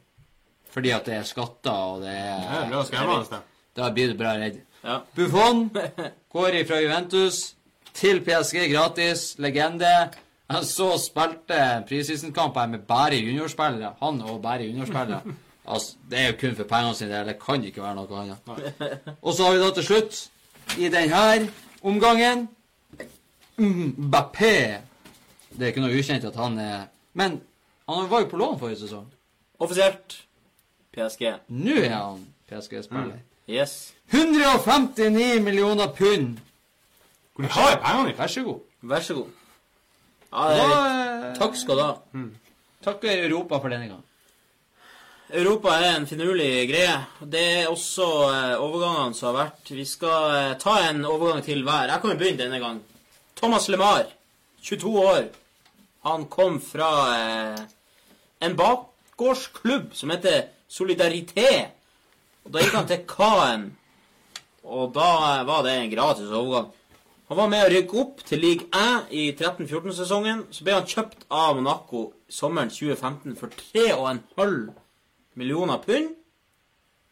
Og nå selger Monaco han videre for 62 millioner pund til Atletico Madrid. Han skåra 22 mål. Skåra eh, 22 mål og 32 assist på 127 kamper for, eh, 127 kamper for Monaco. Men jeg har sånn spørsmålstegn der. Han LeMar har jo vært linka hit og dit nå i to år. Og så drar han til Atletico, som har han Diego Simone der, som har en litt sånn traurig spillestil, og litt sånn her eh, Grismann der. Og så, ass, det er lite som, eh, som glanser over den overgangen, men jeg var nødt til å velge den, for det er et fantastisk stykke forretnings... Eh, altså, det er så god forretning Gud, for at vi slipper å høre mer om han. ja. Ikke at jeg misliker han. Jeg er bare dritlei av det. jo. Tenk å kjøpe noe i 2015 for 3,5 millioner pund. Så selger du det tre år etter for 62. Ja, det, det har du Men bra. det var jo faktisk snakk om mer òg. Ja. Hva sier du? Det var jo faktisk snakk om mer òg, Ja. både forrige sommer og det det. i januar. Det var jo snakk om oppi i 90, ikke sant? Ja. Monaco de har gjort det bra på mange av sånne der eh, overganger. Så eh, Fabinho òg henta de jo relativt billig. De er ikke alle billige. Monaco har jo henta nå Golovin, som du sa, som en slags erstatter for han eh, LeMar for 27, 27 millioner pund. Så de har jo enda masse penger til overs der. Og, og LeMar er jo på en måte en sånn spiller som vi prater om hvor, hvor, hvor mye har han prestert over tid? Ja. Det er jo mange som har en god periode i løpet av karrieren sin. Så blir det en hype, og så, og så skal det plutselig koste veldig mye penger for at du blir en sånn der eh, Du blir kul eh, på Instagram og kjent på Twitter og eh, aktiv på Facebook og med i sjamporeklamer og sånn der, ikke sant? Det blir en sånn der greie. Du må jo ta det på det fotballfaglige. Mm. Han ble jo linka utrolig mange det var jo etter det. Han hadde jo én sånn supersesong. Sånn ordentlig. Da var han ordentlig bra. Og så ble han linka bort til alle, og så i fjor så var han sånn Nja. Liksom For 15 år siden så fikk du en Zidane for den summen. Ja. Ja. Det er ikke noe tvil om det. Christian Felipe Andersson. ja. Han var spennende nok til at du tok han med på lista di. Det var. Absolutt. Ja. Der var du òg en spiller som var linka til Gud og enhver mann for et par år siden. Mm. Men fortsatte faktisk karrieren sin i Lazio. Det starta med det var I løpet av da han var ung i 2006-2007, så var han faktisk i fire klubber på det året der, før Santos fant ut de skulle ha. Og de gjorde det ganske lurt i da. Han var jo der i noen år, og så gikk han over til Lazio. Har vært en av deres beste spillere de siste ja, tre-fire årene. Ish. Og så klarte jeg jo eh, Og så gikk han jo Han har vært linka til United nå i fire år, tror jeg. og så klarte vi Westham å få tak. Westham har fått tak i veldig mange gode fotballspillere eh, Overgangsvinduet her. Og jeg tror de kan få godt betalt for å få seg han. altså Det må jeg ærlig innrømme. For han, er veldig spennende spiller. Han er Han kan spille wing, han kan spille offensiv midtbane, han kan spille av begge vingene. My bad. Han kan spille som én av to spisser. Eh, altså, han, han, god, han har utrolig god nærteknikk. Eh, av og til litt for ego. Han har et veldig bra blikk for spillet, men av og til så skal han drible av en mann for mye istedenfor å slå den enkle pasninga han kunne gjort. Men ellers er han utrolig, utrolig god spiller og artig å se på. Han utfordrer hver gang han får sjansen. Blir artig å se. Følg med. Ja, det blir veldig artig å følge med på Westham i år. Er han et lite sånn fantasy-tips? Skal ikke jeg røpe eh, Skal ikke jeg røpe mye fantasy her. Nei. Jeg skal ikke det. Men eh, og i tillegg så er han en spiller som Når han spiller kant, jobber mye defensivt, så han er en bra lagspiller. Eneste jeg har å sette litt på, det er som jeg nevnte i stad, at han Ofte så blir det litt for mye. Litt for mye, ja. Mm. ja. Men det er jo ting som går an å rette på. Ja, absolutt. Ingenting å si på det. Det er Han er, spennende. å følge altså, han, er, han, er, han er god å utfordre, han har gode innlegg. Altså, god bevegelse, godt blikk for spillet. OK skuddfot. Det kommer til å bli bra for Westham. Vi har vært inne på det mange ganger nå, at det er artig å se sånne type spillere komme til eh, de klubbene som har vært litt sånn midt på treet de siste årene. Jo det er jo Ja, mange, det er jo mange spillere som vi tar opp nå, inkludert han eh, Felipe Andersen, som er Det er sånn når du leser en hel eh, krimbok eller roman Ikke at jeg hater å lese, eller alle som leser, latterlig, mm. men, men hvis du leser ei bok, så må du vite slutten. Og det er det vi gjør med mange spillere nå. Vi kommer til slutten, og endelig får vi sjelefred. Ja. Har du fått sjelefred med han eh, Jean Michael Seri? Ja, det har jeg fått, og på en veldig sånn artig, finurlig måte også. Ja, du sa det. Veldig hyggelig. at du, du, du lyser opp. Du er blitt så glad nå. Jeg er jo ikke, ja, jeg blir glad fordi at det er en veldig artig overgang fra han eh, Jean-Michel Seri Seri! Ok, han er fra Iv- Ivory Coast. Elfenbenskysten, så han er ikke helt fransk, selv om han har spilt i Nice. De snakker vel fransk? Var jo, eh, hadde utkjøpsklusul på jeg tror det var noen ja, Jeg tror det var 32 millioner euro, eller hva det var, rundt der. 32-35, et eller annet. Var jo sterkt linka til Arsenal, som for første gang eh, ikke var med i Champions League. Veldig sånn der eh, fantastisk type eh, fotballspiller. Midtbanespiller. Litt som han eh, Ikke helt som han Fred som er gått til United, men litt eh, også. En liten jævel som er sånn en liten sprinter. En offensiv Kanté, kan du nesten eh, se for deg. Så en liten bare pære å spille. Fantastisk eh, god. Og var nært å gå til Arsenal. Og så finner Barcelona ut Jeg tror det her var i fjor sommer. Så finner Barcelona ut at uh, han skulle vi ha. Til og med han Savi hadde uttalt at han har vært et fantastisk tilskudd av det han har sett. Og eh, ja, Seri og eh, Barcelona Det ble nesten at de hijacka Arsenal. Eh, alle Arsenal-supportere bare Å, Seri! De tenkte at det her kommer til å gå igjennom. Garantert. Men så blir han enig med Barcelona om de be personlige betingelsene. Klubbene blir ikke enige, og det faller grus. Og han uttaler i etterkant at han er altså så hjerteknust at han bare hater å leve. Han var virkelig altså sånn, ikke, at, ja, ikke langt unna at han skulle legge opp.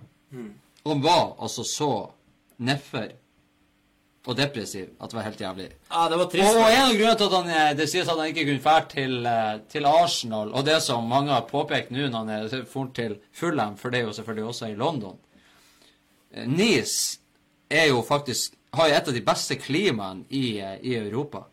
Der, er det, der er det fint vær. Der er det godt og eh, varmt og eh, Det passer veldig godt for hans nice. Det passer veldig godt for hans fotsykdom.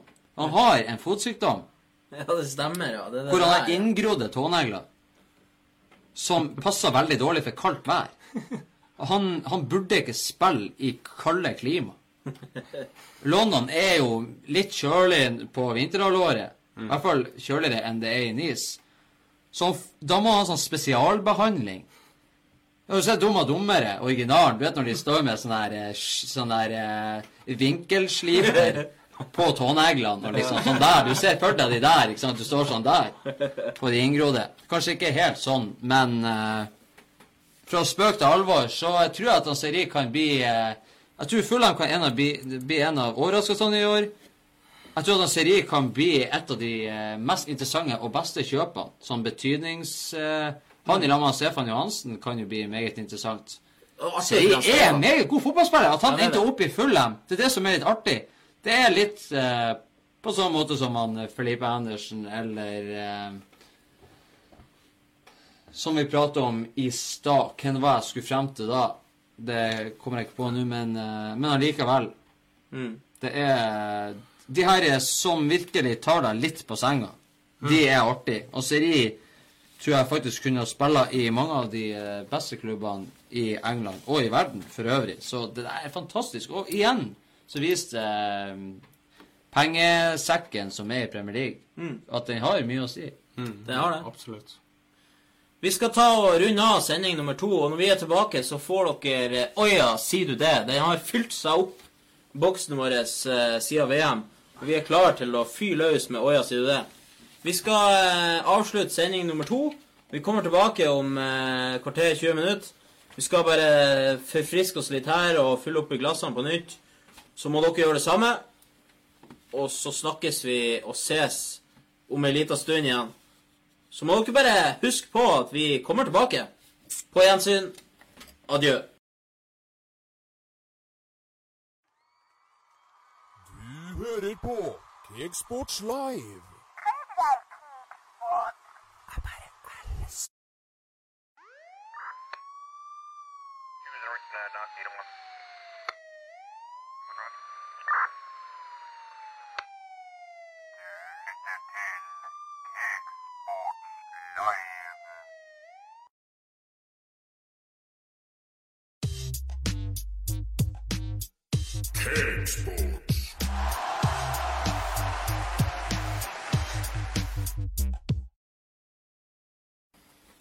Ja, velkommen tilbake, folkens. Siste del av eh, Transfer Deadline Day-sendinga vår er i gang.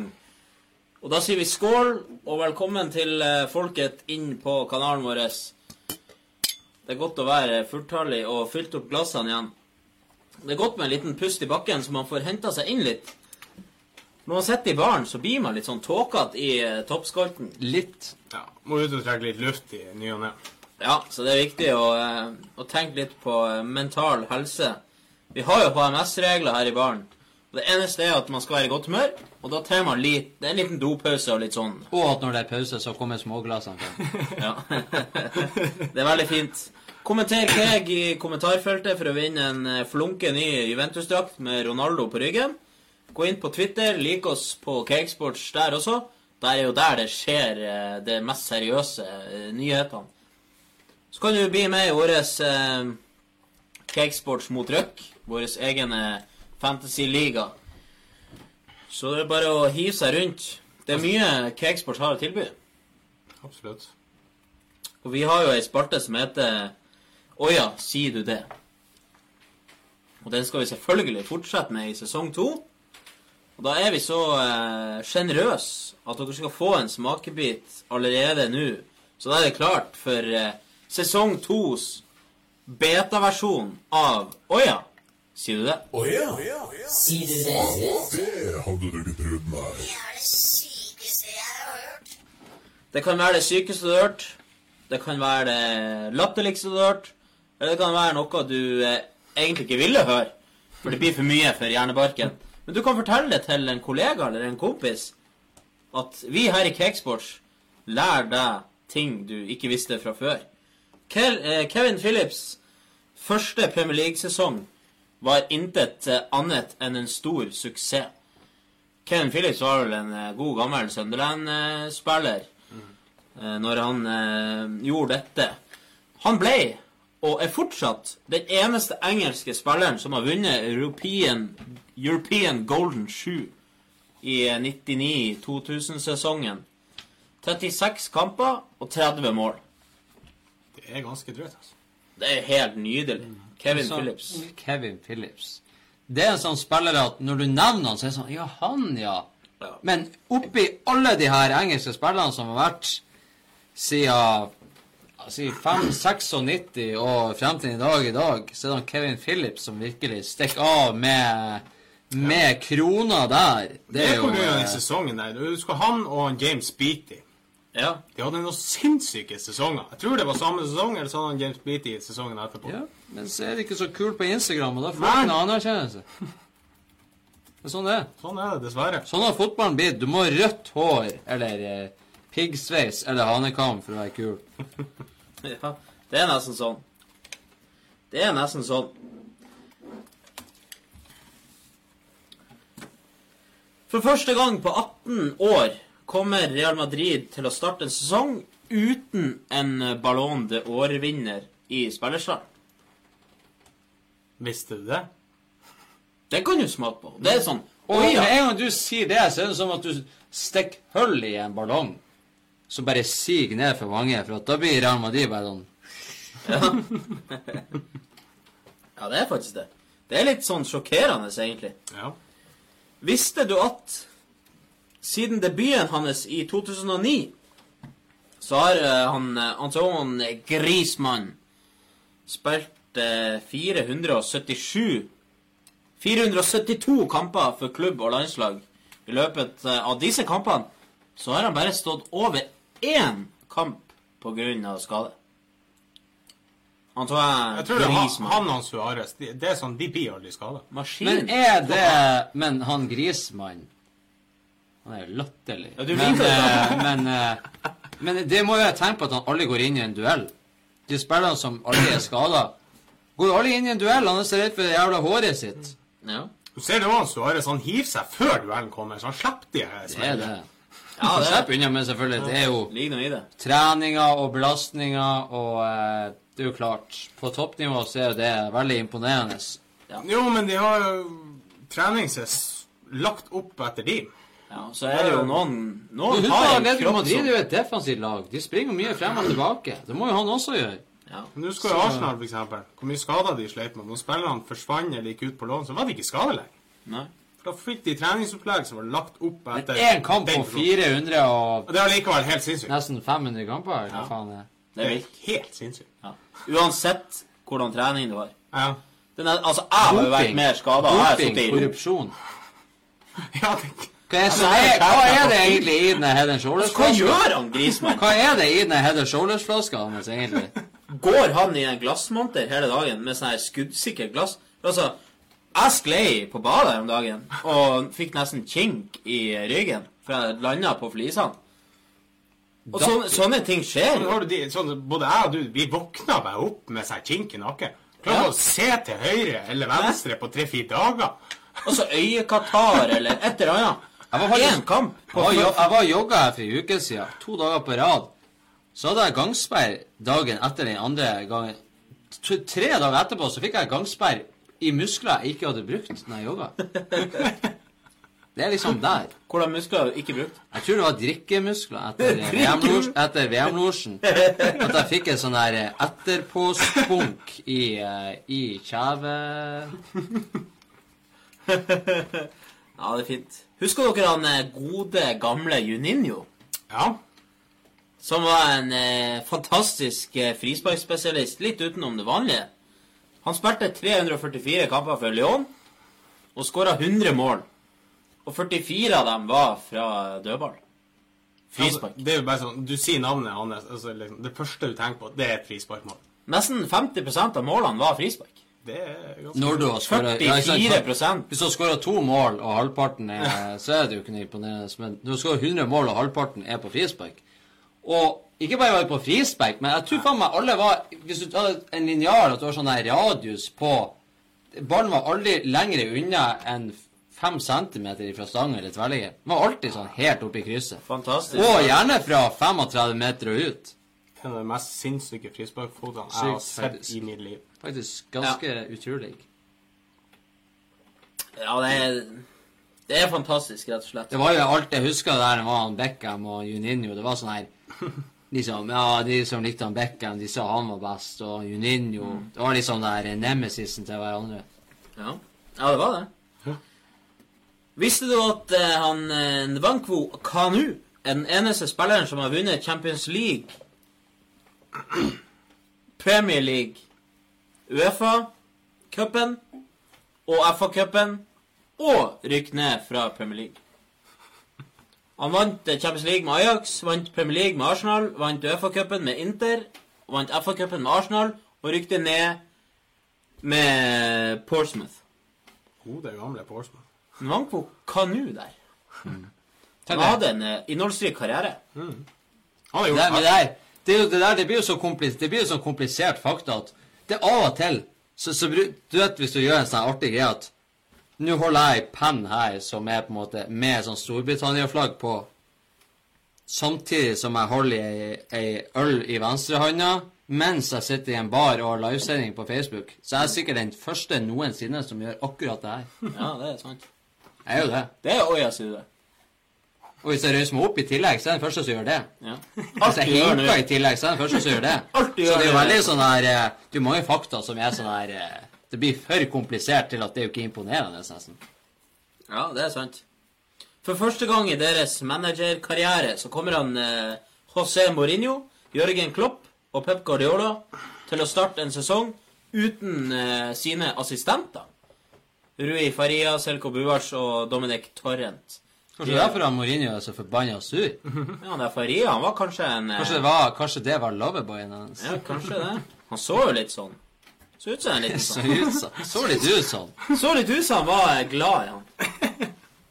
Skal ikke dra i det for langt. Ja. Benfica eh, sin 40 år gamle tredjekeeper Paulo Lopez har kunngjort at han legger opp som fotballspiller. Han fikk eh, flere titler enn eh, kamper for portugiserne. 11 kamper, 13 sesonger, 12 trofeer. Det er utrolig at han har tatt fått medalje. Og det, er, det, er så fint. Tenk deg det. Tenk når han legger opp. Bare sier 'Jeg har sittet og slappa av hele karrieren'. Bare trena litt. Har litt sånn litt gangsperre her og der. Bare vunnet masse trofeer og tjent masse penger. 11 kamper på 13 sesonger. Og så har han vunnet 12 Jeg trofeer. jeg syns faktisk ikke det er 13 trofeer. Nei, 12 trofeer på 13 sesonger. Men han har spilt bare 11 kamper.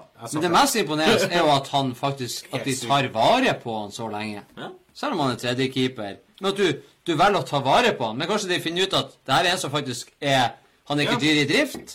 Og han er faktisk fornøyd med det livet. Ja. Han har ikke noe mer Hvorfor skal du ambisjoner. bytte nå? Har ikke noe mer ambisjoner enn det. Da er det jo greit. Paulo Lopez. Det, er det, det, det brukte vi jo å fleipe når vi var, vi var små. Ja. Det er sånn Se gjennom i Real Madrid, sitt på benken i tre sesonger og bare si 'Jeg har ikke lyst til å komme innpå'. Bare sånn 'Gå og varm opp'. Nei, det går greit. Nei, det går greit. Jeg sitter bare her og slapper av i tre sesonger. Sitter du der, får reist masse, tjener noen millioner, og så legger du opp. Helt fantastisk. Vi har alle våre Slapp problemer, så han sa han Fleksnes. Leeds-manager eh, Marcelo Bielsa ønsker å eh, finne ut hvor hardt supporteren jobber for å få penger til å betale en kampbillett. Han fant ut at det var omtrent tre timers arbeidstid eh, for å få en kampbillett. Hva gjorde han da? Han tvang sine spillere til å plukke søppel i tre timer. Sånn at de fikk eh, føle på hvordan supporterne Hva de måtte gjennom for å eh, betale for å se sin lidenskap. Og det er rett og slett Det må jeg ta en applaus for det. Det, det er så fint. Ta en skål òg. Det, det er så fint, det der. Ja, det, det er fint. Jeg ønsker at flere skulle gjort det. Hva med at toppklubbene gjør det? Hva med at Neymar gjør det? De hadde ikke, han hadde ligget i, i grøfta og rulla, så hadde de ikke funnet han igjen. Han Mamadou, han Mamadou Sakho Når han var i Liverpool, så hadde han noe som heter sånn her eh, Oh. Et eller annet. Men han var i to timer eh, i flere dager på rad og jobba på en sånn anleggsplass. Som de bruker å si på nyhetene i andre land, just in. Han Courtois om å ta den der. Han sier han har aldri kyssa eh, Han har aldri kyssa klubbemblemet før. Men det gjør- gjorde han nå i dag når han ble presentert til Real Madrid-spiller, for det var der han alltid hadde lyst til å være. Burn Chelsea. Ja, den svir. Den svir eh, for Chelsea, men de har fått inn erstatter der med han Kepa. Så det... Han skal ikke være sur på hvor du er. Han har ungene sine i Madrid. Så enkelt er det. Familien hans bor i Madrid. Han har lyst til å være sammen med familien Det sin. sånn som veldig mange andre spillere. Det er jo deres ønske. Og hvis du da kan være i lag med familien din og spille for Real Madrid samtidig, så er jo det en no-brainer. Så setter jeg ikke ned og nekter, liksom. Nei, du legger ikke ned og skriker. Nei. Nei, det er for så vidt sant. Det er viktig å ta vare på familien, selv om man eh, spiller fotball hver dag. Vi skal gå litt videre og dypdykke inn i det som har skjedd. For da er jo overgangsvinduet er jo nå offisielt stengt. Stengt er klokka fem i dag. Så eh, litt utenom det vanlige så har vi ikke noe Vi har jo hatt litt live-overganger, så det har vært litt sånn delayed transfers. Men vi går gjennom det som har skjedd. Da er vi kommet til Watford, og der har de jo eh, rett og slett fått han eh, Gerard Delofeu på eh, fast basis. 13 millioner pund fra Barcelona. Kjempesignering for Watford. Spennende. Når han er i form, så er han meget eh, bra. Ja, meget bra for, eh, for Han har vært sånn i flere år. Det er sånn Han er bra i noen kamper, og så er han sånn, han er sånn av- og Ja, Han er jo mye Du skada. går bare og venter på at han skal slå ordentlig igjennom. Ja. Men han har ikke fått det helt til. Jeg håper han endelig skal klare å ta det steget der, at han blir stabilt god.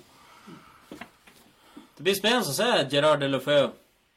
De henta Ken Sema fra Østersund for to millioner pund, og en Ben Foster fra West Bromwich. De solgte jo han eh, Richarlison eh, for 40 millioner pund til Everton, og han eh, Nordin Amrabat til Al Nasser for 8,5 millioner pund. Så de har gått i pluss. Ca. 25 millioner pund i pluss. Så Watford de går med ei tjukk pengebok inn i ny sesong. Nasser, det er der han eh, Musa har gått, faktisk. Musa har også gått dit, ja. Jeg måtte bare dobbeltsjekke det, for det er jo mange all eh, De høres ganske like ut, de der. Ja. Så det er spennende. To Premier League-spillere inn i et saudiarabisk lag. Ching, ching. Er det nye Kina-tendenser i Saudi-Arabia? Westham, de har jo De har jo ikke sittet på latsida. Nei. Vi var jo inne på han Felipe Andersson, Christian. Han har jo du prata en del om. 38 millioner pund fra Lazio. Issa Diop, 25 millioner pund fra Toulouse. Jarmolenko fra Dortmund for 20 millioner pund. Store beløp her. Mye, for, eh, ja, ikke bare det, men det er mye spennende navn òg. ja. For de har så mye penger. Lukas Fabianski, 8 millioner pund fra Swansea.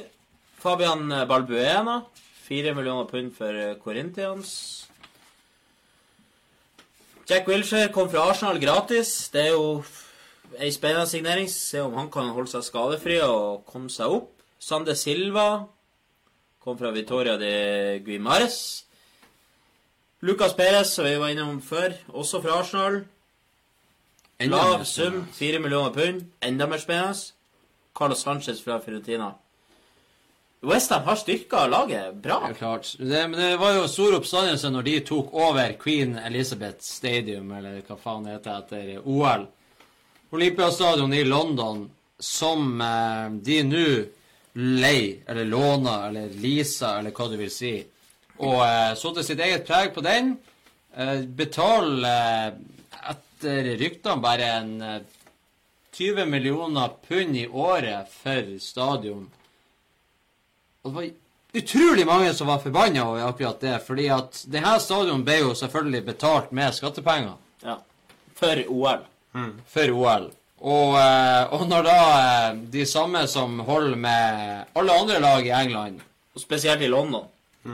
Det er mye lag i London. som da så, Og ikke bare det, men eh, 20 millioner pund er en veldig billig penge. Ja. Og spesielt når det i tillegg er en ny stadion. Eh, Skjærløs stadion for øvrig, men eh, det var mange som var forbanna. Så der kan jo også være litt eh, av greia til at de sparer litt penger. Men de er nødt til å, å heve eh, interessen nå, for at det har vært ganske laber stemning ja. på, på stadion der. Og ikke, du får ikke den samme atmosfæren som du får på, på skulle du si Kremi Cottage, det er du ikke, men på eh, Er for, Upton Park. På Upton Park. det er en forferdelig stadion. Så, men, men, men, men husk på, som vi har pratet om, Everton Westham har også de siste sesongene imponert på overgangsmarkedet.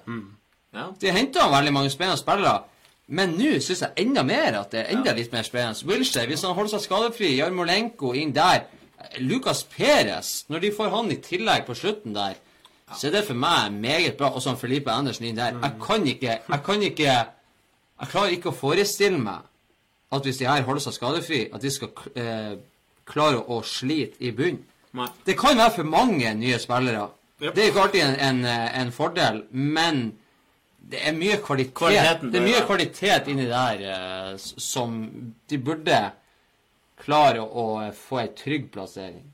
Det er jo veldig mange av de hardbarka, litt old school uh, Westham-supporterne som har mislikt det nye stadion, og det har blitt litt dårlig stemning. Det har vært eh, en del tomme seter. Den er litt flat, skjønner du. Ja, så er langt fra banen. Jeg har vært på det Upton Park. Det er litt sånn eh, god, eh, gammeldags engelsk, litt sånn bratt. Firkantig. Firkantet, ja. Det er sånn det skal være. firkanta og jævlig. Lukter hamburger og svette. ikke Ja, sant? det er sånn det skal. Olympiastadion, det, det, det, Olympiastadion går jo på en måte med løpebane på en måte ut, sånn flata ut. Oraklet har jo vært der og eh, hva? eh, Han blir jo ofte imponert, eller lar seg begeistre over stadioner i England. I hvert fall de han ikke har vært på før. Men der så tror jeg ikke han var så veldig imponert. Nei. så kan vi jo slå fast at løpebane har ingenting å gjøre på en fotballstadion. Ingenting. Men det var jo OL.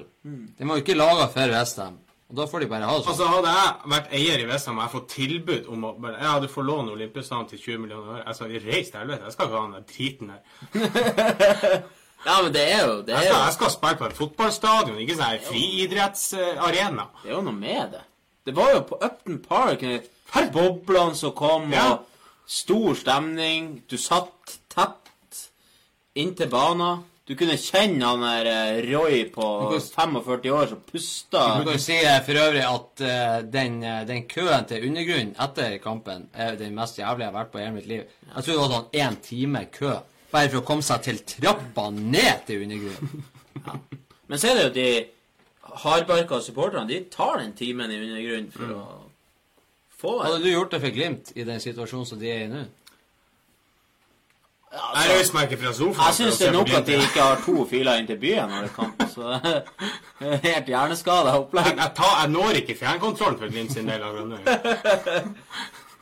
Westham har kvitta seg med Sheiko Koyate. 11 millioner pund til Crystal Palace. James Collins gått ut. Kontrakten adjø. Sammen med Patrice Evra. Adjø. Kontrakt gått ut. Yao Mario tilbake i Inter etter lån. Da har de brukt 82 millioner pund nå, Westham. Da er ikke han Sanchez med i regnestykket, for da har vi ikke fått noen offisiell sum. Så Westham de går opp som eh, topp eh, tre over de som har brukt mest penger. Topp fire-fem, kanskje. Men allikevel imponerende. Skal, jeg, skal jeg gjette, så tror jeg faktisk de er Det er Liverpool som har brukt mest, og så har du, tror jeg, Westham eller Jeg tror Westham er litt forbi Leicester og Arsenal, hvis jeg ikke tar helt feil. Ja.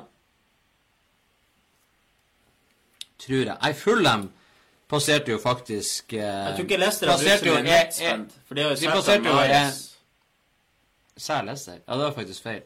Nå tenkte jeg på hva de har brukt. Ja, Men balanse, Balansen. så er det jo, eh, så er det jo greit. Ja. ja. Det Folk, folk bryr seg ikke så mye om det, egentlig. Utrolig nok. Balansen. Mm. Jeg, jeg ser bare Nei, på det er jo ikke det. Det er bare Ja, en sånn artig greie å peke Sånn hvis jeg skal se på. For det, det er jo som en butikk. Du, du har jo et overskudd. Det er jo overskuddet. Man, Det sånn, du, du, Men det er artig når det er de, de lagene du ikke forventer skal gjøre det, Ja. som Ja, ja, klart. Selvfølgelig, Du forventer jo at de store klubbene bruker penger. Ja, mm. gjør jo det. Wolverhampton. De har eh, fått en kar fra Atletico Madrid. Han Diogo Jota. 14 millioner pund. Yao eh, Motinho. Eh, han skal vi snakke litt mer om eh, senere. Spennende signering fra Monaco. Rui Patricio, gratis fra Sporting Seppe. Solid keeper, mye erfaring. Kommer inn der. Keeper, eh, beste keeperen jeg, tror han faktisk hadde den beste statistikken i Europa i fjor. Jeg tror han Og nå tar jeg det helt på sparken. Jeg tror det var en eh, 10-15 kamper uten å slippe inn mål på rad. Jeg tror han har en ny verdens, eh, verdensrekord eller et eller annet. Det er veldig imponerende av Wolverhampton Litt akkurat. av gratis. Han terminerte jo kontrakten pga. her terrorgreiene på treningsfeltet Ja. som vi pratet om eh, i sesong én. At eh, supportere storma baner. Da var det jo flere spillere som terminerte kontrakten Mm. og nekta å være der. Og eh, Gått gratis. ja. Raúl Jiménez fra samme klubb, på lån. Sporting CP. Og han er Jonny Castro Otto. Det er et veldig spesielt navn. Jonny Castro Otto. Satan òg. Det er så sykt. Det er sånn Er du fra Norge, eller er du fra eh, Sør-Amerika, eller er du fra Det er god, Nord-Sverige? god blanding. Jonny Castro Otto. Smak på den. Skulle vært i Oya, sier du det? Ja, det skulle faktisk det. Kommer fra Atletico Madrid på lån. Altså verdens største bondekyr. Ja, Johnny Castro. Johnny Castro! Kom inn til middag! Otto! Johnny Castro! Det er helt sjukt. Leandro eh, Dedon Dendo Dendon Dendonker. Får litt sånn eh, Litt eh, dysleksi her. Leandro Dendonker fra Anderlecht. John eh, Kitolano fra Odd Grenland, faktisk. Det er jo eh, noe å bite seg merke i. Og så har de jo fått han Adama Traoré fra Wolves eh, eh, Fra Wolves, står det her. Det var jo ikke rett, men eh, 20 millioner pund. Og de har eh, brukt 50, 50 millioner pund, solgt for litt, så de sitter med en balanse på 31 millioner pund i minus. De har også brukt penger, av Wolverhampton. De har kjøpt mye bra. Ja, de har det. det. er det litt sånn der Det er en trend at det er veldig mange klubber i Premier League som går i minus rundt halvmilliarden, eller litt under der, for at de får jo ca. en milliard i, i TV-rettighetspenger. Og da virker det som at eh, de sparer en halv milliard kanskje bare for spillelønninger. Fordi at eh, tror det var forrige sesong så, så passerte jo gjennomsnittet i Premier League på en halv million i uka. Og det er gjennomsnittet, ikke sant? Da, da tar du med alle spillerne, de som tjener juniorspillerne som tjener helt jævlig, til de som tjener, tjener Alexis Sanchez som tjener Ja. fire millioner i uka. Så en halv million er jævlig mye penger. Det er det. Det er utrolig mye artig som har skjedd. Altså, det blir fantastisk Premier League-sesong. Det er det mest sinnssyke overgangsvinduet jeg har vært borti. Ja, det er Det er bra. Og vi- det har vært VM i tillegg. Det har vært VM i tillegg, ja. For en, så, for en sommer! ja det, jeg tror rett og slett vi tar oss en liten tur til ut i det vide Europa.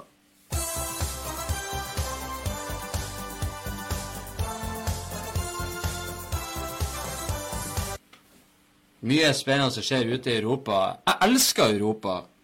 Ja. Ikke fordi jeg er fra Europa, men fordi at det er så utrolig mye gode fotballag. Heldigvis er det den beste fotballen i vår verdensdel, og vi får oppleve den hver eneste dag og hver eneste uke og hver eneste måned. Raja Nangolan fra Roma til Inter Milan for 33 millioner pund. Der! Jeg sier det med en gang. Jeg kunne nesten lagt han død med en gang, men sjokkerende!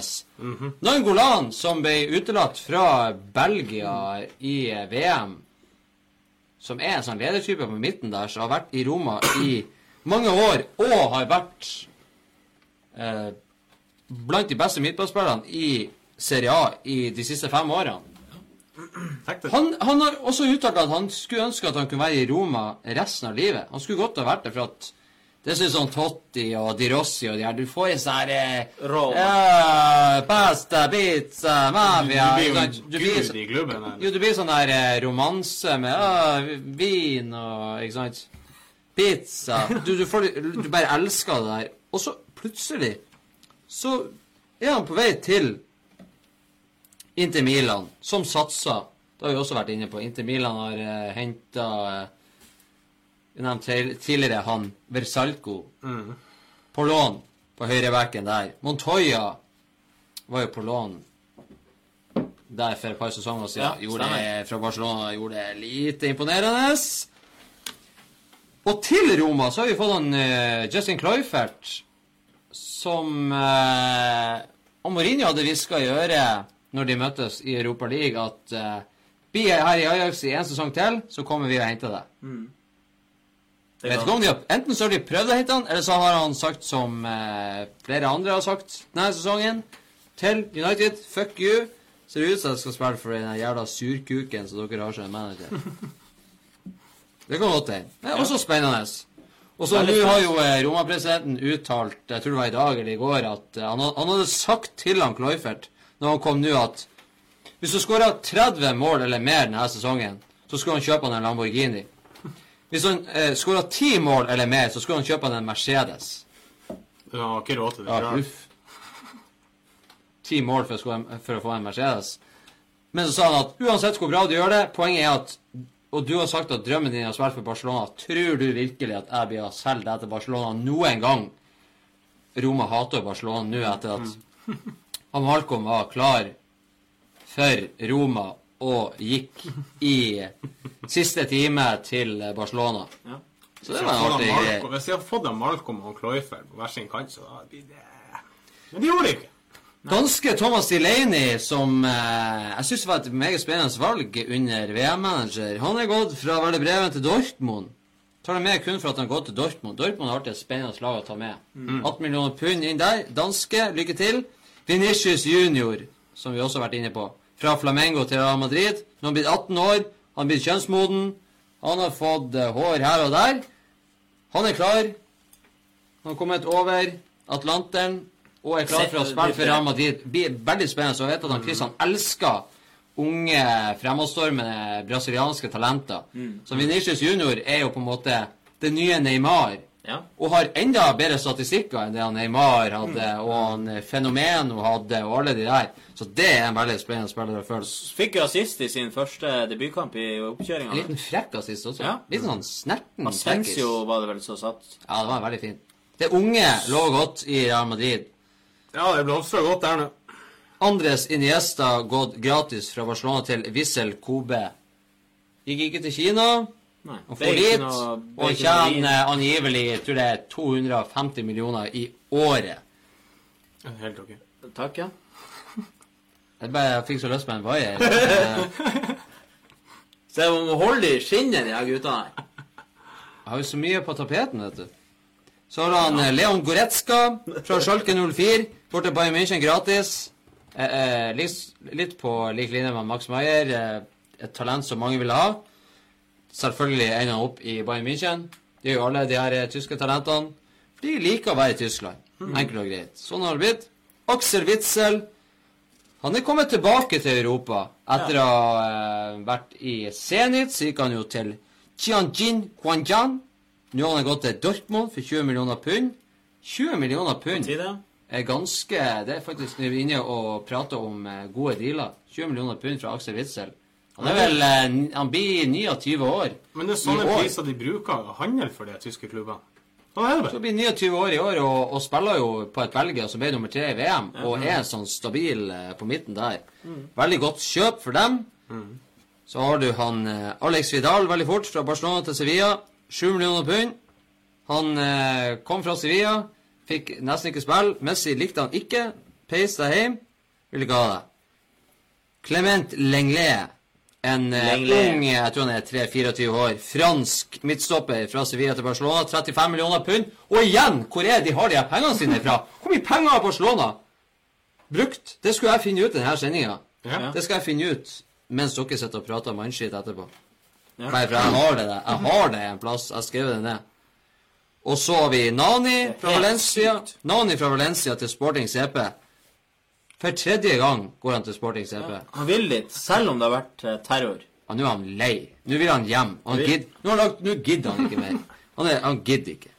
Og så tar jeg en siste. Jeg tar han Bakkari Sagna. Han har vært Bosman-spiller. Han går til Montreal Impact i MLS. Jeg forstår, eh, var det ingen andre i hele verden som ville ha og ikke bare det, men det, det er ut sesongen. Så eh, Ja, men han er ikke akkurat jo, dårlig. jo, men det er jo ikke sikkert de heller vil ha han. De vil ha han ut sesongen. Det er sånn Vi kan prøve, men vi vil egentlig ikke ha det. Helt fantastisk. Spør du meg. Ja, det. Så det var siste ifra eh, Vinger over Europa. Ja. Vi har fått en hyggelig kommentar fra eh, Kenneth Johansen. Han sier at eh, Å ja, sier du det? er Helt fantastisk. Han sier også at eh, alt det andre vi disker opp med, også er fantastisk. Så det er hyggelig. Takk for det. Det er flott å høre. Vi, vi tar en liten eh, skål. eh. Så Det var sannelig på tide. Ja, Det er rart at det er ingen som har klaga på, for det er ikke sånn her ding Det er ikke sånn ordentlig klinkelyd i de her glassene, for det her er sånn håndlagd eh, sånn der Sånn der eksklusiv plastglass, sånn skuddsikkert jævel... Sånn Men det er jo glass.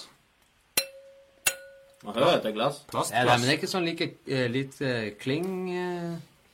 Er det eksklusivt? Ja. si. Det er- Det er ment for å er bruke ikke champagneglass. i baren.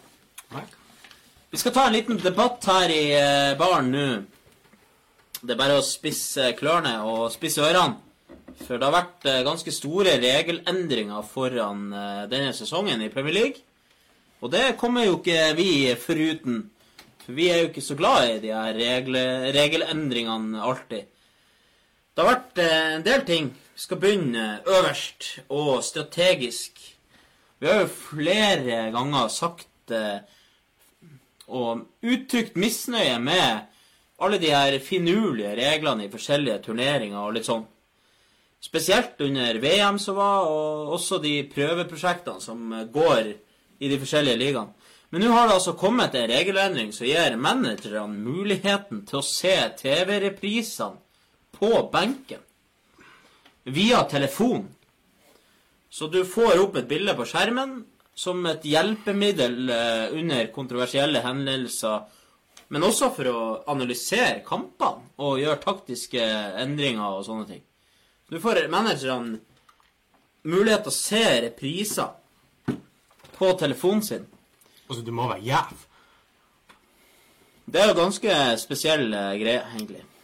Jeg har et veldig stort problem med alt av regelendringer. For at problemet i dag blir at jeg, til og med jeg som er fotballidiot, klarer nesten ikke å holde, holde følge lenger. Fordi at reglene er sånn i Premier League, de er sånn i Championship, de er sånn i Liacupen, de er sånn i FA-cupen, de er sånn i Champions League, de er sånn i Serie A, de er sånn i, i, La Liga, de er sånn i Bundesliga, osv., osv. Ja. Hvordan skal du klare å holde følge med det her?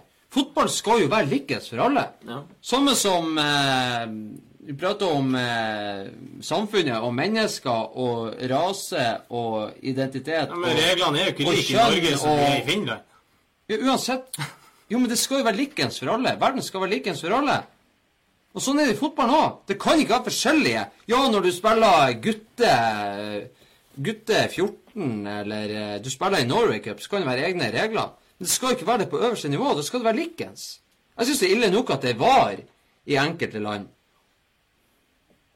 Og var i, i eh, enkelte andre land. Nei, altså, altså, det er bare i noen land og, og ikke i andre land. Ja. Det blir feil for meg, for at da blir det Hvis Bayern München vinner i Bundesligaen med VAR, da er de liksom 100 ærlige, hvis du kan si det på den måten.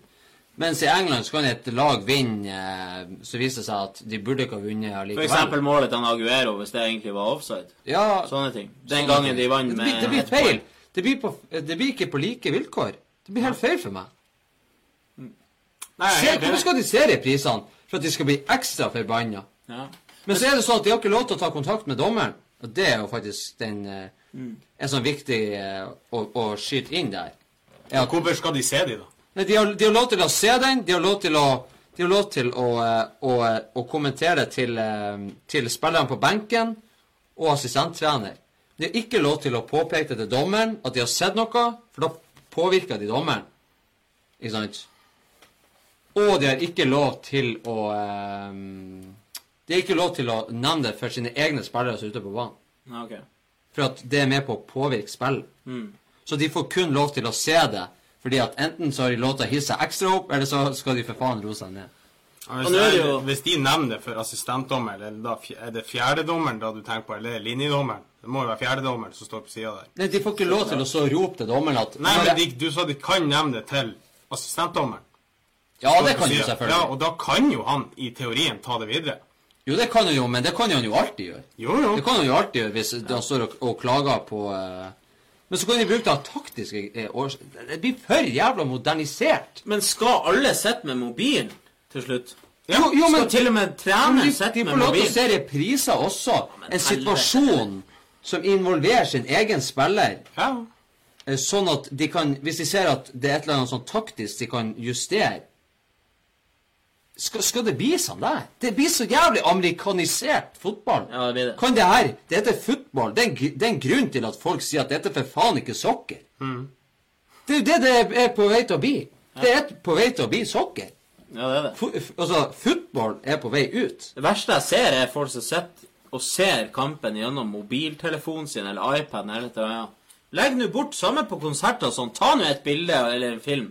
Stå nå ikke og lev livet gjennom telefonen. Når det er et mål, og de feirer Du kan ta et bilde underveis i kampen. Eller når de kommer inn på matta, da kan du stå og filme, eller i, i ti sekunder. Det er greit. Men så legger du den bort. Ja. Det er ingen som går inn og ser den jævla YouTube-videoen din.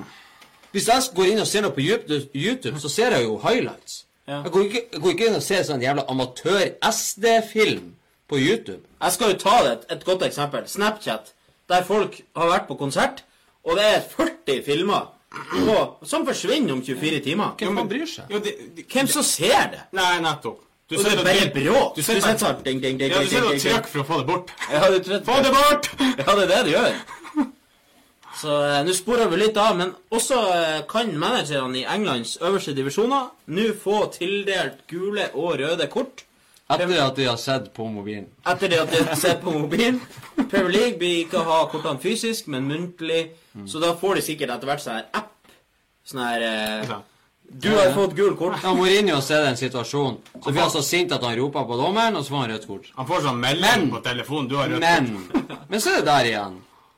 Det her er i de hva det er, fire øverste divisjonene i England, bortsett fra Premier League.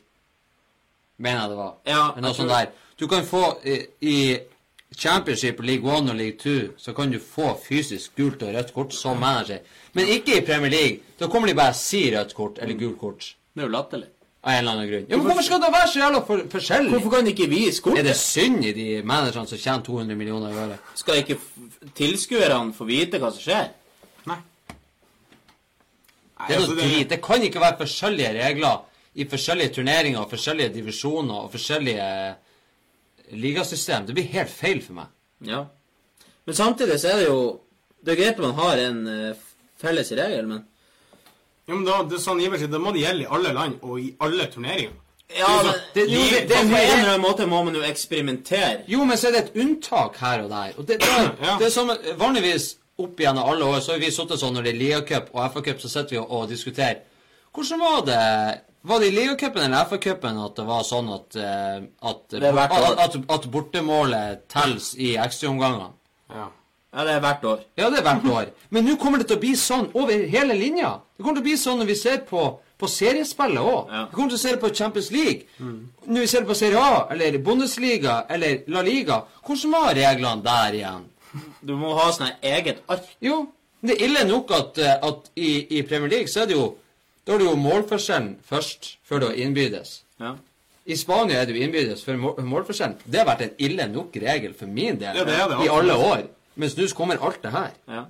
Og Og, var. og ikke nok med det, så har det jo kommet med ganske brutale endringer nå i Carabao Cup. Mer kjent som Ligacupen. Der er ekstraomgangene tatt bort for å skåne spillerne. Og det er jo en fin ting i manges øyne. Går rett på straffa, da. Rett på straffa etter 90 minutter. Og der har de tatt bort det ABBA, ABBA-systemet. Der eh, hjemmelaget begynner, og så er det to for bortelaget, og så er det ett for hjemmelaget. For å Ja, dumme seg. Så er det, ja, det er det er jo bare bra de har tatt bort. De endringene der er bra, syns jeg. Og så er så seedingsystemet tatt bort. Og det er ren trekning i, først fra første runde. Så er det VAR da på alle Premier League-stadionene under eh, Carabao Cup. Så det er egentlig Ja, men det De er har det. fjerna de reglene som de har prøvd, og ta det tilbake til sånn som fotballen var. Jo, men er det de har gjort. Jo, men hva i hel, jo, men hva i, hva i helvete er det slags regel? At du har VAR på enkelte stadioner i ei turnering? Det er jo, det er jo så forbanna dumt at jeg, Hvordan går det an? Hvorfor De er skal, det ikke lov? de skal prøve det ut. Det de skal er- prøve det ut. Ja. Da må du jo prøve det ut på juniornivå i, i, i Norway Cup, ei usaklig turnering. Du kan ikke begynne i ei seriøs turnering og eksperimentere med De ting. prøvde det i fjor, de prøvde det i VM Du kan ikke ha de VAR på enkelte stadioner. Nei! Du må jo være Enten så har du VAR, eller så har du ikke VAR. Du kan ikke ha VAR her og VAR der. Så sånn Ja, da trekker vi de, og det er Premier League-klubb. Å, nei, faen, det er det VAR. Ja, Da kan vi ikke filme. Eller da kan vi ikke gjøre sånn her. Ja, det er sant, Jeg er så på trynet at jeg kan ikke få sagt det. Det er litt uh, Det der er litt merkelig, da. Det er jo det. Så det er jo forvirrende, som du sier. Ivar. Det er utrolig mye å holde, Det, holde det er helt hjernedødt, og jeg lurer på hvem det er som sitter og bestemmer. De har, for det første, det, kan, det går ikke an at de noen gang har spilt fotball. Det i er, hele sitt det er liv. Glimt-styret Ja, er Glimt. Glimt-styret som har bestemt det. Det er er faktisk sikkert. så dumt. Det er på så amatørnivå. Så dritings. Hele gjengen. Ja. ja, noe må de gå på. De er ikke edru, i hvert fall. Det er bra sikkert. Nei, det, det, det er rått. Vi får bare skalke lukene og eh, prøve å eh, holde tunga i rett munn.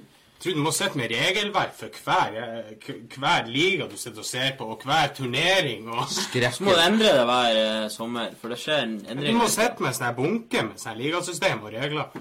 ja. Så du blar ligacupen nå, så blar du bare tre sider. Kanskje det er det vi skal gjøre? Leve, eh, gi ut ei sånn her en bibel med alle reglene? Da kan vi ta det veldig fort.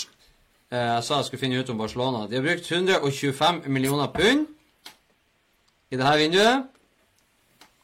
Og så har de solgt for 74 millioner pund, faktisk. Så de har faktisk bare gått minus en halv milliard. Ok. Og så kjøpte de til han Coutinho for et halvt år siden. ja. ja. Det er jo det her vinduet. 20. Ja, hvor de får penger. Suárez, Coutinho, Dembele Det er Suarez fikk mye det høvelig billig, vil jeg nå si. Jo da, men de skal jo Som sagt, de betaler jo i flere Ja, ja, selvfølgelig, men allikevel. Da skal, vi, eh, da skal vi ta den siste spilleren. Vi har vært eh, tre spillere hver, som vi har prata litt om. Vi har gått gjennom to av de. Nå skal vi ta den siste. Og der kan du få lov å begynne denne gangen, Ivar. Du har vært han godeste Naby Keita. Jeg Har gjort det. Ja, det er spennende for deg. Spennende for meg. Jeg skal ikke gå så veldig inn i detalj eh, så sent på kvelden om akkurat det, men uh, Naby Keita er en veldig spennende fotballspiller fra Elfenbenskysten. Litt sånn der Ikke samme type som man ser Seri eh, nødvendigvis, men samtidig, samtidig ikke helt ulik. Seri, Fred, Nabi Keita tar med seg ballen fremover og kan gjøre det aller meste på banen. Ta ballen eh, tilbake, stjele den fra motstanderen, ta den med seg fremover, skap, eh, skap overtall, eh, slå eh, stikkere, er kreativ, veldig eh, sterk, sprenger mye. Jeg tror at han Han var jo på eh, årets lag i Bundesligaen for to sesonger siden. Ja. Ikke forrige sesong. Nei. Da fikk han jo sju røde, eller hva Nei, nå han ble Seks røde kort, Sesongen før han ble kjøpt av Liverpool. Han ble Ja. kjøpt i fjor. Ikke sant? Men kom jo. Forrige sesong, kanskje han for, var forbanna for at han ikke fikk lov til å fære til Liverpool tidligere. Ja. Og derfor han fikk Jeg tror han fikk Var det sånn rekord? Seks, Seks eller sju røde. Ja, sju røde. Det er helt vanvittig. Så det har jo vært en ting Liverpool-fansen eh, har vært litt skeptisk på, det med Og det prata vi jo egentlig om under VM òg, det med afrikanske spillere og afrikanske landslag. Det med disiplin. At du klarer, når det butter litt imot, at du klarer å, å, å holde deg rolig og taktisk og Ja, eh, det er det eneste bekymringa jeg har når det gjelder han. Men jeg tror jo at Men helt ærlig, jeg skal, eh, jeg skal ikke Jeg kommer jo fra eh, Leipzig, Red Bull, RB Leipzig, og eh, for en god sum Det var vel rundt en 50-60. Det kan jo alt etter med eller uten bonuser, men eh, Ja. Men jeg sier bare se opp for han. Eh, jeg tror at han er Nå sa jeg at han er en av fem kandidater. Nesten så har jeg lyst til å si en av tre kandidater til å bli årets spiller i Premier League. Jeg tror han kommer til å ta Premier League med storm. Jeg tror han kommer til å bli en slags Salla på midtbanen denne sesongen. Jeg tror absolutt at eh, det er en spiller som eh, veldig mange kommer til å se på, som ikke holder med Liverpool, og tenker at fy faen, han skulle jeg hatt i mitt lag. Ja. Energisk spiller. Mm. Blir veldig spennende å se, rett og slett.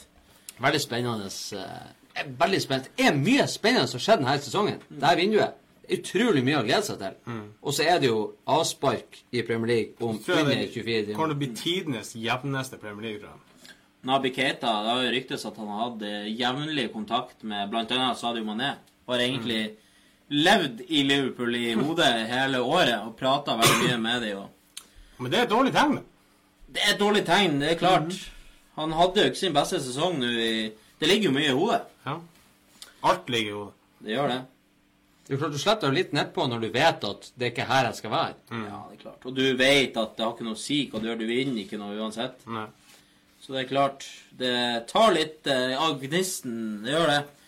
Og eh, jeg har jo valgt meg en, eh, en overgang, jeg òg. Og min siste overgang, den er Den er veldig fin eh, for Manchester City. For de har endelig, må vi kan si, Ja. fått tak i han eh, Mares fra Leicester. Og eh, det var jo egentlig litt rart at det ikke skjedde allerede i januar, for han la jo inn en transfer-request av han Mares. Men så klarte ikke City å, å få, det, få den prisen de ville, så det ble ikke noe ta. De krevde vel opp mot 95 millioner pund for han i januar. Det var litt for mye for sjeikene der i den blå delen av Manchester. Han leverte transfer request, men ble værende og blir nå da henta til City for 60 millioner pund. Leicester kjøpte han fra Le Havre for 400 000 pund. Og inne på god business. med Så det er veldig god business for Leicester, som selger spilleren som ble kåra for eh, årets unge spiller i 15-16-sesongen når de vant Premier League. Men så Vi var jo så vidt inne på det. Silva Bernardo Silva. ganger to. Og så kommer Mares inn der. Stirling, Sané. Det er mange om beinet. Hvor du skal bruke han? Det er klart at Mares er jo prøvd i Premier League. Han har jo levert gode tall. Jo, jeg vil jo si at de andre òg har levert. Føli Følinga på han eh, Guardiola nå er at han Bernardo Silva er på en måte den som skal eh, overta tronen fra eh, David Silva og blir på en måte den første som settes opp eh, på laget i lag med han De Bruyne. Ja. Det blir spennende å se hvordan han løser den kabalen der. For Ja, meg var det en forløsende overgang. For jeg, som du sier, du var litt lei av praten med LeMar og Seri og sånn. Mm. Litt samme med Mares. Det har vært mye snakk om han. Ja, endelig blir det stilt. Jeg tror Mares må, må, eh, må på en måte eh, jekke seg litt opp eh, psykisk. Ja. Og eh, jeg så eh, nå under Charity Shield-kampen, selv om City var utrolig dominerende mot Chelsea, så er det litt det der puslete eh, Kall det for Walcott-blikket i øynene, at du har det der Du er sånn du er ikke tent. Du er ikke der. Du er ikke tilstedeværende. Du, du er bare sånn her, Ja, kan du leke og ta noen, noen sånn, og så skyter jeg, eller så legge jeg inn. Det er litt sånn puslete. Du må være mye mer bestemt hvis du skal være best. Guardiola gir han to måneder.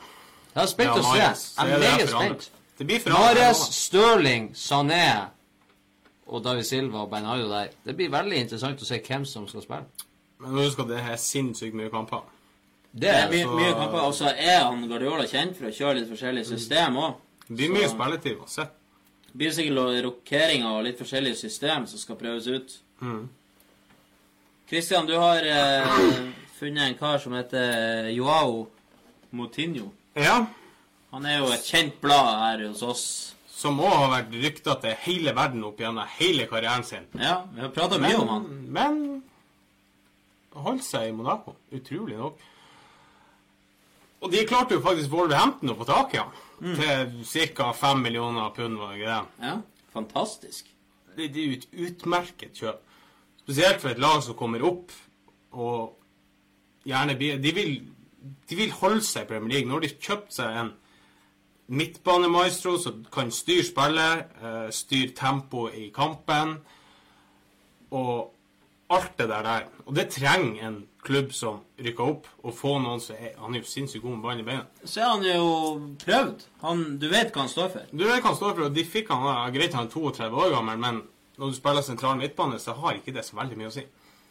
Det har ikke så veldig mye å si for I Wolverhampton. tillegg kan han spille playmaker, han kan spille sentral midtbane, defensiv midtbane, han kan spille kant. Og bruker han overalt. Så jeg tror det blir et meget bra kjøp, og viktig kjøp, for det skal du klare deg i Premier League, så må du ha ei bra er sånn, midtbane. Det er sånn make it or break it-overgang. Det blir Ja. enten eller. Det blir Ja. enten veldig bra eller veldig dårlig. Det, på, Ja. uh, det minner meg litt om da Defour uh, ble kjøpt til eh, Burnley for noen sesonger tilbake siden. En Mm. som var virkelig Europas største talent, og Mm. eh, egentlig aldri kom til en av toppklubbene, og så havna du i Burnley. Mm. Så var det på en måte han Motinho nå som var Og sto i Portugal og kom til Monaco for en eh, hel eh, stor slant med penger, 40-50 millioner pund, og hadde ei helt sinnssyk lønn en periode. Og så er han opp der, og det er jo litt artig. Men det er jo, det er jo enten eller. De, de har jo kjøpt en spiller som i utgangspunktet er bra. Ja, det er Så Han er 32 år, spiller sentral midtbane. Det er sånn å si, enten blir han helt ræv, eller så kommer han til å bli veldig bra. rutinert. En Ja. rolig spiller. Ja, Nyopprykka lag trenger en sånn spiller. Portugals Gerard, det er ikke sånn det blir. Det blir bra for han å få eh, avslutta i Premier League, så får han eh, Jeg vil jo, hvis jeg, hvis jeg først skulle ha foret til Premier League, hvis jeg var en sånn bra fotballspiller, så har ikke jeg foren dit når jeg var 32 år. Nei. Da jeg foren dit litt før. Ja. Så Det er jo kanskje første eh, ordentlige muligheten han får. Kanskje. I og for seg, jeg syns det er i hvert fall en spennende overgang. Ja, Og Wolverhampton kommer også til å bli spennende i år. De har gjort veldig mange gode kjøp. ja det gjør det. Det blir artig å se. Mm. Nå skal vi gjøre et sosialt, eh, sosialt eksperiment. Nå skal vi se hvor uenig folk kan være med oss. Så hvis ikke vi får noen kommentarer her i kommentarfeltet nå, så betyr det at du har rett, og du har rett, og jeg har rett. Og det går egentlig ikke an. Så vi får se om dere er med oss der ute nå. Så skal vi vise dere eh, våre eh, topp eh, topp seks tips. Vi har alle valgt ut én topp seks hver. Så kan du bare gi de til oss, Ivar, så holder vi de skjult inntil videre. Så kan vi jo eh, Så kan vi jo eh, egentlig bare Skal vi vise de samtidig, eller skal Nei, vi tar det bare en og en. Trenger ikke å ut, utnytte for mye. Det er bare å si Være konkret. Og siden jeg er programleder, så bestemmer jeg Mm. at den som står sist, skal begynne. Og det er Det er meg, det. Det er deg, det. Så da kan du vise din topp seks. Vis min topp seks. Og så får vi se om folket der ute er enig med han godeste Så er det greit å ramse opp, sånn at eh, lytterne, de som bare lytter, også vet Ja. hva vi prater om. Vi har jo podkast nå. Så Ja. for, for de som ikke har fått det med seg, så er hele sesong én på Spotify. Det er jo helt nydelig. Gå inn og hør hele episodene der. Oja, sier du det? Det er så mye fint. Så bare se der. Eh, Hør Så du sykler til jobb. Så, sånn var Ivar. Ja. Se på Jeg meg. rett og slett hører på oss sjøl. Ja. Ja. Det var det. Ja, skal vi begynne her? ja. Vær så god. Jeg har tippa City på førsteplass igjen. For at de, de var faktisk så suverene i fjor at det, jeg klarer ikke å se at det skal gå så veldig mye dårligere. Nei. De kommer til å være litt dårligere, men de andre lagene har ikke helt hatt igjen. City hadde jeg. en kjempesesong i fjor, da. Ja, men jeg syns ikke de andre lagene De, de har Glippa blitt mindre, men jeg syns ikke hun er helt der. Nei. Vi får se, da. Liverpool har handla mye bra. Ja. Endelig, for Liverpool-sporterne. Så jeg tipper de andre. Tottenham på en solid tredjeplass, som de alltid havner på. Uh, Chelsea fjerde. United-supporterne kommer til å bli meget skuffa i år, for de kommer til å havne på femteplass. Og Arsenal igjen utfor topp fire på sjetteplass. Du må bare holde, holde den litt opp. Skal jeg holde den? Jeg kan Folk se- ser sånn hva du Bare hold den der. Hvor lenge skal jeg sette seg? Nei, så lenge du vil. Det er jo eh, Ja, men jeg ville jo ikke mer. Det var derfor jeg la den Du ned. må sitte sånn helt til det kommer Ja. én kommentar. Kommenter. Alle er enige. Jeg kan ta neste, da. Jeg Ja. har, eh, jeg har tenkt litt kontroversielt, samtidig som jeg har tenkt med hodet. Så eh, har jeg rett og slett kjørt inn eh, Liverpool på første, City på andre, Spurs på tredje, Arsenal fjerde, United på femte og Chelsea på sjette. Og det bør jo begrunnes. Hvis jeg hadde bare lagt den ned nå, så hadde alle sagt at det var latterlig. Men Liverpool tar tittelen i år fordi de var så nært i fjor. De var det beste laget fra november og til sesongslutt. Han Klopp har sterka sentrallinja, ny keeper, ny stopper, ny midtbane. Det er et nytt lag, og han Klopp kommer til å være nært i år til å eh, vinne med Liverpool. Om de ikke går helt opp, så vinner de et trofé og det er jeg ganske sikker på. Og jeg tror Liverpool nå tar det siste steget som de mangla i fjor, pga. signeringene de har gjort. Og jeg tror også at City får seg en liten dupp, for det er vanskelig å vinne to år på rad. Spesielt med konkurransen som er nå. Og det er spillere på City som eh, tjener mye penger. Jeg var litt innom det der eh, at det, du er, det er ingen som er uslåelig. Og City ble slått av Liverpool i fjor. Og ett lag til. Jeg husker ikke hvem det var i farta. Men det var bare to lag som slo City i fjor. Og Liverpool var en av de. Og Klopp har litt taket på Guardiola. Spurs United slo sitt. United slo sitt. Da var det tre lag. Spurs eh, tredjeplass. Jeg syns de har imponert. De står på stedet hvil signeringsmessig. Ny stadion. Pochettino får jobb eh, i ro og fred med det han hadde, og forbedra det et hakk. Så jeg tror de står der de på tredjeplass. Arsenal får seg en opptur av eh, ny positiv kultur. Henta inn eh, Aubameyang i januar. Bøtta inn mål. Lacassette av uh, Aubameyang kommer til å få gode sesonger. Og jeg tror Arsenal får uh, samla troppene og får samla supporterne nok til at de uh, bikker så vidt på en fjerdeplass foran United, som blir å sparke Mourinho før jul. Og det blir uh, litt krise der, og da er det gjort. De klarer ikke å hente seg inn. Og Chelsea har henta en uh, manager fra Napoli, Sarri der, og har solgt Courtois inn med Kepa baki der. Og jeg tror Chelsea eh, blir det dårligste laget av de topp seks, fordi jeg har en følelse av det. Jeg har ikke noe god fasitsvar på det.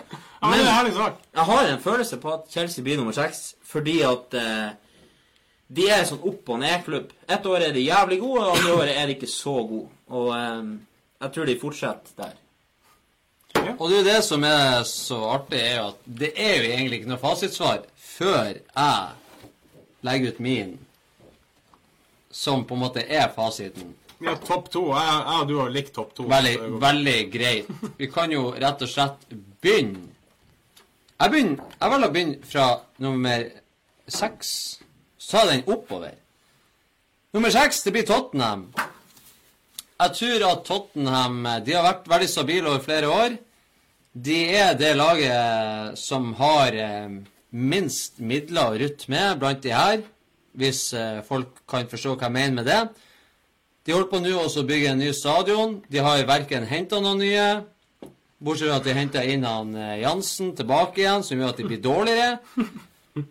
Så jeg tror òg rett og slett Tottenham har vært veldig gode de siste sesongene, men samtidig så har mange av topplagene vært under Bari. Det ble veldig dårlig. Så jeg tror rett og slett at Tottenham er der. Chelsea på femteplass.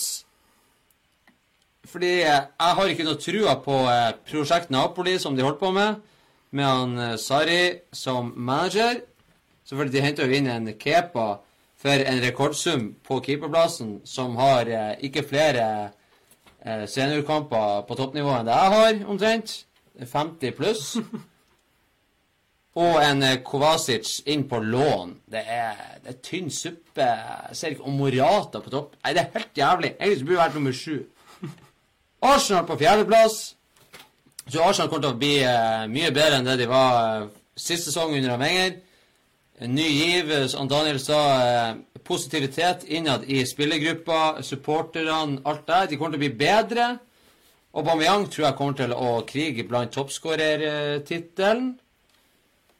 Henta inn noen eh, spennende kjøp, og det er litt sånn der eh, også der at det er sånn enten-eller med de kjøpene som de har gjort. Toreira, Sokratis eh, Henta en rutinert Lichsteiner som skal være en sånn der eh, i garderoben. Ettårskontrakt. Papastatoplos. Og så var det en Bernt Leno som eh, Man vet ikke om han er bedre enn han Check, så det er liksom litt sånn der. Men selvfølgelig, du kan ikke handle fra, fra øverste hylle når du blir nummer seks. United har sittet Manchester United har sittet på tredjeplass faktisk eh, fordi at de har en fantastisk bra spillergruppe. Masse gode fotballspillere. De har bare en manager som er komplett idiot og komplett udugelig. Som ikke liker underholdende fotball. Som kun bryr seg om seg sjøl. Som er Jeg vet ikke om jeg sa det nettopp, men han er forbanna idiot. Han er surkuk. Og eh, kommer til å få sparken. Og det er egentlig derfor jeg tror at de kommer til å gjør det litt bedre. Jeg sier ikke at de gjør det dårlig under Mourinho, men jeg tror han kommer til å få sparken uansett i løpet av sesongen. Og så får de inn en som klarer å motivere dem. En motivator Kanskje ikke en eh, ordentlig god manager, men motiverer spillerne. Får litt, eh, litt eh, smil og latter i spillergruppa. At de har lyst til å være der. Så de er gode nok til å bli nummer tre. Og så har vi Liverpool, som eh, er megaspennende. Det er faktisk, det her er faktisk den første sesongen jeg kunne med hånda på hjertet og sagt at jeg tror at Liverpool har muligheten til å vinne Premier League. Det har aldri skjedd i hele mitt liv. Nei. Nå gjør jeg det bare for at de kjøpene som de har gjort fra øverste hylle Ikke bare har de kjøpt fra øverste hylle, men de har kjøpt rett. De har kjøpt i de posisjonene som, hvor de trenger. De har kjøpt keeper, de har kjøpt en, en dyp på, eh, på midtbanen. Så har de en som kan ta med seg ballen fremover på midtbanen etter at de mista Coutinho. Veldig viktig. Og så har de selvfølgelig de tre fremme fra før av, som uh, hadde en veldig god sesong, og etter det jeg har sett i preseason, bare fortsetter samme greiene som City gjør. De leker fotball. De synes det, det er fantastisk artig å se Liverpool spille fotball. På samme måte som det er å se City spille fotball. For jeg tror at Manchester City blir å vinne Premier League nok en gang. De hadde et enormt sprik til andreplassen i fjor. Var overlegen. Uh, det jeg har sett av eh, preseason fra City, har gitt meg trua på at de kommer til å være like gode i år. Men samtidig så blir jo de andre topplagene være eh, bedre enn det de var. Så jeg tror at det blir jevnere selvfølgelig enn det blir i fjor. Jeg tror det kommer til å stå mellom City og Liverpool. Jeg tror det kommer til å havne Kanskje City blir en fire-fem poeng foran Liverpool når sesongen er over. Tror jeg. Og så tror jeg kanskje det blir et lite sprik mellom andre- og tredjeplassen istedenfor. Så det er, det, det er fasiten på sesongen som kommer. Vær så god. Det er fint. Jeg har bare lyst til å skyte inn. Det var en ting jeg glemte å nevne. Jeg fikk et spørsmål fra en kompis av meg som er Liverpool-supporter, om eh, jeg tror eh, Hvorfor ikke Liverpool har henta en spiss? For det er bare han Firmino som har vært brukende på spissplass, egentlig. De har jo han Origi som aldri klarer å komme i gang. De har en. Ings som er for dårlig, og de har eh, egentlig en Solanke som ikke er god nok ennå. Og sikkert ikke kommer til å bli god nok. Men Ja. Har du sett preseason? han Sturridge Han har blitt ny spiller igjen. Ja. Så går det tre-fire uker, alle bare ah, Sturridge er tilbake. Ja. Og så Han Sturridge For en avslutter han er. Altså, han, han kan score fra alle vinkler, men han blir jo sikkert skada igjen. Men hvis han ikke blir skada Så han får en sånn sesong som han hadde under med Suárez. Ja. Så det kan- Det kan jo hende at han Sturridge blir en joker for Liverpool, for han er jo en kjempegod målskårer. Det er jo bare skadene som har Han har vært helt sinnssyk i preseason. Jeg tror han Klopp eh, Han sa jo det for noen dager siden at det er jo ikke noe tvil om at han Sturridge er en av de beste spissene når han er skadefri og i form. Han sa det jo. Og nå er han det. Ja. Han sa det jo når han kom, at det, det, er veldig sjelden du ser en så god avflytter Ja, og den, de ferdighetene han har med ballen, sånn nærteknikk når han er i form, det er fantastisk å se på. Så Jeg jeg bare har bare lyst til å skyte det inn. Jeg bare går og venter på at det skal poppe opp en nyhet at han er skada. Ja, det er det som er. Vi har eh, presentert vår topp seks. Kristian, Ivar og jeg. Vi har ikke fått én kommentar. Nei, det er alle enig i? Så jeg vet, det kom noe sånn sintfjes og litt sånn her tommel opp. Så kan jeg at noen ikke Sintfjes. Ja, man kan sende sånn sintfjes. Hva faen har jeg gjort for at de skal bli sint? Jeg vet ikke om det var Det legger litt. Det er sånn delay, så jeg vet ikke om det var meg eller deg de var sint på. Men vi vekker reaksjoner, og det er jo hyggelig. Så bra. Eh, vi får se hvordan det går. Men vi vet jo at en av oss får rett. Ja. Hvis ikke, så Hvis ikke så har vi rett til sammen. Hvis du legger alle de her tre sammen, Ja. så blir det rett. Ja. Vi bør, bør vi har- så vi må får jo nesten rett. ta vare på de her. Legg de i arkivet. Selvfølgelig skal vi det. Så skal vi se hvor det ender. Årets toppskårer, Kristian. Hvem blir det? Det er ikke noe tvil. Det er Mo Salah. Han får en ny god sesong. Ikke like god sesong som han hadde i fjor, for det går ikke an. Men jeg tror han kommer til å bli toppskårer i år. Ja. For at, som Ivar var litt inne på um, i stad At Tottenham tror, jeg tror ikke de kommer til å få en sånn Altså, Kane kommer ikke til å være så god i år. Altså, i VM han var, så, så dårlig. Jeg holdt på å skrike når jeg så han. Men jeg tror altså, det står mellom Sala og um, Aubameyang, vil jeg tro. Men jeg tror Sala tar den lengste strået. Ja. For han, han er bare fantastisk.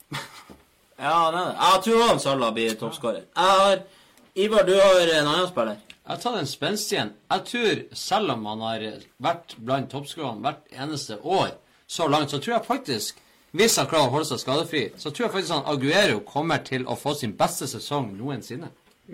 Det er mitt spenstige tips. Ja, hvis han får spille. Det er et spenstig tips at jeg tar at han, Aguero kommer til å bli toppskårer i år, og at han kommer til å ha sin beste sesong noensinne. Det, er jo, det sier jo bare litt hvor mye kvalitet det er i Premier League når det er et spenstig tips. Det er veldig mange å velge mellom. Kunne ta dem Kunne så kan han ta en Salah, Aubameyang, Lukaku Du kan ta Chelsea har selvfølgelig ingen. Det er jo helt jævlig. Morata og uh, Batshuayi, men uh, ja.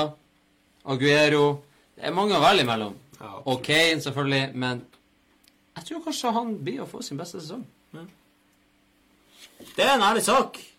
Enda folk der ute Er det noen eh, der ute som tror noe annet enn Salah og Aguero, så er det jo bare å kommentere i vei, så kan vi jo eh, kommentere deres tanker. Det er jo fint hvis dere er litt med oss og kommenterer. Årets kjøp, der har jeg notert meg han eh, Jerdan Shakiri. På grunn av summen og på grunn av eh, kvaliteten hans. Jeg ser ingen spillere til den prisen som er like god. Derfor har jeg valgt han. Jeg har valgt jo det samme. Ja. Og jeg forklarte egentlig alt det i stad. Hvorfor. ja. Og du har også vært en Liverpool-spiller, Det kan Ivar. ikke være sånn at hvis han er, sånn helt OK, og så sier dere at han Ja, men han var jo billig. Nei, men Han må bli kåra til årets kjøp, for de tar veldig mye hensyn til sånne her Jeg tenker ikke Ja, det er selvfølgelig Man tar jo hensyn, Det man tar jo hensyn, til, man tar jo hensyn til prisen, men jeg har tatt årets kjøp, så tar ikke jeg hensyn til prisen. Jeg tar bare årets kjøp ut ifra hvem som er nykjøpt. Ja, ja. Hvem som er det nye tilskuddet. Ja. Og eh, da har jeg vært inne på Nabi Keita. Jeg tror det blir årets kjøp. Det er jo lett å si at jeg var inne på en serie i Fulham, men det er jo som som eh, årets spiller blir alltid han som skårer mest mål. Sånn er det bare. Og på lik linje så blir det jo De lagene som gjør det bra, så får årets kjøp. Jeg tror at det blir Nabi Keita som kommer til å prege en god sesong for Liverpool, som kommer til å kjempe med City i toppen, rett og slett. Ja. Så må vi jo prate litt om de mørke sidene, de mørke aspektene. Årets skuffelser. Og der har jeg vært så spenstig og skrevet rett og slett Mourinho, skråstrek Manchester United. Jeg tror han Mourinho nå går inn i en mørk, djup dal. Han har gravd seg sjøl litt snø over hodet. Alle peprer han med kritiske spørsmål. Han får hele tida irriterende spørsmål. Hver gang han får et spørsmål, så ser du at han blir irritert. Og jeg tror han eh, Mourinho kommer til å bli mer og mer eh, sur.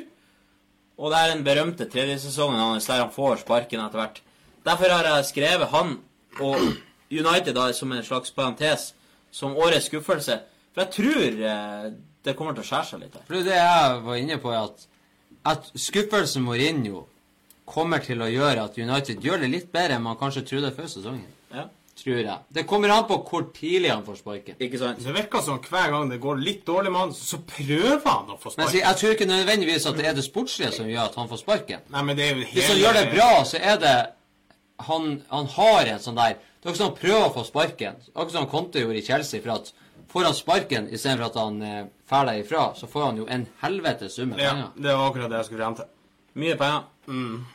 Hva du har tatt som årets skuffelse, Ivar?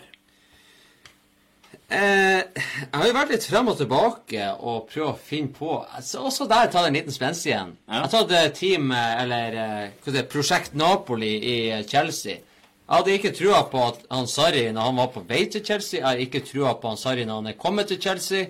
Når jeg så Charity Shield, så fikk jeg enda mindre trua på han Sarri. Jeg likte han bedre enn han røyka 50 om dagen.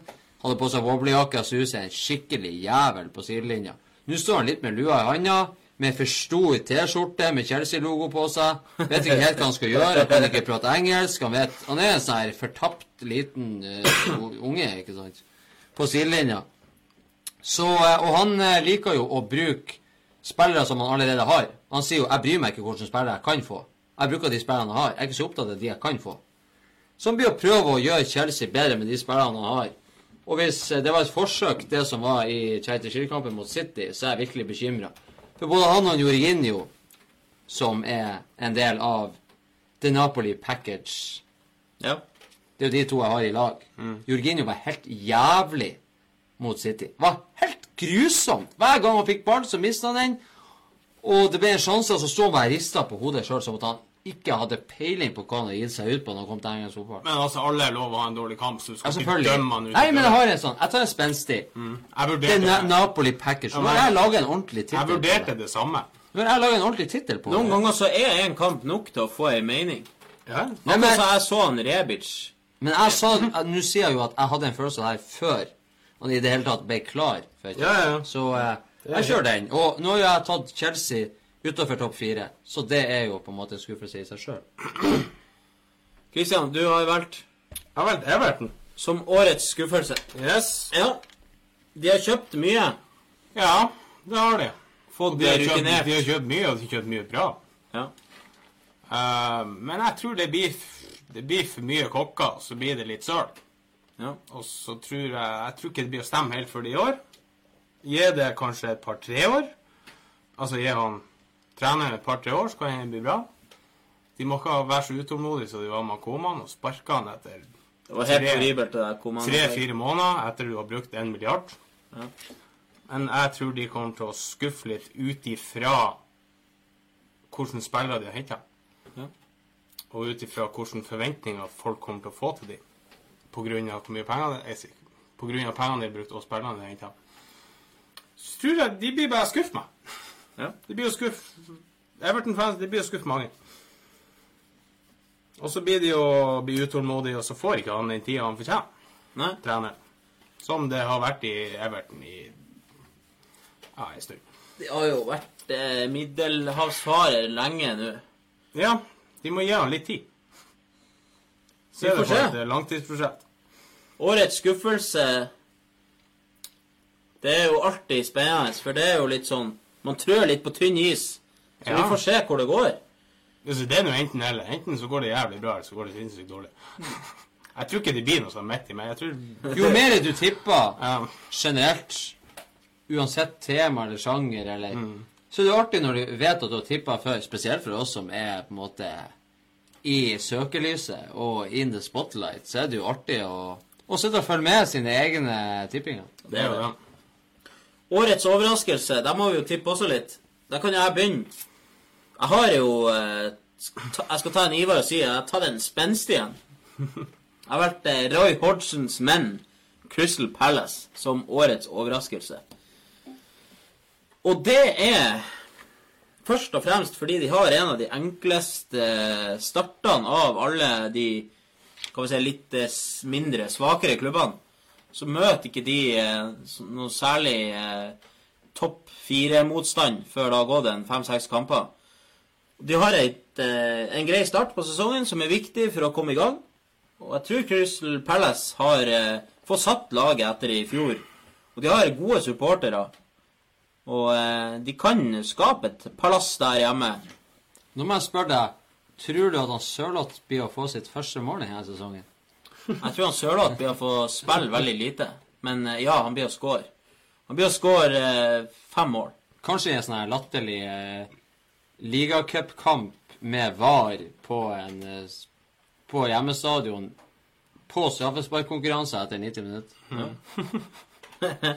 Jeg tror Crystal Palace kan overraske litt. Jeg skal ikke si at de kommer overraska og blir topp seks, men eh, jeg tror de havner eh, på øverste del av tabellen.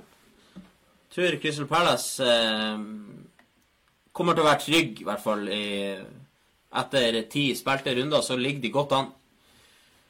Ivar og Kristian, dere har vært samme lag, egentlig, så det er jo det er jo litt Ikke kjedelig. lagt skjul på det, egentlig, fra første sending til nå, er jo at jeg tror Fulham eh, kan eh, bli Nå sitter jeg faktisk og ser rett på et Fullem-sjef. Idet jeg sier det. Craven Cottage, home of Fullem FC. Det blir en eh, flott plass å få se fotball, tror jeg, denne sesongen. Eh, Til å være et nyopprykka lag så har de gjort veldig mange gode kjøp. Veldig mange interessante kjøp. Blant annet Seri, som jeg tror eh, kan bli blant de beste kjøpene i år. Mest interessante å følge med. Også, Skylde og Mitrovic, eh, Også- bare for å nevne et par. også fantasy-messig. Og så så vi i playoff-kampen som de hadde mot Aston Villa. Det var jo totalt overlegen. Ja. Så er det artig å følge han Stefan Johansen, som er en eh, norsk spiller inn der. Skulle si Hangeland, men han er ikke der nå lenger. Han sitter jo i studio. Jeg Det håper er- bare han får faktisk spill i år. Det tror jeg. Han var jo en viktig, også, han var en viktig eh, brikke i fjor, og ja. det virker som at de skal ta han der. Og ikke minst Ryan Cézinho Mm. på eh, venstrebacken, unggutten. Han er blitt eh, 18 år nå. Spennende. Blitt 18 år nå, og eh, faktisk eh, istedenfor å fære ifra Fulham og hadde flere interessante tilbud fra litt eh, bedre klubber med litt høyere lønn, så signerte han Jeg mener han signerte en ny kontrakt med Fulham. Så det Han er gjorde jo det. eh, veldig artig for Fulham sin del. Ja. At de begynner å komme opp igjen. Vært på Cayman Cottage sjøl, og eh, fantastisk eh, flott plass å være langs eh, Elveparken. Jeg tror det blir bra. Seri, Mitrovic Nei, det blir bra. Han eh, Jokonovic, treneren til Fulham Jeg har fått litt sansen for han, for jeg så et sånn intervju med han. Han satt liksom bare der helt eh, casual, og så sa han at han han kommet til Premier League nå, rykka opp til Premier League, og nå var han klar for å se om han klar nivået i Premier League.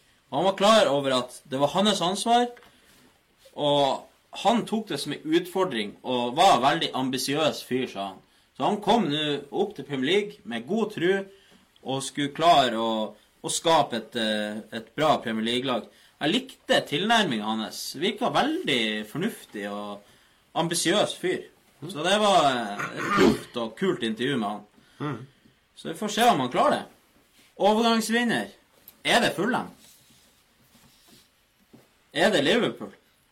Eh, Man får jo lyst til å Er det Westham? Et- Etter, etter dagen i dag så får man jo lyst til å Det er vanskelig å si, men det er jo artig å nevne Everton en gang til. Det har vi gjort tidligere. Vi sa det Eh, Everton i fjor som West- overgangsvinner. Westham syns jeg vi også det. er, er Det er jo vanskelig å forutse, men sånn ut ifra navn Ja. og prestasjoner, statistikker og sånn, overganger, så er det jo Det er artig å nevne Everton, det er artig å nevne Fulham, og det er artig å nevne Westham. Ja.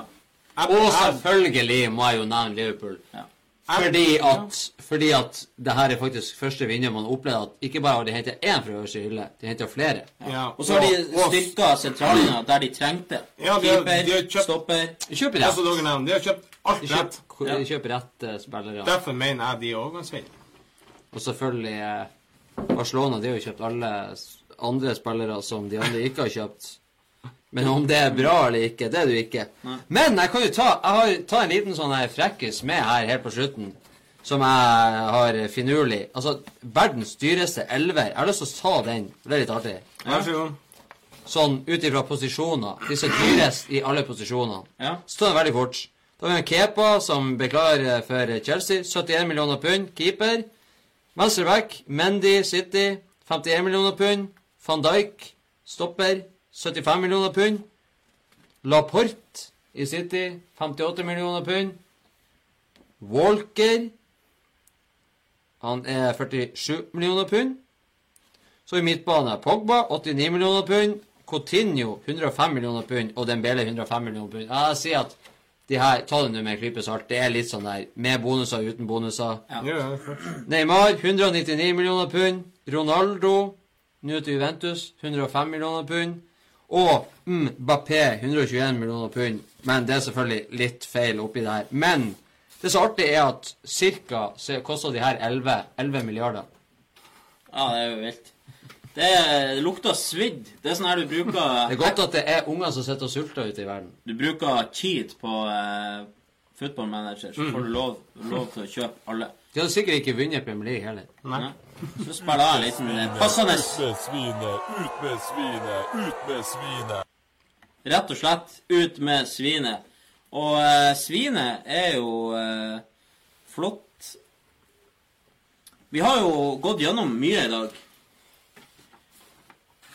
Morata har skifta nummer fra 9 til 29. Det må jo være første gangen noen i verdenshistorien vil bort fra Du får, eh, du får den store ære av å være nummer 9, og så blir sønnen din s- f- Sønn, sier jeg. Sønnen din født 29. juli.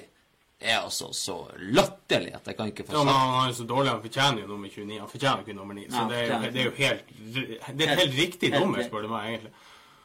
Manchester City går over til en avtale med Puma. Rekordavtale der. Fra Nike til Puma. Mesut, fra neste sesong. fra neste sesong. Og Mesut Özil har lagt opp på eh, landslaget. Litt sånn rasismeanklagelser der. Litt forskjellig. Så det er, det er ikke bare fryd og gammen i fotballverden. Hvis du har likt å følge med oss i dag, gi oss en tommel opp, fortell det til en venn. Gjerne del eh, sendinga vår, eller del sida vår. Skriv eh, om du er fornøyd eller ikke, eller bare hold kjeft og gå og legg deg. Det er opp til deg. Vi er glad for at dere er med oss, og sesong to er så vidt begynt. Dette er beta. Sesong to kommer til å bli bedre, raskere, sterkere. Alt det der. Så det er bare å glede seg. Vi kommer live neste torsdag. I ni, ni-halv ti-tida, vil jeg tro. Kommer tilbake til det.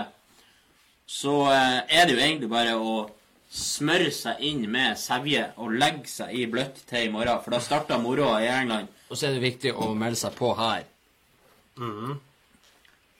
Cakesports mot Røk. PremierLeagueFantasy.com. Gå inn. Kjemp mot Cakesports. Blir du bedre enn oss, så vinner du pokal. Og det er klart at eh, Hvis vi havner på tiendeplass, kan ikke alle Og det er jo ikke noe skam å bli dårligere enn oss. Det er ikke noe skam å bli dårligere enn oss. Nei. Nei, det går bra. Det går bra. Så eh, jeg har lyst til å utbringe en skål til alle og eh, erklære eh, sommerens transfer deadlines day-sending for eh, Over. så å si over. Ja.